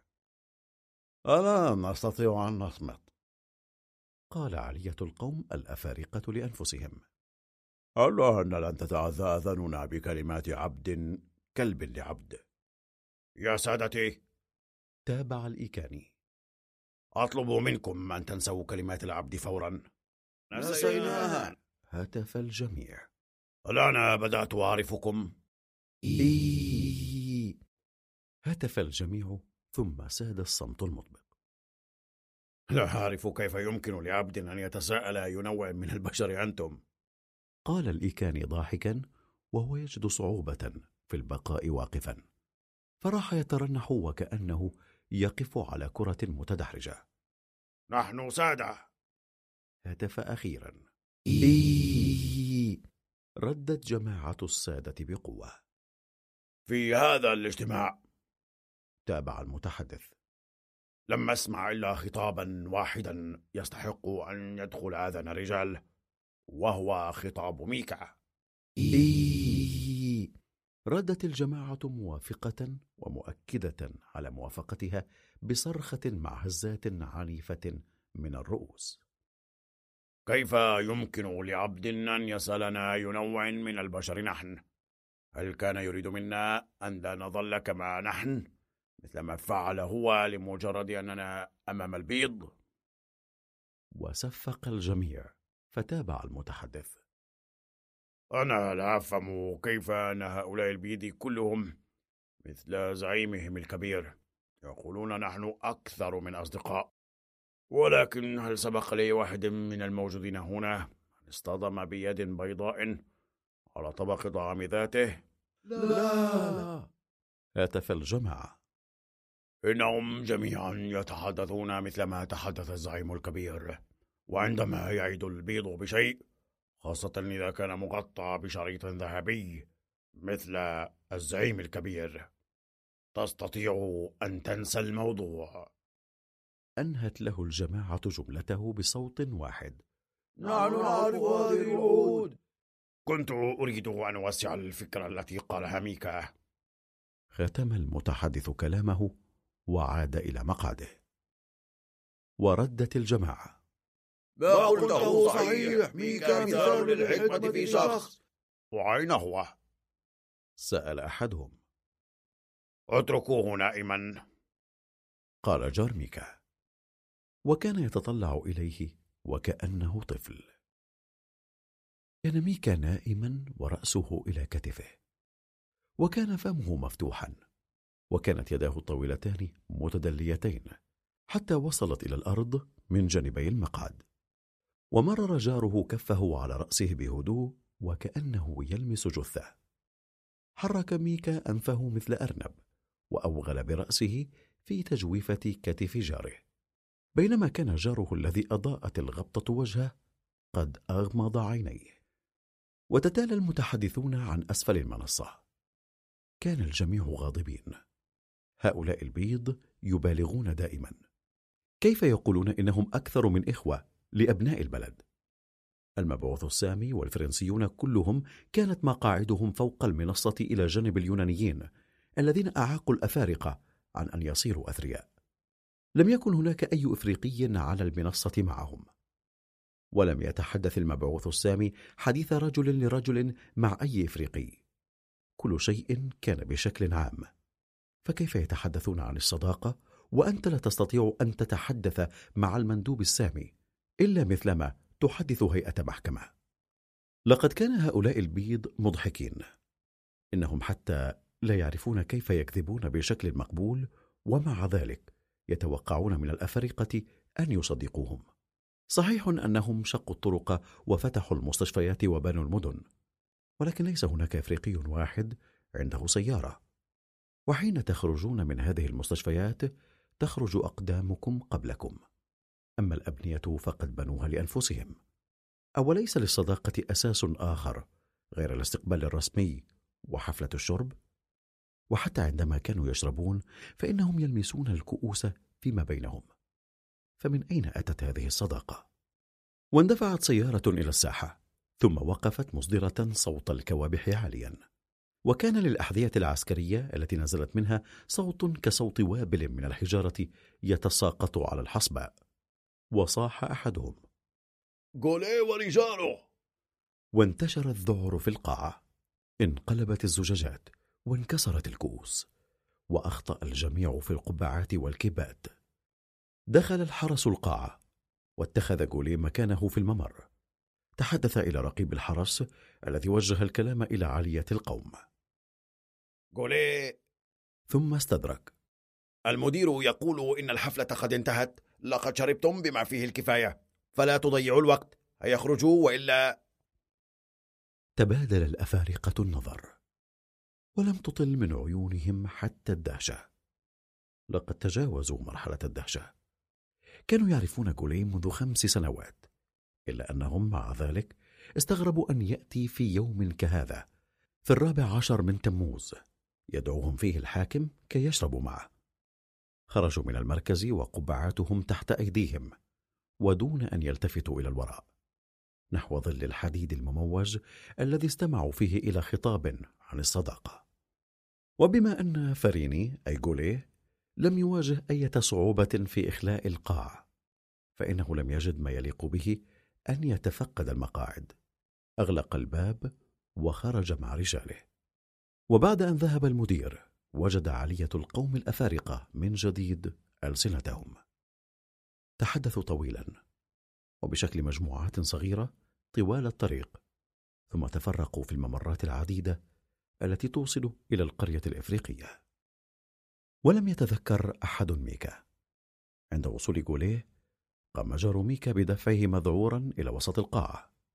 وكان هذا الوسط يغلب الاضطراب فارتد ميكا إلى مقعده مثل الكرة. وهناك تمدد دون إرادة ودون أن يطلق تنهيدا ولما لم تلتقي قدمه بشيء استطاع أن يتمدد بطوله كاملا. نام وهو يسبح بالعرق داخل السقيفة وحيث كان الحديد المموج يطقطق مثل حبات الذرة أيام الشعر في نهاية الموسم. كان مستلقيا إلى جانبه الأيسر وذراعه ممدودة على الأرض. وانزلق الوسام تحت إبطه. ونتيجة لحركته وهو نائم أفلت الوسام من دبوسه. كان يشخر مثل فهد وأسنانه تصطك. كان ينام ذلك النوم الذي يسمونه في القرى نوم الموتى. بعد حفل الاستقبال عاد الأوروبيون كلهم إلى النادي الأوروبي. وكان هذا السيد بيبينياكيس الذي كان قد أقام حفلة للاحتفال بوسام الشرف. وهنا كان فوكون الأعزب غير المغامر. قد نظم حفل الاستقبال للمندوب السامي. كان النادي الأوروبي بناء ليس فيه شيء خاص. من ذلك النوع من الأبنية الذي لا يوجد إلا في المستعمرات. وكان يوجد في الوسط بين المركز التجاري والسوق والمستشفى والمدرسة. وببنياكيس الذي كان مقتصدا حتى الحقارة قد دهنه بلون المغرى. وهو اللون ذاته الذي لغبار دوم وكان الوصول إليه يتم بتجاوز قناة ضيقة تستخدم كمكان لتجميع النفايات. تنظف بين حين وآخر بقليل من الماء. وفي اليوم السابق لوصول المندوب السامي أشرف جولي شخصيا على الإصلاحات التي قامت بها مجموعة من العمال جلبهم من السجن. وضعت سعف النخيل في كل مكان. وأكاليل الورد البري التي تعلقت على السقف الخيزراني الذي غطي بعلم فرنسي كبير من الورق. وأعطى للخدم بذلات بيضاء وقضت مدام مونروتي شاربة الشاي الوحيدة في المدينة يوما كاملا في تعليمهم الانحناء على أصوله. وفيما كان المندوب السامي ينتظر الاحتفالات القبلية الزاهية عصرا فإنه وجد في النادي الأوروبي جو أوروبا الذي لم يكن يتوقع أن يجده في هذا المكان الموغل في أعماق الغابات. الجزء الثالث. في مناسبات معينة ونادرة كان ميكا يستيقظ في كوخه على مهل وبالتدريج وهو يسترجع وعيه. أما الآن فلم تكن هناك فرصة ليقظة كهذه. بغتة وجد نفسه مرميا تحت المقعد. كان المركز الغارق في الظلام عرضة لأول عاصفة تهب في نهاية فصل الجفاف. كان كل شيء يئن ويقرقع تحت الريح والرعد. وبدا كما لو أن آلافا من الأوعية تسكب الماء على السقف التنكي العتيق الذي كان يهتز ويكاد أن ينخلع. وكانت الوصلات والعوارض وقطع الخشب تتداعى كلها فوق رأس ميكا فتساءل عما إذا كانت هذه نهاية العالم. وشقت العتمة لمعة برق بينما قصف الرعد الذي تبعه هز الأرض تحت ردفي ميكا. أحس بكل ما في معدته يقفز ولم يتذكر كيف صار هكذا مستلقيا على قفاه في هذا الفراغ ويداه في الظلمة لا تسعفانه بالتمسك بأي شيء. حاول أن ينهض. لكن رعدا آخر ألقاه على الأرض من جديد. تدحرج مثل أرنب ثم وجد نفسه على المقعد مرة أخرى. برق ورعد يتناوبان مثل وميض نار مضطربة ويتساقط بسرعة جنونية. رسم ميكا الصليب على نفسه ثم قامت يداه برفع المقعد فوق رأسه وأماله أمامه. سمع تكسر قطع معدنية وزجاجية. ثم ضاع الصوت تحت انفجار الرعد الذي كان أقوى من الصوت الأول. ورسم ميكا علامة الصليب مرة أخرى. نهض مذعورا على قدميه وبدأ يتحرك إلى الأمام. وفي ومضة البرق استطاع أن يرى العلم الفرنسي الكبير يخفق فوق المنصة. وكان الماء يتصبب من كل مكان. واستطاع ميكا أن يحس بالماء عند كاحليه. وحاول أن يطوي أسفل بنطاله ولكنه حين وقف على قدم واحدة فقد توازنه وسقط مثل جذع شجرة وسط البركة التي كانت تتشكل حول قدميه.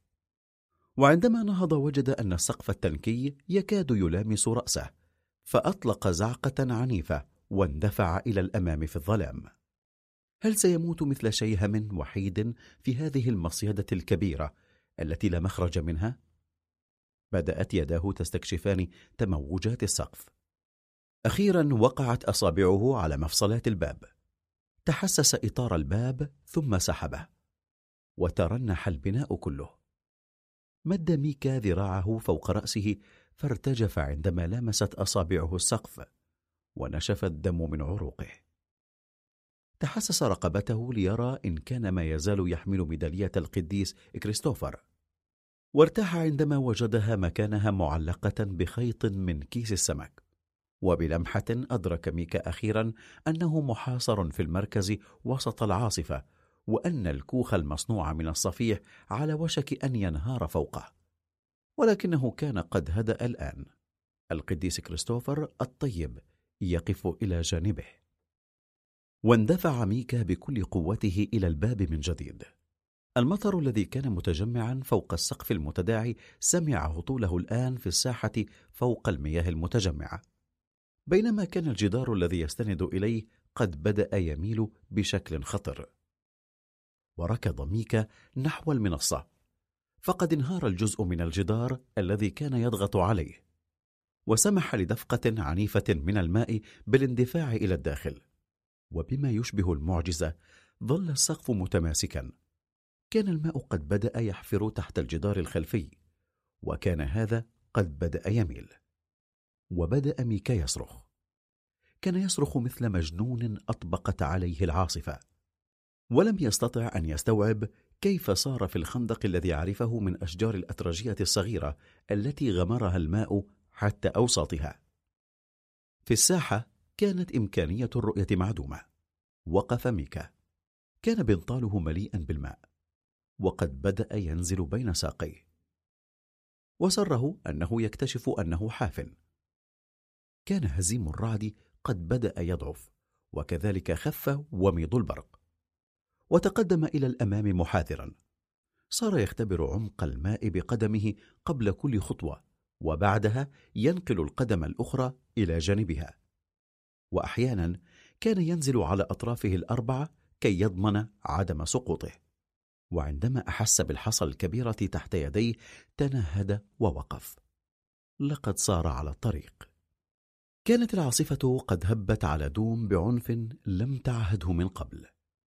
والدنيا التي حرمت من الماء منذ زمن طويل صارت الآن غارقة ومحاطة ومغمورة به. وهنا وهناك كانت الأشجار التي وقعت عليها الصواعق تحترق مثل مشاعل جنائزية في الليل. امتدت صفحة الماء التي ينعكس عليها البرق إلى ما لا نهاية. كان ميكا وحيدا وسط ذلك الخضم الهائل ودون بوصلة أو مصباح. وكان المطر ما يزال يهطل. وميكا قد فقد حاجبيه منذ زمن طويل. ولذلك فإن الماء الذي يتصبب على جبينه صار يدخل في عينيه. أطبق جفنيه ونفخ الماء بفمه وهو يدفع شفتيه مثل مؤخرة البطة. كان طبل يقرع في رأسه. وبين حين وآخر راح يضرب نفسه على رقبته لتهدئة الألم الذي كان يحسه في رأسه. التفت إلى حيث المركز الإفريقي. وتحت ومضة برق رأى كومة من الحديد المموج. وعاوده الألم في معدته. لقد صار الأمر قريبا. رسم شارة الصليب وامتص إبهامه وأجل الصلاة إلى ما بعد. هز رأسه واحتار فيما يفعله وسط هذه المتاهة المائية التي ضاع فيها الطريق تماما. تذكر كيلارا وإنجامبا والآخرين الذين ينتظرونه لالتهام الفحل. هل صمد كوخه في وجه العاصفة؟ قرر أن يمشي باتجاه مستقيم إلى الأمام. لقد هدأ كل شيء حوله على الرغم من أن السماء كانت ما تزال ملبدة بالغيوم ومنذرة بالخطر. وخاف ميكا الذي كان يتقدم ببطء مثل سلحفاة أن ينهمر المطر من جديد. إن العواصف التي تأتي في نهاية فصل الجفاف تكون في جولتين عادة. فبعد جولتين من المطر والصواعق تأتي جولتين من المطر وحده. مد ميكا خطواته. وعند كل خبطة تحدثها قدماه وهو يسحبهما من الماء أو يعيدهما إليه كان يبدو أن هناك ثقلا كبيرا معلقا بهما. وكان ميكا يرفع كل قدم إلى أعلى ما يستطيع ثم اكتشف أنه بهذا ينهك نفسه ولا يتقدم كثيرا. قال لنفسه آه لو كنت أستطيع السباحة. ولكن الماء لم يصل إلا إلى ربلتي ساقيه فكان عليه الاكتفاء بنوع من مشية الإوزة قال لنفسه الإنسان مخلوق وحيد. كيف أن له وهو ابن أكبر العائلات في دوم يجد نفسه وحيدا تماما وسط الكارثة التي تمر عليه. حاول أن يسترجع إلى ذهنه أحداث النهار ولكن ذهنه كان مشوشا. ودون تفكير وضع يده على صدره وتوقف منزعجا. الوسام الذي منحه إياه زعيم البيض قد ضاع تطلع إلى الماء الذي يدوم حول قدميه وعاد ذهنه إلى المركز. هل ضيع الوسام أم أن أحدهم سرقه منه؟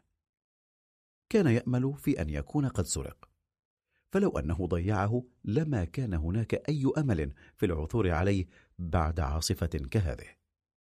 رسم الصليب مرة أخرى وقال يا أبانا وأحييك يا مريم العذراء. ثم مص إبهامه. وفكر مرة أخرى بوسامه. ولكن أين يا رب السماوات يمكن أن يكون قد ضاع وتذكر نفسه في سيارة الأب فاندرماير. النصاب قال بصوت مرتفع. ثم همس لنفسه. يا رب سامحني إن كان هذا كفرا. لا أعرف ما أفعله. لقد ضيعت الوسام وضيعت كل شيء. كل شيء. وأنا وحيد وحيد تماما في هذه الدنيا. واستأنف تقدمه وحيدا وسط المطر وكان يبدو تحت وميض البرق ضخما مثل جثة ترفعها معجزة من الماء ومثل رؤيا وسط العناصر الهائجة. وأخيرا لمح ميكا أول الأكواخ في القرية. بدت ظلال الأسطح ووراءها السماء البرتقالية التي كان البرق يومض فيها ومضات متلاحقة وأحس بهبة مفاجئة من الدفء. لقد غادرته رقصة القديس فيتوس التي كانت تجعله يرتعش من رأسه إلى قدمه. وقرر أن يذهب ويجفف ملابسه في محل ماماتيتي. لم تكن القرية إلى جانب الطريق تماما. ينزل إليها المرء بمنحدر ثم بطريق يتعرج بين بيارة أشجار المانجا حيث كان يوجد في الماضي مستنقع. ولم يعد ميكا قادرا على التفكير في أي شيء آخر. ملأت عقله ماماتيتي انتظر ومضة برق كي يحدد اتجاهه بين أشجار المانجا. وصرخ محتجا بصوت عال. ما الذي ينتظره الآن هذا البرق النتن؟ وانهمر عليه ضوء مباغت فرفع ذراعيه يحمي بهما عينيه. من هو الذي يتخبط هناك؟ سأل بعصبية ثم وبصوت مشبع بالضراعة. أيها الإنسان المزود بالمشعل الكهربائي لقد أرسلك الله إلي. تعال وساعدني في العثور على الطريق. واقترب الضوء. كان ميكا يستطيع سماع الأحذية التي تخب في الماء. وحاول أن يبعد عينيه عن الضوء الذي يعميه لا توجه الضوء إلى عيني أيها الصديق الذي أرسلته لي العناية الإلهية. أضئ أرض الله كي أستطيع رؤية طريقي. يا صديقي الطريق فقط. طيب يكفي. جاء صوت مكتوم. ثم انطفأ الضوء فغرق ميكا في الظلام. وقبل أن يفيق من المفاجأة اندفعت قبضة حديدية في معدته جعلته يترنح. وأحس ميكا بنفسه يرتفع في الهواء. هل سار بين براثن نسر يحلق به في الجو؟ كشفت له ومضة البرق التي كان ينتظرها عن شكلين شبه مخروطين بقبعتين طويلتين. حاول أن يمس الأرض بقدميه ثم أطلق صرخة حادة قطعها ارتطام جسمه الساقط بالماء. وحينما هوى فقد وعيه تماما استعاد وعيه وكان ضوء المشعل يغمره استطاع أن يرى وجهي الشرطيين ببذلتيهما فوقه وهما يصيحان انهض أيها الخنزير أين أوراقك؟ آه أوراقك من أين أنت قادم؟ وما الذي تفعله هنا؟ آه من معك؟ أين الآخرون؟ تحت وطأة الصدمة وآثار الدوار المتبقي من الشراب الذي كان قد تناوله والمطر الذي كان ما يزال ينهمر. ووسط تشوشه أدرك ميكا أخيرا ما كان يجري. نهض على قدميه دون تفكير وساقاه ترتعشان. وبدأ يبحث ملهوفا في جيوبه. وعلق إبهامه الأيمن بالجيب الأيسر لسترته. فبدأ يفك أزرارها كي يستطيع أن يمد يده فيها بسهولة أكبر. وبدأ يخلعها قليلا وقد فك الحزام الذي يمسك بنطاله. وانسحق عنقه بإطباقة حديدية عليه حتى صار يسمع أصوات أجراس ترن في رأسه. وصرخ الشرطي. غط مؤخرتك القذرة وارني أوراقك. وبصق مستعيذا رفع ميكا حزامه وزرر سترته واستمر يبحث في جيوبه وهو يضرب نفسه هنا وهناك على القماش المبلل وكأنه يطارد بعوضا أحاط به. وراح ميكا يتأتئ وهو يصفع نفسه هنا وهناك. ليست أوراقا إنه الحا... الحا... الحاكم طلب مني أن أجلبه. إنه الوسام الوسام الذي الذي جلبه لي. يكفي. قال الشرطي. أي نوع من المغفلين تظنني لتسمعني هذا الهراء كله؟ لقد جئت متسترا بالعاصفة لتسطو على المنطقة الأوروبية. أعطني رقمك الآن. لا. صرخ ميكا محتجا. أنا رجل عجوز. الحاكم صديقي. يا حضرة الضابط. المسألة مجرد.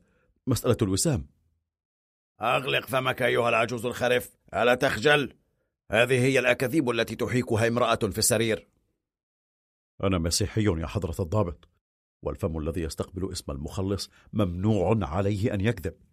يا حضرة الضابط. سيستقبل فمك شيئا من خراء القطط إن لم تكن حذرا أيها السلحفاة العجوز. تعال معنا.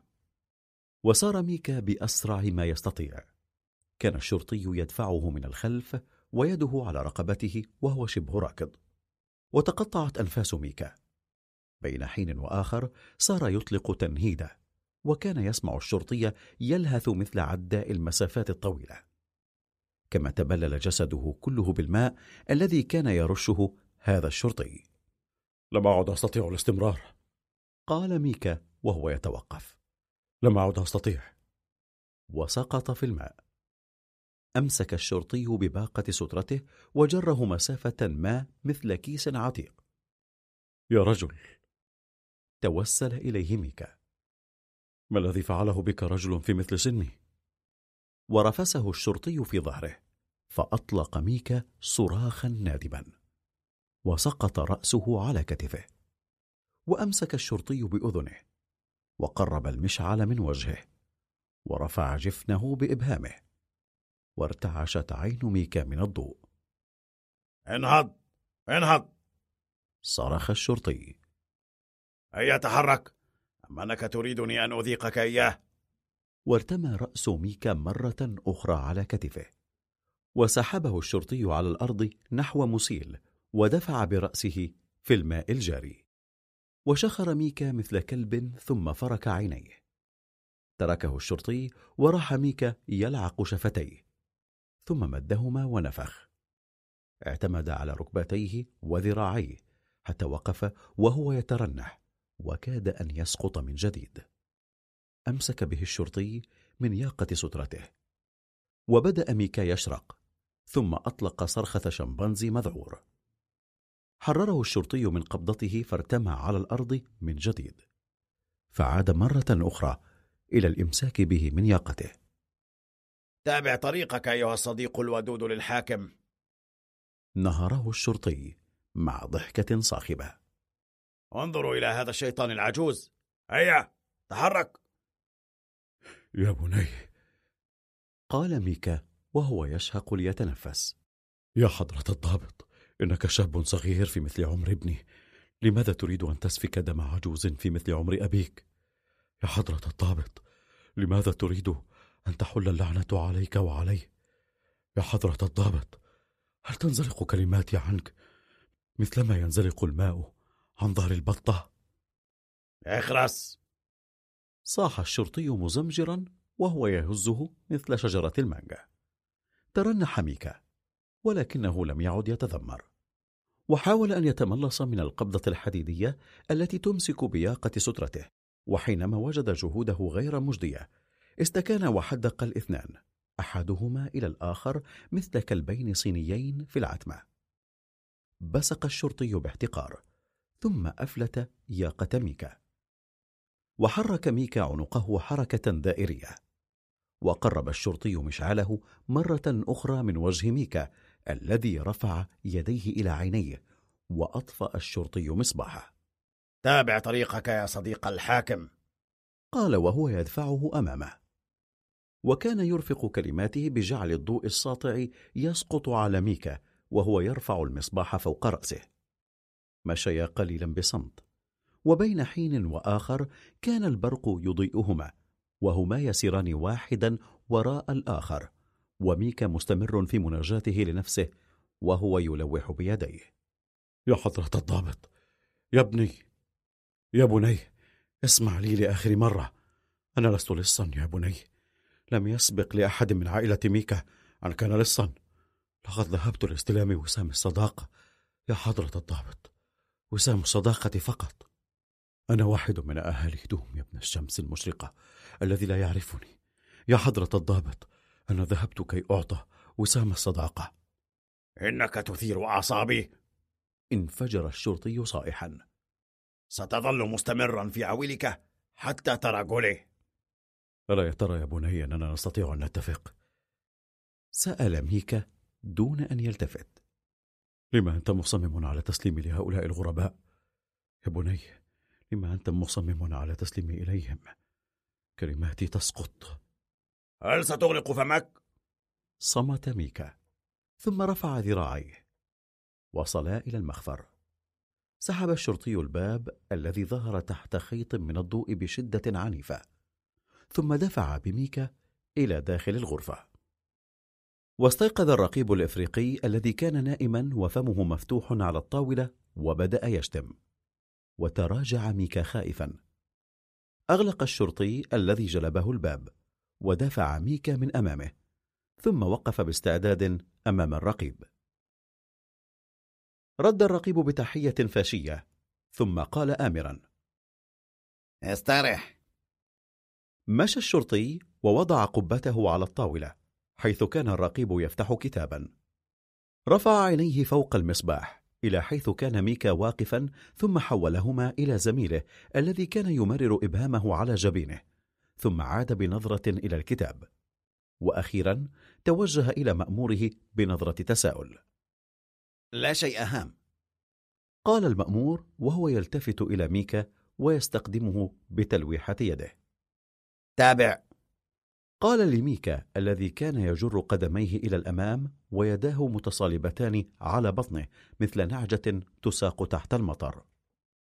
وعندما صار تحت النور مال الشرطي على رئيسه الذي كان يستمع إليه وذقنه بين كفيه وهو متكئ على كوعه فوق الكتاب. يتسكع بقصد المشبوه. قال الشرطي وهو يلتفت بشكل آلي إلى ميكا. ثم مال مجددا على آمره. بلا ضوء بلا أوراق لا شيء يجب أن يرى جولي رفع الراقب عينيه عن الكتاب ثم تطلع إليه ثانية ثم رفعهما من جديد نحو زميله. شخص تافه أليس كذلك؟ لا نريد لهذا اللطيل عجوز القذر أن يوسخ الحجرة التي دهنها مؤخرا. ثم نهض وانحنى على الطاولة وهو يواجه ميكا. وسأله من أين أنت؟ من من. بدأ ميكا الكلام ولحس شفتيه. يقول إنه صديق المندوب السامي. شرح الشرطي المسألة. وقد ضيع الوسام الذي منحه إياه وهو لورد أصيل وحقيقي. هذا الشخص. تطلع الرجلان إلى ميكا بصمت فأطرق بعينيه مثل فتاة خجول. وانفجر الشرطيان بالضحك وتنحنح ميكا. اسمك؟ سأله الرقيب. ميكا. ميكا؟ كرر الشرطي. عاد الرقيب إلى مقعده وراء الطاولة. هز كتفيه ثم غطس قلمه في المحبرة. تأكد من وجود القلم بين إصبعيه وأماله برفق على باطن إبهامه. ثم مال برأسه على كتفه اليمنى. ومد لسانه الكبير مثل كلب على وشك السفاد وتطلع إليه مأموره مدهوشا وابتسامة إعجاب مبارك على وجهه ورفع الرقيب مرة أخرى عينيه فوق المصباح. ميكا ها؟ كرر الاسم وكأنه يقوله لنفسه. ميكا! قال الشرطي الذي كان ينحني فوق رئيسه. وكانت يد الرقيب تتلوى على الكتاب. تكررت الحركات ذاتها عدة مرات عندما أعطى ميكا اسمه المسيحي لورانس والذي لفظه رورون والذي كتبه الرقيب رورو حسب تهجئة مساعده. طيب. قال الشرطيان في وقت واحد وكل منهما ينظر إلى الآخر مهنئا. أخرج رقيب رزمة مفاتيح من الدرج وأمسك مساعده بالمصباح ومضى ليفتح الباب. كان المطر ما يزال يتساقط في الخارج. كان مطرا جميلا يتساقط مثل غيمة من الدبابيس وهو يمر وسط الهالة من الضوء التي رسمها المصباح. مطر للساحرات. قال الشرطي وهو يخرج. إلى الأمام. صرخ الرقيب بميكا. وبدأ ميكا يتعثر بنفسه وهو يحاول أن يخطو على هدي خطى الشرطي الذي يمشي أمامه مع الضوء. صارت أصابع قدمه تضرب كعب القدم الأخرى. قفز قفزة كبيرة مثل ديك مروع محاولا تخطي المسافة التي ازدادت بينه وبين الشرطي السائر أمامه. هذا الرجل مجنون! قال الرقيب. التفت معاونه ورفع المصباح إلى مستوى وجه ميكا فحول ميكا وجهه إلى الظلمة. من هنا! صاح الشرطي. دار حول الشرفة ثم وقفوا قرب باب صغير مصنوع من خشب صندوق للخمر. أمسك الشرطي المصباح للرقيب الذي نزل ليعالج القفل. فتح الباب وتقدم ميكا من العتمة ثم التفت إلى الشرطيين. حفظكم الله. ووجه إليه الشرطي رفسة أفقدته توازنه وأسقطته في الداخل وأقل الباب عند قدميه. ووجد ميكا نفسه مرة أخرى في الظلام الدامس.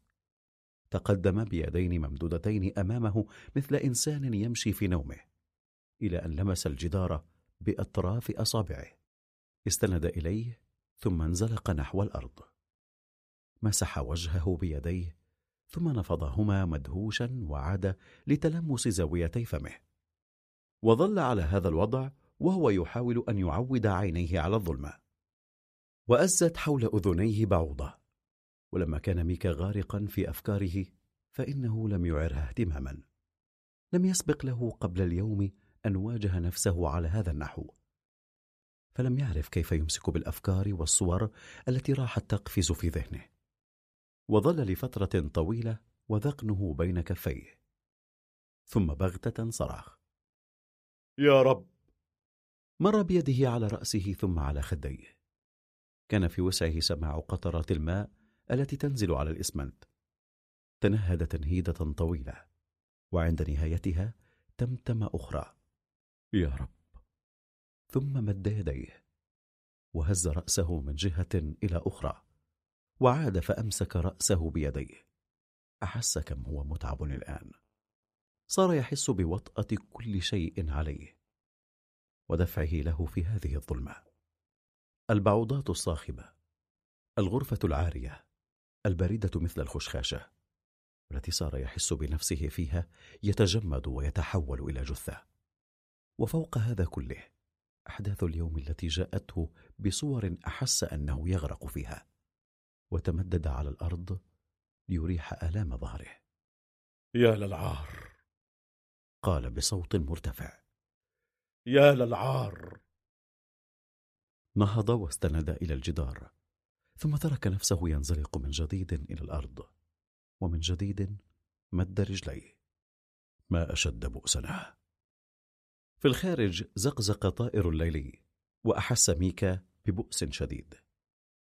لقد أعاد صوت الطائر الحزين إلى ذهنه سريره الخيزراني والنار الهائلة التي تشعلها كلارا في الليالي الماطرة في أوقات كهذه كان يجب أن يستمع إلى وقع المطر على سقف الرافية بينما يرتخي جفناه نعاسا. وكان يمرر ذراعه تحت رقبة كلارا وكانت ترخي شعرها المجدول في طية إبطه وفاضت عيناه بالدموع. زفر من جديد. ما أشد بؤسنا ما أشد بؤسنا وكررها ثم استرد نفسه. مد يديه ليشد على كتفه في الظلام كما كان يفعل دائما عندما كان يريد أن يستعيد ثقته. ولكن هذه الحركة أفقدته توازنه. قال لنفسه الإنسان وحيد في العالم. وثبت ردفيه إلى الجدار قدر ما استطاع. أمسك رأسه بيديه. كيف يمكن له؟ هو سليل ال ميكا العظماء. العصا التي لا تهزها العواصف والنهر الذي لا يخشى الغابة والاصله والصخور ونبتات القطن والفيلة والأسود. ابن الرجال الذين لم يسبق لهم أن انحنوا أمام قوة أي إنسان آخر. كيف يمكن لهم أن يعاملوه هكذا؟ وكما لو أنه ولم يعرف بماذا يشبه نفسه. وقع ميكا فريسة لأفكار متصارعة. بدأ يستمتع بالأعذار التي سيقدمها الشرطيان لجوليه وراح يتخيل المشهد. سيجرونه أمام البيض كما يفعلون دائما مع أناس في مثل وضعه. وسيطرق برأسه قليلا ليحقق تاثيرا أفضل للمفاجأة. وسوف يغرز عينيه كالخنجر في وجه الرجل الأبيض. ويبيض وجهه جوليه آه يا للشرطة المساكين.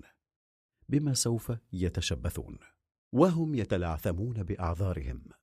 ولكن هل سيقبل هو ميكا؟ هذه الأعذار؟ لقد كان احتقارهم له شاذا لا يغتفر.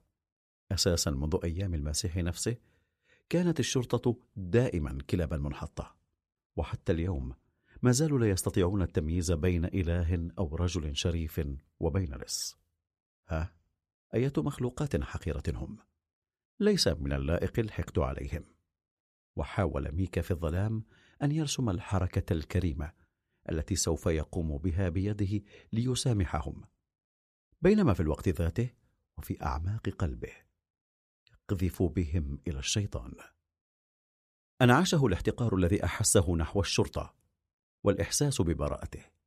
فاستعاد هدوءه ولكن يا رب ما فائدة أن يكون المرء بريئا ومتواضعا في هذا العالم الذي لم تعد تفيد فيه البراءة أو ينفع فيه التواضع؟ وحيث صار الإنسان أتفه من حبة رمل في الصحراء وأحس ميكا بالشيخوخة. ولكن والله يعرف لم يصل بعد إلى المقبرة. عندما كان شابا لم تستطع قوة كائن بشري أن تنزل كتفيه إلى الأرض وهذا ما سيجعله واضحا للشرطي. مشى نحو باب الحجرة وفوجئ بأنه مقفل فانهال عليه بالرفس. وصاح يا عبيد غير المختونين افتحوا! انظروا إلى ميكا الحقيقي. أيها الخنزير هل تجرؤ على مواجهتي؟ لو حاك كتفي لم ينزلا إلى الأرض أمام قوة إنسان. يا أبناء العاهرات. وفيما كان يقول ذلك راح يتمشى جيئة وذهابا في الظلام. نزل بركبته على الأرض وهو يمد يده اليمنى نحو خصمه الوهمي. كما اعتاد أن يفعل عندما كان شابا يواجه تحديا للمصارعة. حرك كتفيه صرخة عالية ليزيح بها الحديد المموج. ثم انفجر في ضحك معتوه جعل جسده يرتعش. وعاد لإطلاق شتائمه على الشرطة. استمر في ذلك حتى أحس بقطرات العرق على وجهه. ثم انتبه إلى أن ملابسه قد جفت. كان يود أن يستمر في الصراخ ولكن صوته بح. وحين تكلم كان صوته مثل أصوات المجذومين ومثل صوت الريح التي تمر في الشقوق. أطلق شتائم أخرى على الشرطة. ثم توقف خشية أن يفقد صوته نهائيا. فرفص على كعبيه ثم نزل على الأرض الإسمنتية وجعلته البرودة يحس بالتحسن. خنزير. همس مرة أخرى. ونام وهو يتصور كيف سيضرب أول شرطي يفتح الباب في الصباح. وخجل ميكا حين أدرك بأي عمق كان نائما. ليس بيدنا حيلة في أجسادنا. ما أشد بؤسنا. فرح لعودة صوته. لا شك أنه الضحى لأن ضوء النهار الذي يتسرب من شقوق الباب ومن شقوق الحديد في السقف وجدران الحجرة كان كافيا لإضاءة الغرفة. ورأى ميكا أن الغرفة عارية تماما. كانت الجدران قد دهنت لمحو الرسوم البذيئة. واستطاع ميكا أن يتبين هذه الرسوم وراء الدهان الأبيض. هذا هو الأمر إذن. حجرة المخفر. قفص الحيوان. إنهم لا يقدمون حتى كرسيا للسجين كي يجلس عليه. وأحس بشيء يصل إلى حلقه. وبدأ أن عينيه تحترقان. اضطر للتماسك بشدة كي لا يسقط على ركبتيه. درج فردتي بنطاله وكمي سترته الخاكي وبدأ يقوم بحركات تليينية مثل ملاكم يستعد لصوت الجرس. وبدأت عظامه تطقطق. ثم عندما توقفت الطقطقة تقدم ووضع عينيه على أحد شقوق الباب وراح ينتظر. وخفق قلب ميكا بعنف. عندما سمع شخصا يحرك القفل في الخارج. تراجع وقد أدرك متألما بأنه ليس لديه شيء جاهز ليقوله لجوليه وعندما فتح الباب كان ميكا يتكئ على الجدار وذراعاه على صدره. تطلع إليه الشرطي باستظراف وقد عرفه ميكا من شكله الضخم ثم تقدم منه. وحاول ميكا أن يزيح نفسه ولكن جسده كله بدا وكأنه يرزح تحت ثقل كبير. وعندما وصل إليه الشرطي أمسكه من ياقة سترته. أخرج! صرخ به. سنرى جوليه أحس ميكا بنفسه يرتجف من رأسه إلى قدمه. وكما لو أنه في حلم. أمسك بذراع الشرطي. نعم بالطريقة ذاتها التي يمسك بها رأس شيهم يراه نصف ميت في إحدى مصائده. وأحس بأصابعه تغرق في لحم الرجل الناعم مثل جسم أفوكادو ناضجة. قفز الشرطي متراجعا من أنه في أعماقه كان يود لو ترك الأمور تسير كما هي عليه. فعلى أي حال يستطيع هذا الأخرق الضخم أن يستفيد من الموضوع. ومع ذلك نزل على إحدى ركبتيه إلى الأرض وتحدى الشرطي الضخم أن ينازله. وقال له ليلة أمس كنت الأقوى لأنني لم أفهم الموضوع. أما الآن فإذا لم يكن ردفاك محشوين بالرمل دعنا نسوي المسألة هنا دون شهود. واحتار الشرطي فلم يعرف ماذا يفعل. خطى خطوة نحو ميكا الذي تراجع متحفزا. بينما كان الشرطي يتراجع بثلاث خطوات إلى الوراء. قال له ميكا إنه ابن لعنة امرأة. أما الشرطي فنفخ في صفارته يستدعي زملائه أما الشرطي فنفخ في صفارته يستدعي زملائه شعر ميكا بنفسه يحمل عن الأرض على أيدي مجموعة من الكتافية الحمراء ثم يصبح على أكتافهم ومرر أحدهم قيدا على رزغه.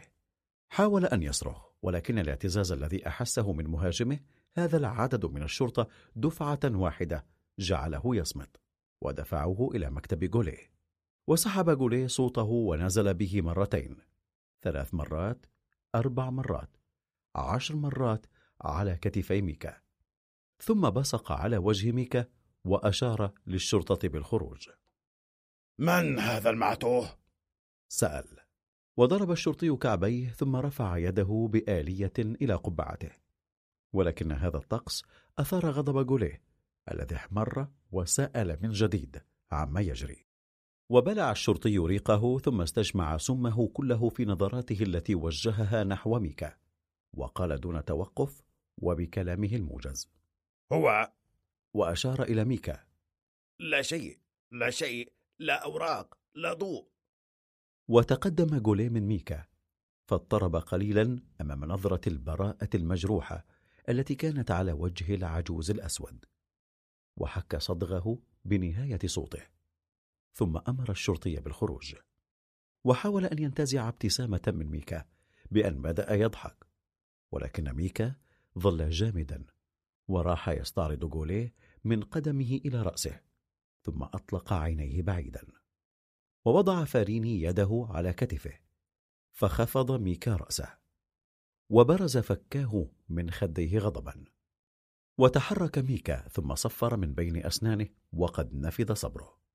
ووضع جولي يده تحت ذقنه ورفع له رأسه. ولكن عيني ميكا ظلتا مطرقتين إلى الأرض بثبات. وأبعد جولي يده فترك ميكا رأسه يسقط على صدره. واستدعى جولي مترجما. سأل. ما قصته؟ قال المترجم بحركة ارتباك من شفتيه ثم هز كتفيه. وأطرق جولي برأسه ثم حك صدغيه مرة أخرى بالصوت. وبعدها تكلم مع المترجم. وعندما انتهى وضع الشاب يده على ذراع ميكا وحرك ميكا شفتيه وأبعد نظره عنه. ولم ييأس المترجم. ظل لفترة طويلة يترجم ما قاله الرجل الأبيض إلى لهجة ميكما وعندما انتهى مرر ميكا كفه على شفته. وقال للمترجم وهو ينظر أمامه بشكل ثابت. أنا متعب جدا. متعب إلى درجة أنه ليس لدي ما أقوله لكله. يستطيعون أن يفعلوا بي ما يشاءون. إنه يسألني من أنا. قل له إنني مسطول كبير كان ما يزال حتى يوم أمس يؤمن بصداقة الإنسان الأبيض. أنا متعب. يستطيعون أن يفعلوا بي ما يشاءون. حك ميكا أنفه وتنفس بعمق ثم مرر قفا كفه على طرف أنفه. وبينما كان المترجم يترجم كان فريني ينظر نظرة غريبة إلى ميكا. وبين حين وآخر كان يتطلع بانزعاج إلى الشرطة الذين كانوا يتابعون الاستجواب من الطرف الآخر من الشرفة. وعندما انتهى المترجم قام الحاكم باستدعاء الرقيب ثم دخلوا إلى المكتب.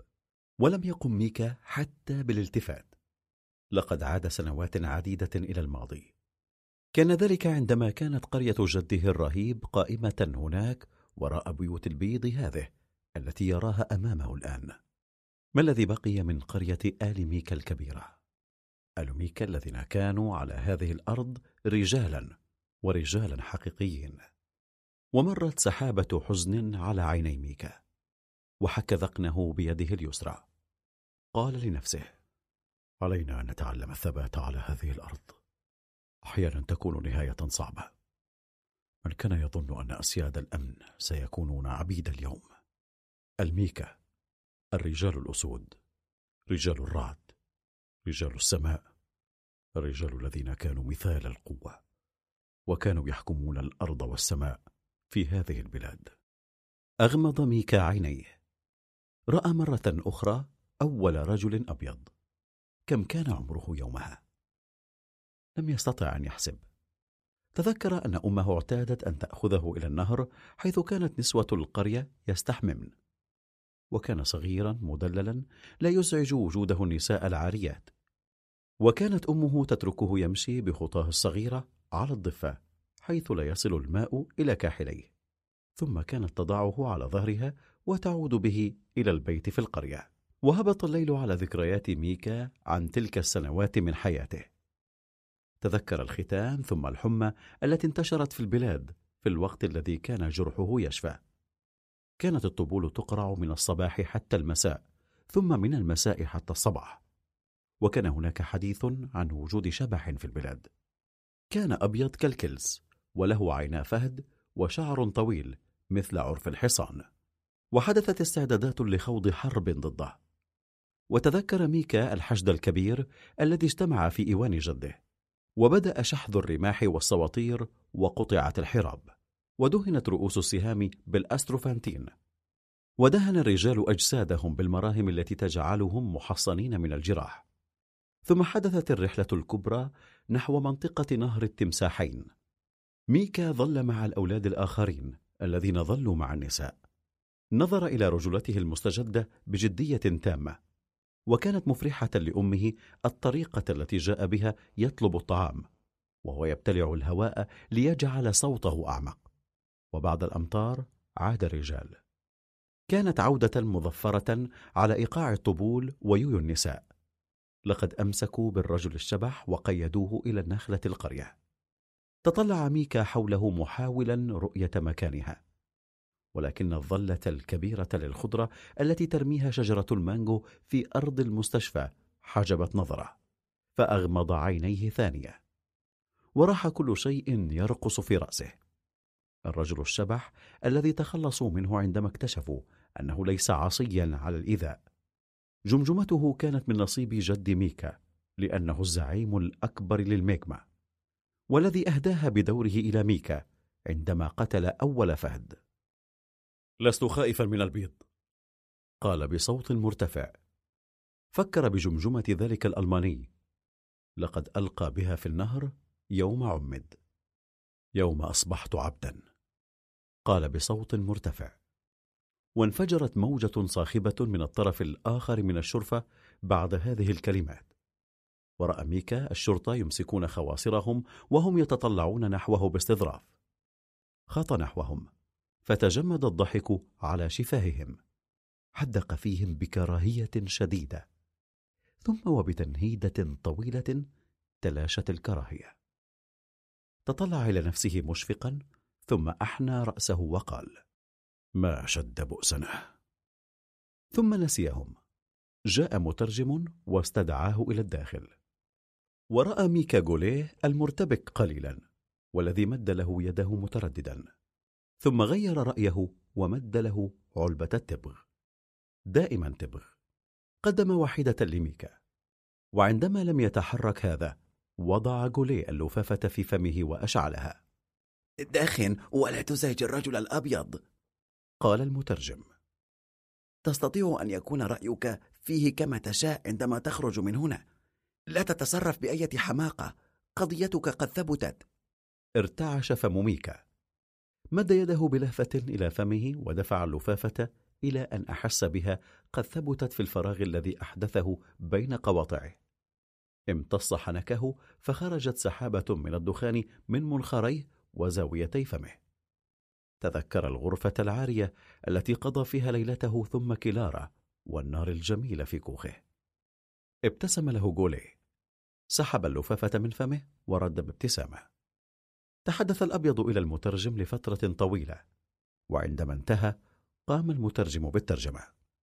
تحدث الأبيض من أمور عديدة ولو حاولت ترجمتها كلها لقضينا الليل هنا. كل ما أستطيع قوله هو أنك تستطيع العودة إلى بيتك وسيحصلون لك على وسام آخر. أنت محظوظ لأن هذا الأبيض قد تعرف عليك. وفي المستقبل تذكر أن تحمل مصباحا عندما تأتي إلى المدينة ليلا. هذا كل شيء. ابتسم جوليه مرة أخرى لميكا الذي ابتسم ملء شدقيه ومد جوليه يده فتردد ميكا. تطلع إلى يديه ثم إلى يدي الرجل الأبيض وابتسم ابتسامة حرج. بوتو بوتو. قال وهو يرى يديه بلونهما المغري والوحل المتجمد عليهما. ثم تطلع إلى جوليه. لا أريد أن أوسخ الرجل الأبيض. ماذا يقول؟ وجه الرجل الأبيض سؤاله إلى المترجم. يقول إن يديه موحلتان. ترجم المترجم. عندما غاب سطح المقر عن نظره صار ميكا يتباطأ في مشيته. لقد أصبح عند سطح التل المجاور للمزرعة. أمامه برزت أسطح الأكواخ مثل أرخبيلات تخرج من بحر الضباب الهائل الذي سيظل يغطي دوم إلى نهاية الأسبوع. وأحس ميكا بإحساس غريب. دون فرح عميق أحس بالسعادة على الرغم من أن الذعر الذي خلفه الحادث كان يجعله يلتفت وراءه. ومع كل خطوة يخطوها باتجاه القرية مع ابتعاد المقر وراءه كان الثقل الغامض الذي ينوء تحته يتلاشى. وعندما أحس بنفسه خفيفا مثل خيط من الدخان قطف رزمة من ورق الأترجة عن جانب الطريق ودعكها بين يديه. ثم فركها على أسنانه. بصقها ومط شفته السفلى وشدها فوق شفته العليا ثم نفخ. قطف رزمة أخرى من الورق وكرر العملية ذاتها حتى لم يعد يشم رائحة نفسه الصباحي الكريهة غسل يديه في بركة ماء راكد متجمد في خندق ثم نشفهما على وجهه. وبعدها رسم شارة الصليب وبدأ صلاة الصبح. جاءته الكلمات الأولى بسهولة وكان يمشي بثبات وذراعاه على صدره وعيناه تتطلعان إلى السماء إلى أن تعثر إبهامه بحجر قال أحد العابرين ستجد وجبة جيدة اليوم بداية جميلة في الصباح شتم ميكا وقفز ثلاث قفزات ثم انحنى ليتفحص إبهامه وجاء إليه المخلوق الذي كان يتحدث في الضباب مؤلم؟ قال لقد رأيت ما هو أسوأ. قال ميكا وهو ينتصب واقفا ومد العابر يده. صباح الخير. الصباح خير. همهم ميكا وهو يصافح اليد التي امتدت إليه. ماذا حدث لك؟ سأل العابر وكان في صوته قلق. البيض البيض فقط. قال ميكا بوجه معبر. وهز الآخر رأسه. عرفت عرفت. لا يمكن أن تخطئ بشخص كان يقابل جوليه عرفت عرفت. نعم. قال ميكا وهو يمط فمه تعبيرا عن الخيبة. مد يده للعابر التي صفحها بوقار. ولم يجد ميكا ما يقوله. فمضى ويده خلف ظهره وهو منحن مثقل قضيب مصيدة الشيهم. وراح يمضغ المرارة التي يحسها.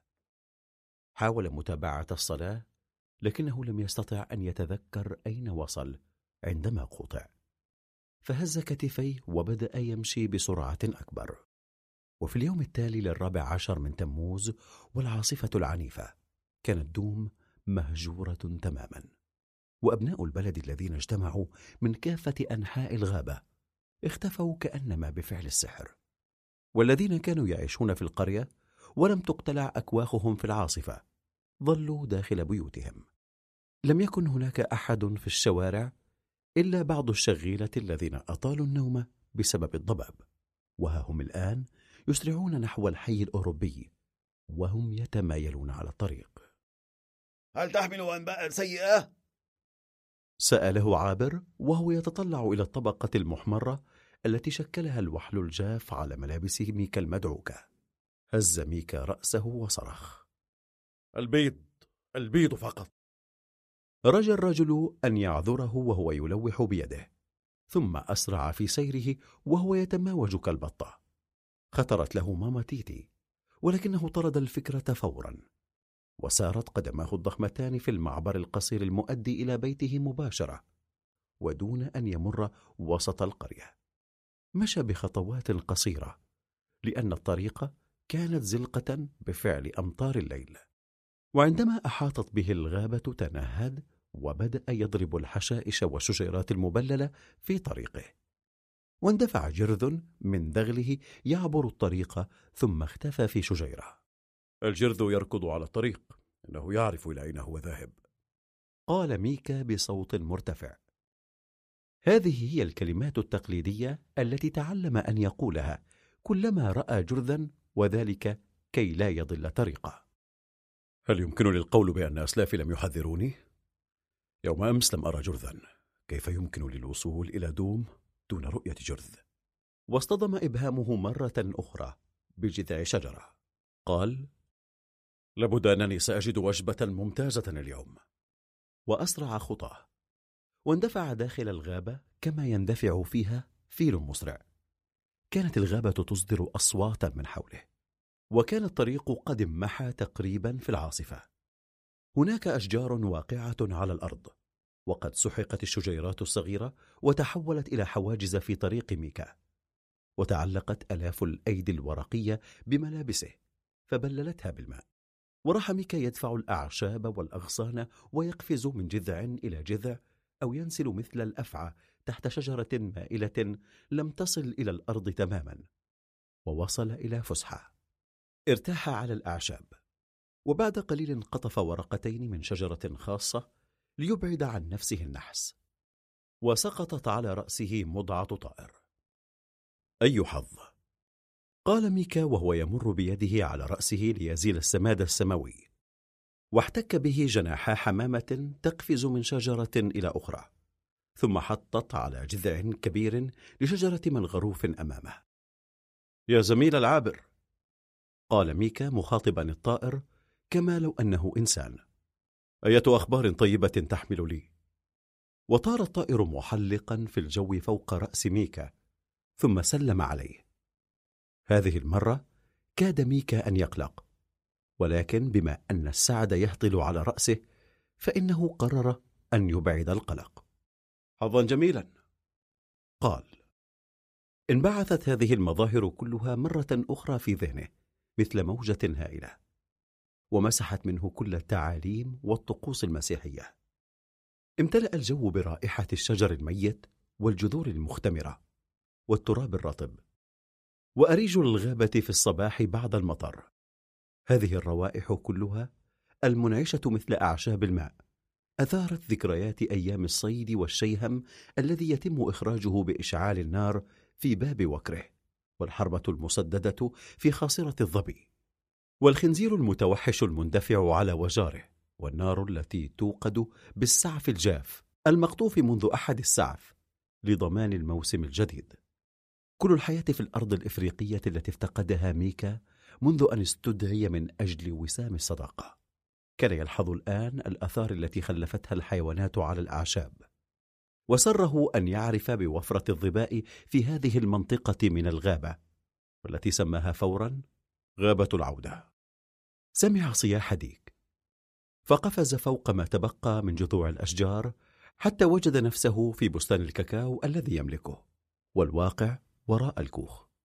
تأثر عندما أحس بقدميه تخطوان على بساط الأوراق الميتة الرطبة.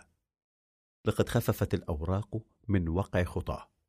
ولكن صوتها ظل كافيا لإقلاق الدجاجات التي كانت تنبش في المزبلة وعند اقترابه تفرقت بعض العنزات وقوقأت الدجاجات ونبح كلب ثم جاء إليه بمرح.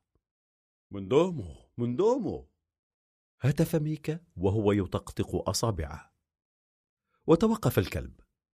لهث أمامه قليلا ثم اندفع نحو القرية ينبح. كان الكلب ملكا لطباخ القس. وكان هذا قد تخلى عن عمله وعاد إلى القرية. ثم صار يعتمد في تأمين عيشه على كرم الفلاحين. لم يعد هذا الحيوان يعرفني. قال ميكا متذمرا. فلأره مرة أخرى في كوخنا. دار ميكا حول الشجيرة المرحاض. وابتسم عندما رأى أن الخنزير التي كانت تأتي إلى موعده كل صباح ما تزال تنتظر. هي للمسكينة. تظاهر أنه يقرفص كعادته. وتهادت الخنزيرة نحوه. وقفت أمام ميكا. ثم مضت لتنتظر على الطريق. ووقف ميكا حائرا. أين رأى هذه الطلعة من قبل؟ وشهق ضاحكا. فكاد ينزلق. وقال لنفسه العالم آت فعلا من بين يدي الله. مرر يده على جبينه كما كان يفعل كلما خانته ذاكرته وخطى نحو الخنزيرة التي قبعت بعيدا وبدأ ميكا يضحك من جديد. فهمت الآن. قال لاهثا لماذا لم أفكر بذلك من قبل؟ إنها طلعة زعيم البيض. العالم ينزل من بين يدي الله. كرر قوله. وأضاف ما من أحد يستطيع أن ينكر أن طلعة زعيم البيض قد صنعها الصانع نفسه الذي صنع طلعة الخنزيرة مضى ميكا وهو يضحك ضحكة مكتومة. وتوجه نحو الكوخ. كوخه وقلة أخرى من الأكواخ صمدت أمام العاصفة. بدا وكأن مجموعة من البلدوزرات قد مرت على القرية.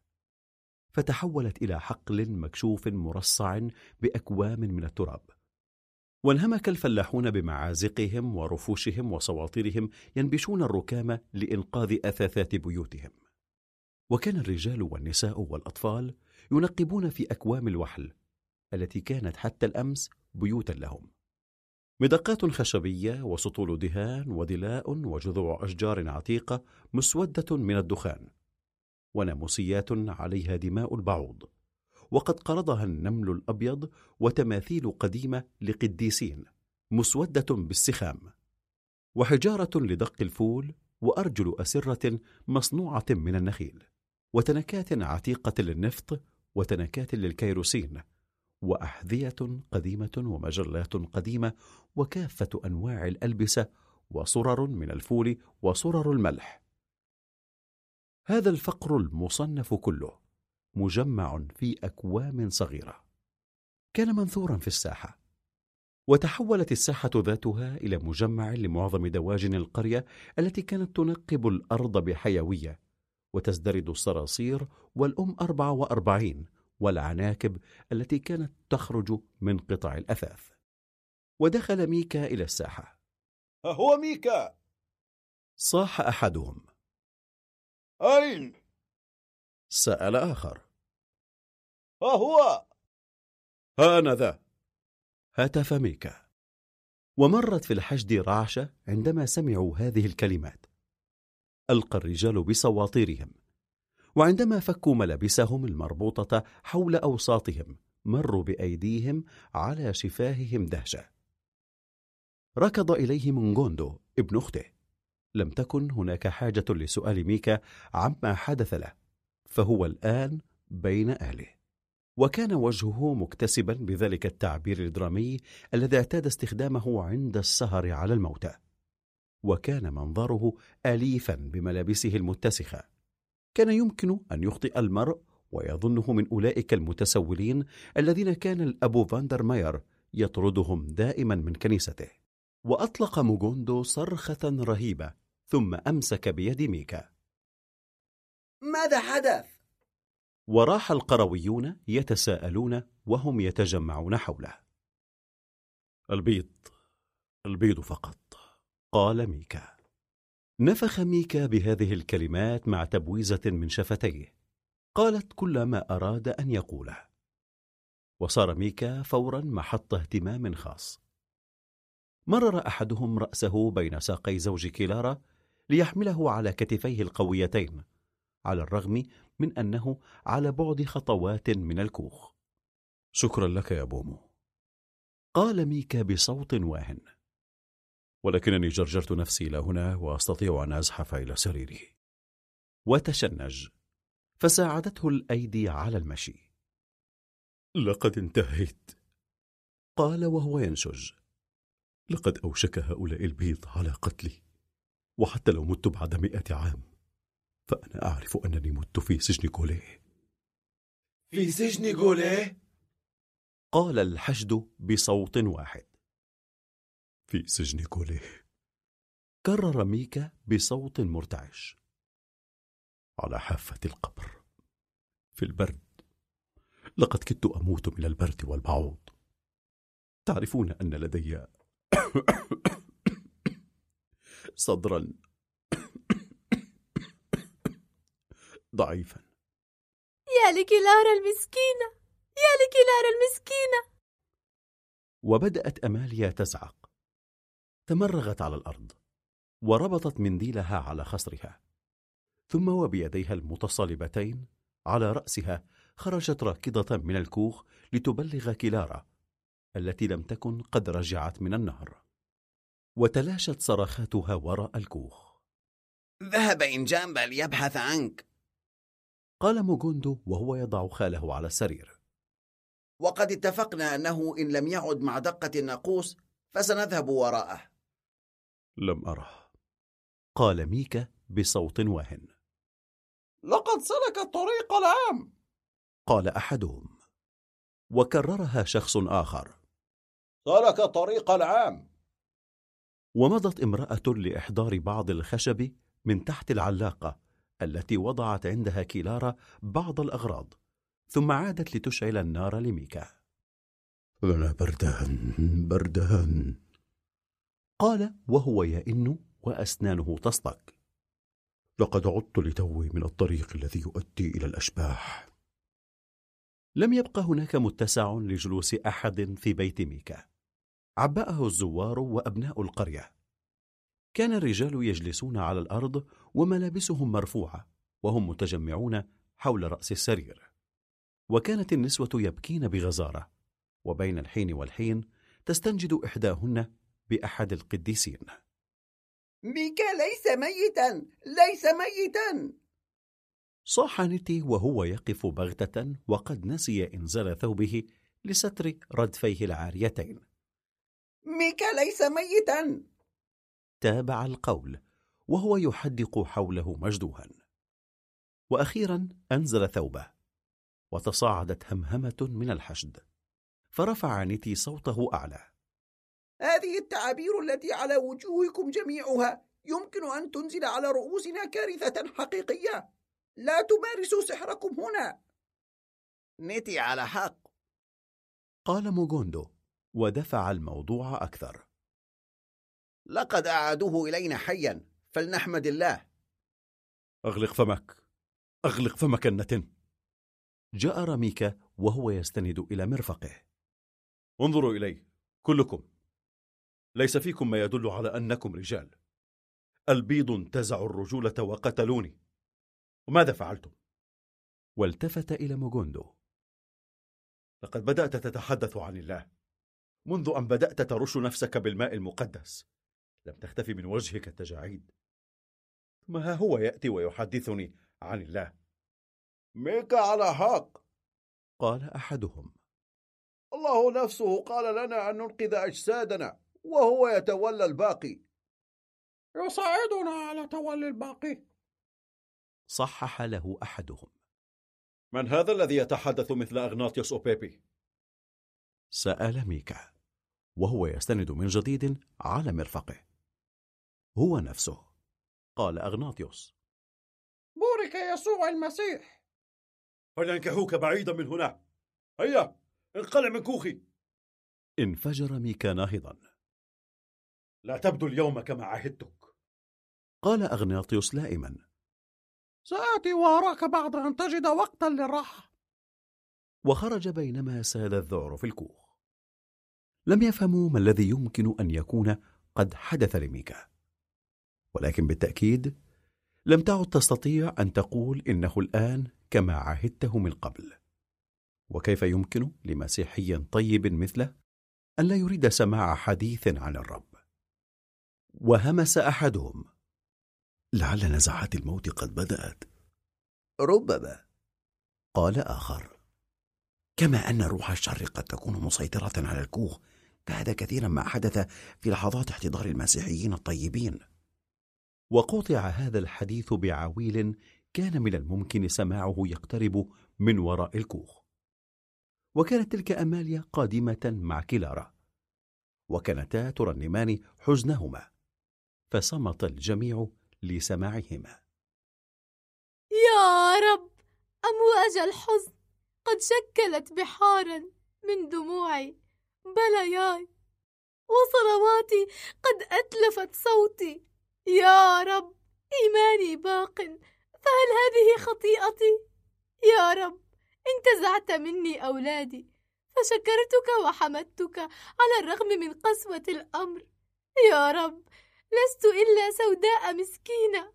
يا رب امنحني بريء العجوز أصلت السوداء العجوز. يا رب إيماني باق فهل هذه خطيئتي؟ فهل هذه خطيئتي؟ وردت عليها صراخات أخرى من داخل الكوخ وبدأ النحيب الرتيب يتحول إلى ترنيمة جماعية وراحت الأرض تهتز تحت الأرداف العارية للضيوف كان الجميع يعولون ولا يتوقفون إلا للبصاق بصوت مرتفع ودخلت كلارا الكوخ وأماليا تسندها وأفسح بعض الزائرين لها كي تتمرغ على الأرض فلم تتردد في ذلك. بلمح البصر كانت على الأرض وراحت تتدحرج من العمود حتى رأس سرير ميكا. ومن هناك إلى طرف الكوخ حيث تنام الدجاجات. وراحت تلوح بيديها وساقيها وهي تزحف وتركع وتستلقي من جديد. وتلهث وتبصق وتمزق ثوبها وتكشف عن جسدها. ثم تزعق بأعلى ما تستطيع وتنهض على قدميها لتعود إلى الارتماء على الأرض من جديد وبعنف مماثل. وحذت أماليا حذوها ففعلت النسوة الأخريات مثلهما وراح الرجال يتابعون المشهد بعيون لامعة وهم يأمرون بضعف أن يسود الصمت.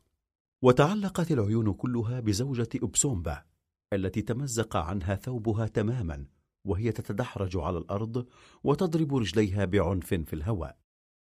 وكان ميكا مستلقيا على ظهره مثل الجثة. يداه مطويتان على صدره وهو يحدق إلى قصب الرافية في السقف. وعندما كانت كلارا تتدحرج نحو السرير كان يغمض عينيه ثم يعود ليفتحهما وهو يسمع عويلها قرب العمود. ولكن حين كان يأتي دور زوجة إيسومبا الفتية في الدحرجة نحو السرير كان ميكا يلتفت بسرعة ويلقي عليها نظرة سريعة بطرف عينه وانتهى العرض عندما اضطجعت النسوة كلهن واحدة إلى جانب الأخرى وقد أرهقن تماما قرب النار مثل مجموعة من التماسيح على ضفه نهر. وبين حين وآخر يصدر أنين عن كلارا وصوتها يتابع غناءه. وبعد أن شبهته بعمالقة الطبيعة كلهم سألت عمن سيجلب لها الشياهم بعد اليوم إلى البيت. ونهض نيتي من جديد على الرغم من أن احدا لم يكن يبكي الآن وقال أطلب منكم التزام الهدوء. قال ذلك وهو ينزل ثوبه على وسطه وكان قد علق بين ردفيه. لقد بكينا كثيرا وسنستمر في البكاء. ولكن في قلوبنا كما هو حالنا في حياتنا. ودون خجل فك سرواله ثم ربطه من جديد. ثم مد يده نحو ميكا وهو يتابع كلامه. عندما بكت كلارا يوم أمس لأن ولدا ولدا تافها قال إن ميكا قد باع أبناءنا لقاء وسام.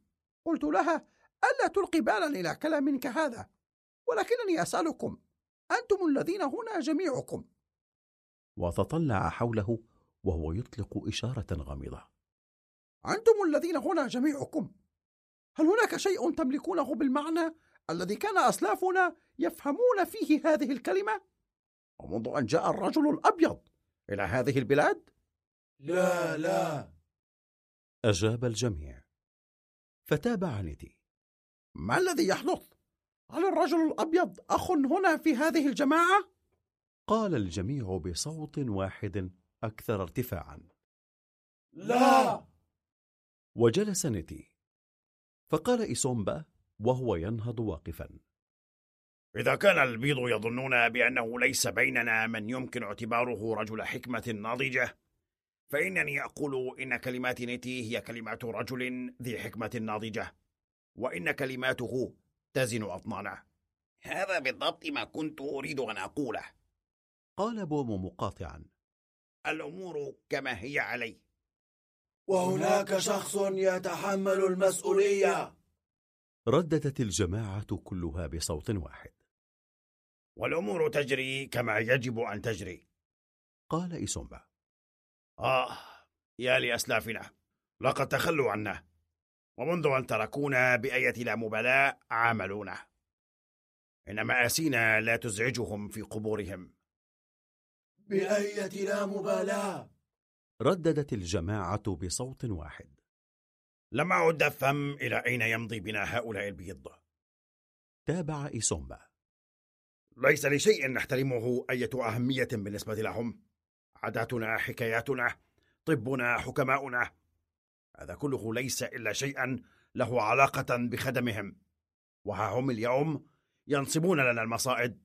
كالجرذان. فإلى أين هم ماضون. أي جبن؟ قال بومو ملتقطا الحديث. ولم تكن لديه الجرأة للوقوف فظل منحنيا. أقول مرة أخرى أي جبن؟ أن تستدرج الناس إلى السجن من خلال وعدهم بوسام. أنا أعتقد أن هذا شبيه بطعن إنسان وراء أذنه. ولكن فيما هذا كله؟ جأر نيتي تتحدثون عن البيض؟ وكأنهم من أهل القرية المجاورة. هل يوجد هنا من له وجه أحمر وغير مختون؟ لا أحد لا أحد. رددت الجماعة. طيب إذا تستغربون ما يفعله بنا هؤلاء البيض وكأنما هم مثلنا. الآن هذا اسمه كلام يتكلم مثل الحكماء. قال الجميع بصوت واحد. الشمبانزي ليس أخا للغوريلا. يا أسيادنا قال موغوندو بخوف وعيناه مطرقتان وهو مرتبك بعقدة ثوبه على ردفيه. أعرف أنه لا يحق لي الكلام بينكم ولكنني منذ قليل أكلت أحشاء غنمة ومن سمح له بأكلها؟ قال أحدهم متذمرا. نعم هذا مشين مشين. قالت الجماعة محتجة. هل السلحفاة الصغيرة عجوز لمجرد أنها مجعدة؟ من سمح لك أن تأكل أحشاء الغنمة؟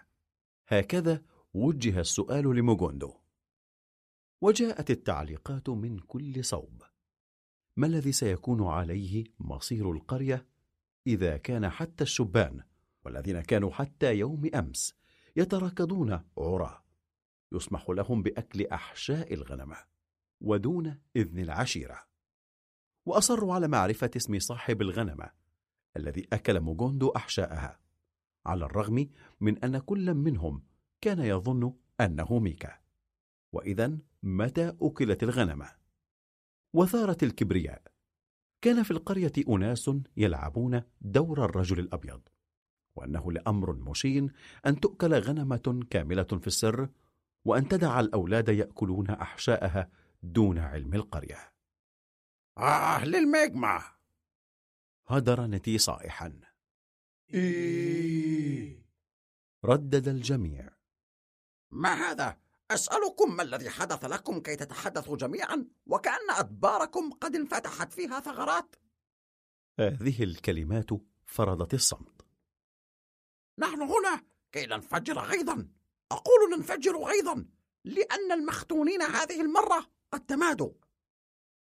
ألستم كلكم ترزحون تحت وطأة البؤس الذي أوقعه بنا البيض؟ نرزح نرزح نرزح. ردد الآخرون بشكل إيقاعي. وإذا كان موغوندو قد أكل أحشاء غنمة دون موافقتكم فعليه أن يجلب كبشا من قرية أعمامه وهم لا يستطيعون أن يردوا طلبه. والتفت نحو المتهم. أي شر هذا؟ ورد موغوندو بإهانة صامتة. وهو يطرق بنظره إلى قدم بولنتي المتورمة.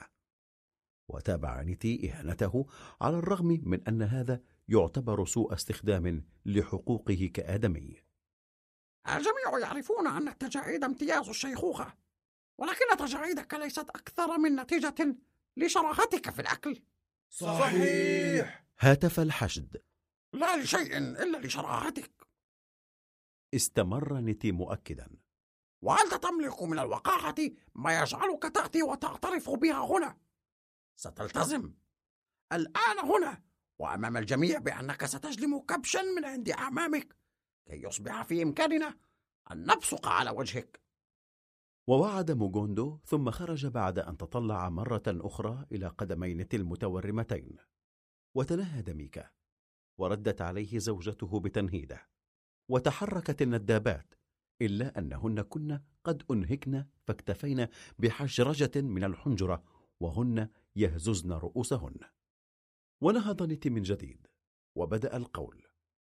لقد بكينا بما فيه الكفاية وحتى لو كانت الدموع لا تفيد الموتى فإن الدموع التي ذرفناها اليوم ليست عديمة الفائدة.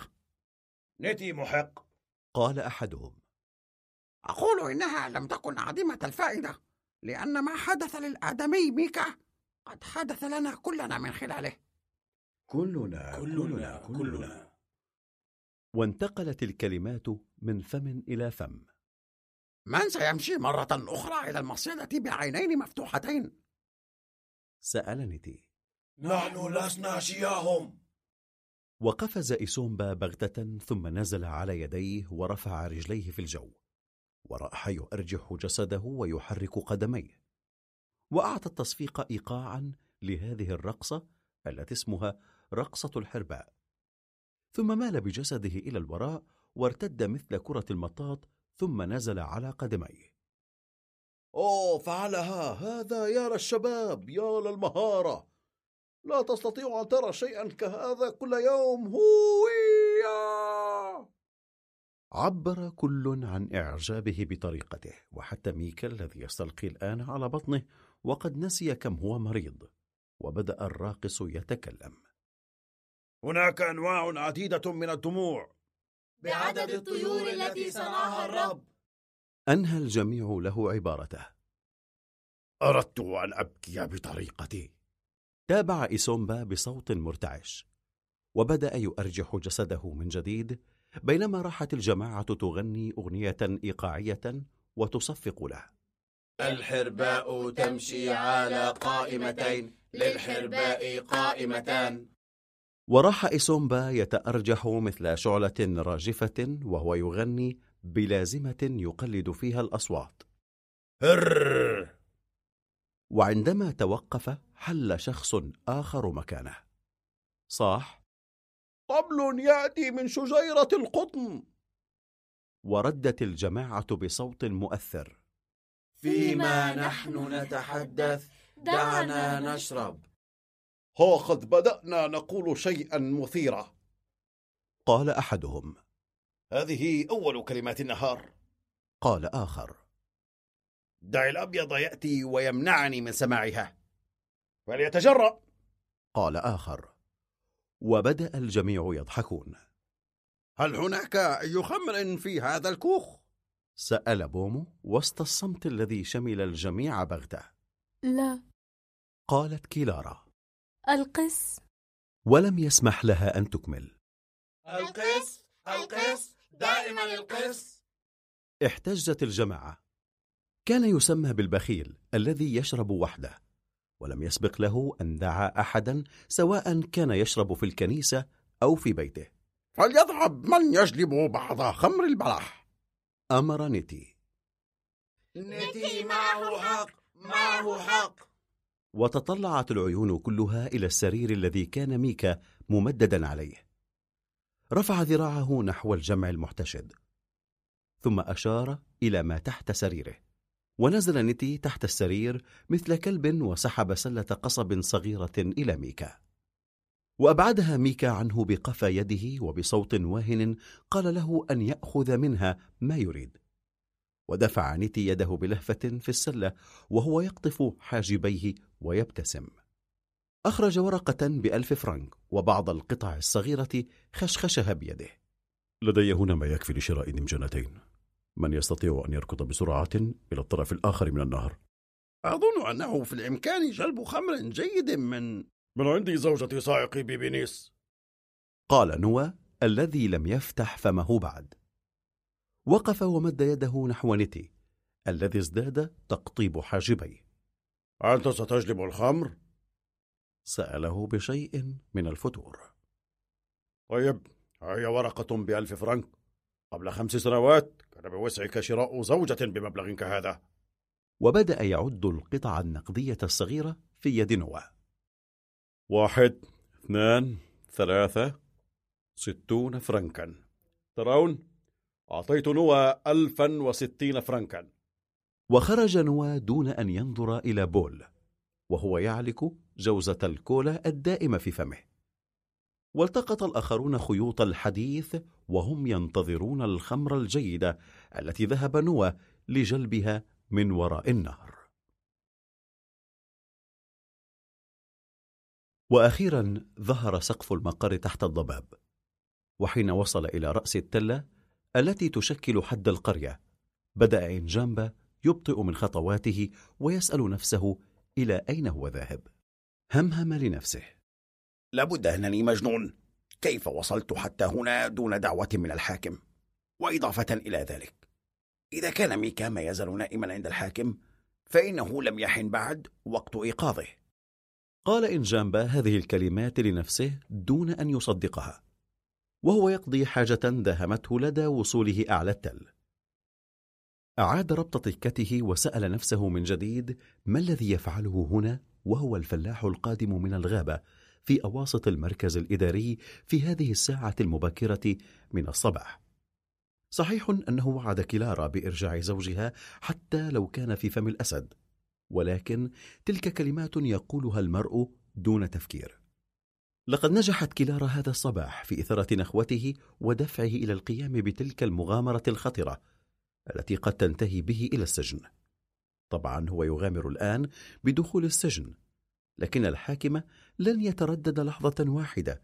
في زج ابن بلد في السجن رأوه يتسكع في المنطقة الأوروبية دون أن يكون مدعوا إلى أي مكان فيها.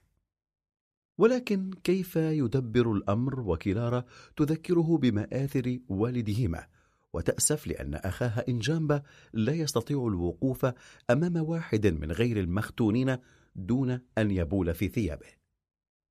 لقد احتاج إنجامبا ثم قطع وعده مقسما بوالده وبالثالوث المقدس بأن يذهب ويسأل الحاكم عما فعله بميكا الذي منحه وساما لتوه. والآن وفيما هو أمام مكتب الحاكم بدأ إنجامبا يدرك أية حماقة كان التعهد كله أناس مثله التقطوا من أعلى شرفة المقر دون أن يزعج أحد نفسه بالسؤال عن سبب مجيئهم وهم في السجن إلى حيث لا يعلم أحد. ما من واحد من أبناء البلد يتجرأ للوصول إلى قمة التل التي تحاذي حدود القرية. إنك لا تذهب بنفسك إلى المصيدة وعيناك مفتوحتان. قال إنجامبا بصوت مرتفع وهو يعود أدراجه. لقد اعتاد أسلافنا على القول حين يبدأ قلبك بالخفقان وأنت تصل إلى نهاية رحلتك. فعد أدراجك. وهكذا بدأ إنجامبا ينزل التلة. في السفح كانت تبدو له الأكواخ. ظل يمشي حتى لم يعد يستطيع رؤية التلة وعندها جلس على حجر حدودي. رفع ثيابه فوقه وكسر جوزة كولا وانتظر أن يمر به أحد. وعندما بدأ يفقد الأمل ظهر له شبح في الضباب وكان يسير باتجاه المنطقة الأوروبية. أيها العابر! قال إنجامبا عندما وصل الشبح إلى حيث يصل الصوت. صبحت بالخير! صبحت بالخير يا صاحب. قال الرجل وكان متلفعا ببطانية صوف ثم اتجه صوب إنجامبا قدم له إنجامبا قسما من الجوزة فدفعها الآخر في فمه وخرجت من فمه. عندها دفعه من البخار. سيذهب البيض بنا بعيدا. قال إنجامبا. في هذا الوقت يجب أن أكون أمام النار فإنني أرتعش من البرد جالسا على حجر الحدود. والسبب هو أنني لست نفسي. نعم أنت لست نفسك. أكمل الغريب وهو يشد أطراف بطانيته حوله. كان نحيلا كالحرباء ولم يكن هناك داع لطرح الأسئلة عليه فقد كان واضحا أنه مريض. كل شيء يتغير في عالم البيض هذا. تابع إنجامبا صار الناس غير مرئيين مثل الأشباح وصاروا يختفون كالنقود. الرجل الذي أبحث عنه زوج أختي رجل عاقل وآدمي رجل حقيقي. فهل رأيت أيها الغريب آدميا يلبس وساما؟ لا وأمي. قال الغريب لم أرى الرجل الذي تسأل عنه ولكنني سأعرفه من الوسام إن رأيته وسأقول له إن آدميا آخر ينتظره جالسا على صوة في الطريق.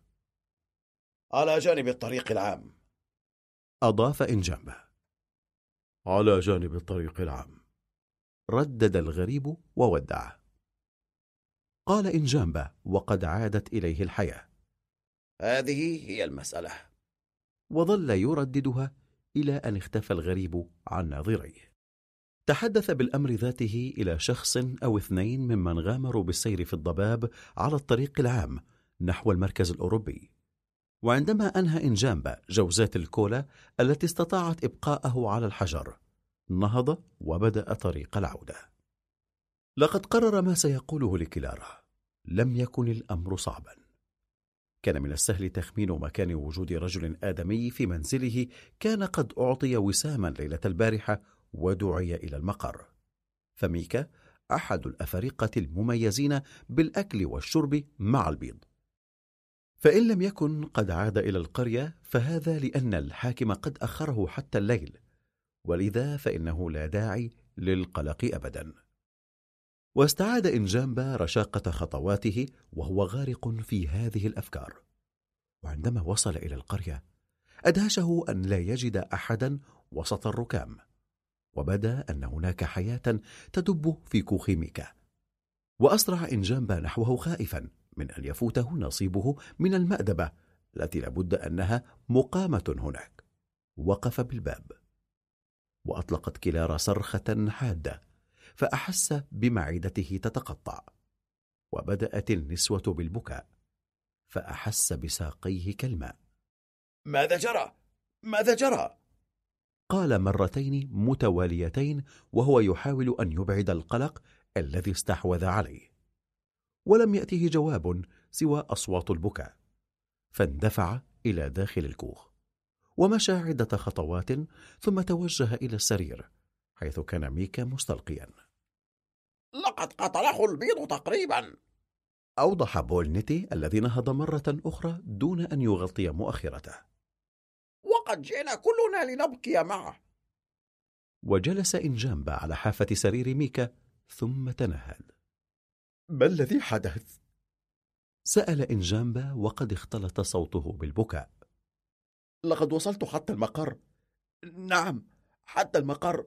كي أعرف ماذا حدث لك؟ وأثار هذا هرجا بين المحتشدين وتركزت العيون على إنجامبا فنهض واقفا وسط الكوخ وقال ها أنا ذا عائد لتوي من مكتب الحاكم. من المكان الذي لا يجرؤ أحد أن يحط قدمه فيه ما لم يكن فحلا. وانطلقت همهمة تحيي هذا الكلام. والتفت إنجامبا إلى أماليا دون تفكير حين أحس بنشقتها المشككة ولكنه تابع. أود أن أعرف فيما تجمعكم هنا فأنا أرى أن ميكا لم يمت بعد. والتفت نحو السرير الذي تمدد عليه ميكا. لقد تركنا أعمالنا كلنا بسبب ما حدث له ولنا كلنا. نحن لسنا بيضا فنحن نقلق لمشاكل الآخرين. قال نيتي الذي أنزل ثوبه الآن. لقد جئنا لنحزن معه. ودخل نوى الكوخ وهو يحمل دمجنة خمر على رأسه وأخرى في سلة على ظهره أين تذهب بهذا؟ صاح إنجامبا غاضبا أنزل نوى حمله وسط الكوخ لجلب كوب هل تظن أنك في بيت مجنون؟ صاح إنجامبا وقد استشاط غضبا أي نوع من البشر أنتم؟ ميكا يذهب كي يعطيه البيض وساما وها هو يعود نصف ميت وأنتم تستغلون الأمر كي تتطفلوا عليه؟ ليس تطفلا لا, لا إنها العادة. وتعالت الأصوات ونهض نيتي ليتحدث باسم الجميع. لقد رأينا ما يكفي من عجيزتك العجوز. هتف أحدهم. وبدأ الجميع بالضحك حتى إنجامبا الذي نسي كم كان متأثرا. وحين عاد الهدوء تابع نيتي نحن هنا كلنا مجيمة ولقد كان أسلافنا يتصرفون كما نتصرف الآن أمام المآسي. لقد كاد البيد أن يسلبون ميكا. ميكا الذي هو كل شيء لنا. وهذا ليس بالشيء الذي يحدث كل يوم. فإذا كنا سنحزن على الأمر فإننا سنحزن حسب التقاليد التي تركها لنا أسلافنا. نتي على حق. قال أحدهم. نتي عاقل. أضاف آخر. لقد قال كلاما هاما. كلاما ذا وزن. فيه حكمة ميجيما سيتمادى نتي هذا. طوى إنجامبا ملابسه بقوة وقلب عينيه. قطب جبينه ثم اندفع إلى رمحه الذي بدا ظاهرا تحت سريره وطالب بالصمت وهو يدقه ثلاث مرات على الأرض. الدور لإنجامبا قال نيتي صحيح. قال إنجامبا ألم يعد هناك أوادم في الكوخ؟ وبعد عدة سعلات ساد صمت شامل. ودق إنجامبا الأرض مرة أخرى ثم ضرب بقبضته الرمح ضربة عنيفة واتجهت العيون كلها إليه. هل أنتم أوادم أم أولاد؟ لقد بدأت أشك بمن في هذا الكوخ. لم يرد أحد على هذه الكلمات لأن أحد لم يعرف ما سيتلوها. بدل أن نغضب للمعاملة التي عومل بها ميكا عند البيض لا تستطيعون أن تفكروا بغير شرب خمر البلح والتحدث بالهراء. أني أسأل نفسي عن أي نوع من البشر أنتم؟ كان إنجامبا يتحدث بصوت غير واضح وتعبير احتقار على وجهه.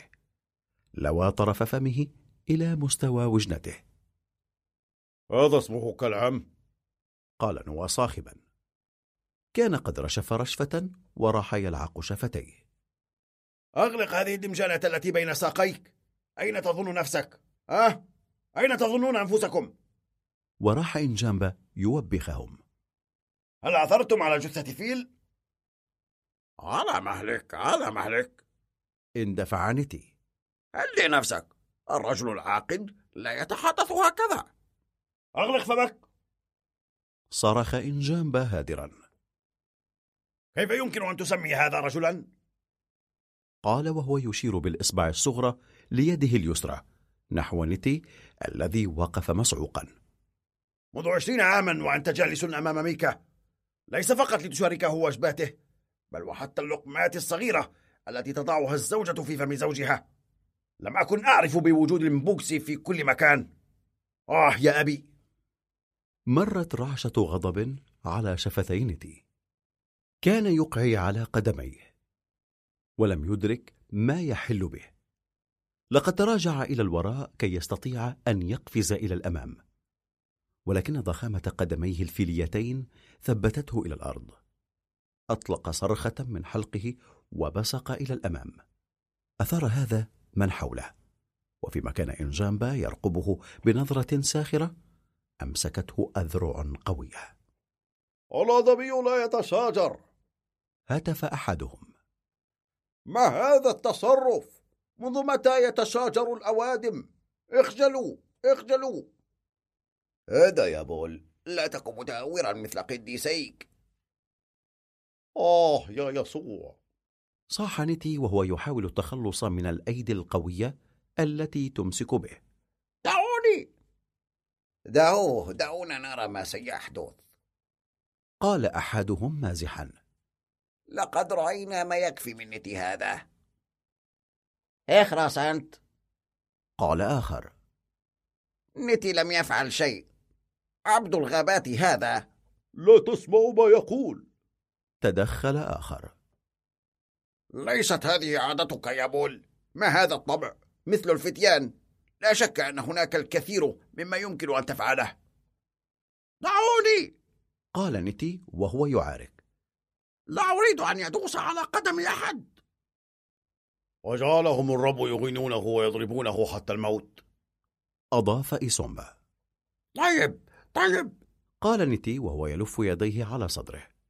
سأفعل ما تشاءون قدم له أحدهم جوزة كولا وقدم له آخر صعوطا وأحس نتي بالزهو للعناية التي يلقاها فباعد قدميه وجلس بطريقته المعهودة بمؤخرته العارية على الأرض وعاد الهدوء إلى الكوخ هز إنجامبا قدمه اليسرى وتطلع إلى الجماعة الجالسة حول قدميه أين هم الرجال المحاربون الشجعان؟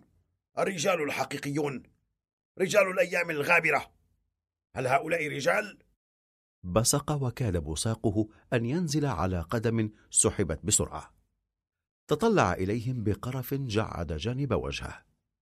نعم هؤلاء الناس كلهم الذين يتظاهرون بأنهم جاءوا للحزن مع ميكا ليسوا إلا كلابا.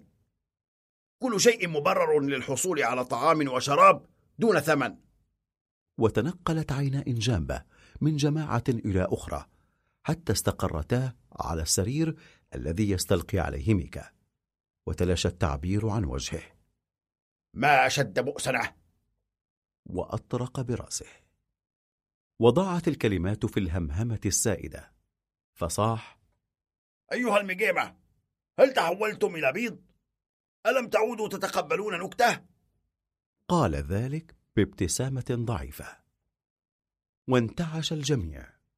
بدأ بول نتي بالضحك أولا ساخرا من قدميه الكبيرتين ومن النظرة في وجه إنجامبة ثم بدأوا يمازحون ميكا. وبدأ واغس يقلد مشهد تقديم الوسام وكيف أخذ ميكا إلى السجن كما تخيلوا المسألة. وتتالت موجات الضحك الصاخب إلى أن قال أحدهم. آه من هؤلاء البيض. وساد صمت بعد هذه الكلمات. واكتست الوجوه جدية. وخطأ إنجامبا متجاوزا عدة رؤوس حتى وصل إلى سرير ميكا. وفر علينا فحولتك الكاذبة قال أحدهم. لدي فحولة رجل أبيض. قال ضاحكا. ولذا لا خطر عليك؟ ضحك الجميع. وراحت النكات تتردد في كوخ ميكا دون ترتيب أو نظام. حتى ميكا نفسه تكور نحو الجدار ليفسح مجالا لإنجامبا الذي رفع ثوبه وكاد أن يجلس على رأس ميكا. وتراجع ميكا مجددا وقرقعت معدته وتنهد إنجامبا بصوت مرتفع وهو يمرر الرمح تحت السرير. وقال وهو يشير برأسه إلى الرمح هذه الأشياء صارت غير نافعة غير نافعة إطلاقا. فعلا. قال بولنتي بوقار. وهز إنجامبا رأسه بحزن ومر بيده على وجهه وراح يحدق أمامه وتمتم وكأنه يحلم. حين أتذكرهم هناك في زريان أعرف أنهم يحسدونني لأن ميكا أخذ وساما من زعيم البيض. وبدأ نتي يغط وتتابع الغطيط من رأس نتي حتى وصل إلى نوى في الطرف الآخر من الكوخ. وقال إنجامبا إنني لا أعرف ما الذي يريده منا هؤلاء البيض. لقد أخذوا كل شيء من ميكا أرضه وولديه. وبكت النساء في جوقة وعندما عاد الهدوء تابع إنجامبا. كل شيء كل شيء. صعدوا جمرة في خليونك قال نتي وهو ينهض بمؤخرة ما تزال مكشوفة. ما الذي حصلنا عليه في هذه البلاد؟ لا شيء لا شيء ولا حتى حرية رفض عطاياهم. وجلس. ولا حتى حرية الرفض. قال إيسومبا. ولا حتى هذه الحرية. ودارت هذه الكلمات في الكوخ. وقال إيسومبا لكن والله كان ما يزال أمام ميكا الأسلوب الذي يريهم رأيه في وسامهم. لابد أنه كانت هناك وسيلة. ما هي؟ ما هي؟ قال الجميع بنفاد صبر. نهض إيسومبا وتنحنح ثم تطلع حوله بتعبير من المرح الحاقد. وتملكته ضحكة وأجبته ضحكات الآخرين. وساد الهرج ففرك إيسومبا جفنيه بأصابعه. أستغرب من أين تأتيني هذه الأفكار أحيانا ربما لأنني مغرم بأكل لحم السلاحف. وابتسم ثم بدا جادا فاختفت الابتسامات عن الشفاه كلها. كان في وسع ميكا أن يريهم ما الذي يستطيعون فعله بالوسام الذي سيعطونه له وذلك بالذهاب عاريا إلا من بيلا. قطبت الوجوه. لم يفهم أحد. وبدأ إيسومبا يضحك من جديد ولكن لم يشاركه في الضحك أحد. كان إيسومبا يهتز منفعلا بالضحك وسط الكوخ يضرب فخذيه. وامتدت الأيدي وراء الآذان في محاولة لالتقاط الكلمات التي كان يبتلعها في شهقات ضحكه المتفجر. آه، أقول إنه كان يجب أن يلبس بيلا لأنه لو فعل لكان على زعيم البيض أن ينحني ليضع الوسام على على على البيلة. وانفجر الضحك بقوة الماء المغلي وخرج الضحك الصاخب من الكوخ فأفزع الدواجن التي كانت تنقب عن الصراصير فأبعدها حتى مقبرة الإرسالية. داخل كوخ ميكا كان المشهد عجيبا بدا الجميع كالمهووسين. كانوا يجأرون ويضربون بأقدامهم ويشهقون ويلهثون ويتوقفون ليمسحوا عيونهم ثم يعودون إلى الضحك بصوت أعلى. وعندما أفرغت أجسادهم من الضحك انتقلوا إلى التعليقات. فكرة مدهشة. قال إنجامبا وهو يحك فوق عينه بيده اليمنى. أستطيع تصور المشهد وزعيم البيض عاجز عن تثبيت الوسام. على صدر ميكا العاري وعندها سينحني ليعلقه أين؟ سأل نيتي وهو يهتز من الضحك وتطلع كل منهم إلى بطنه وبدأت النساء بالضحك من جديد. من المؤسف أن فكرة كهذه لم تأتني قال ميكا. من المؤسف لأني لم آكل سلحفاة حين كنت شابا. وزعوا الخمر على الجميع. وفيما كان يتم تبادل الأحاديث صب نوى لنفسه كوبا ثانيا. لا أريد أن يقول أحد أنني سممتك. قال وهو يفرغ كأسه. إصامبا والسلحفاة بعينها. أضاف وهو يقدم كوب خمر لميكا. بعينها. قال ميكا وهو يرفع الكوب إلى شفتيه. ودار الكوب من يد إلى يد. وبدأ مستوى السائل الحليبي في الدمجانتين ينخفض بوضوح.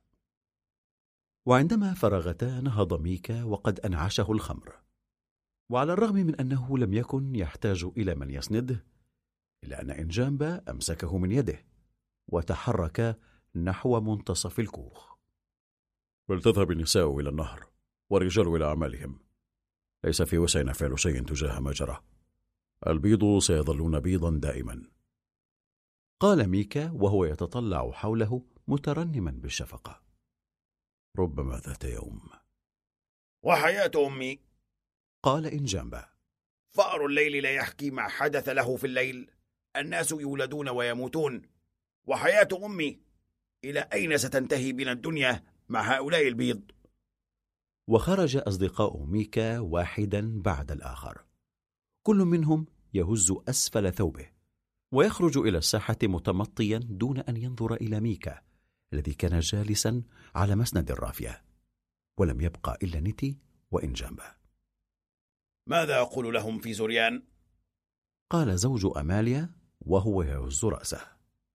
آه يا أجدادي غادرت قريتي ورأسي مرتفع حتى السماء بعدما جرى سوف يكفي الآن.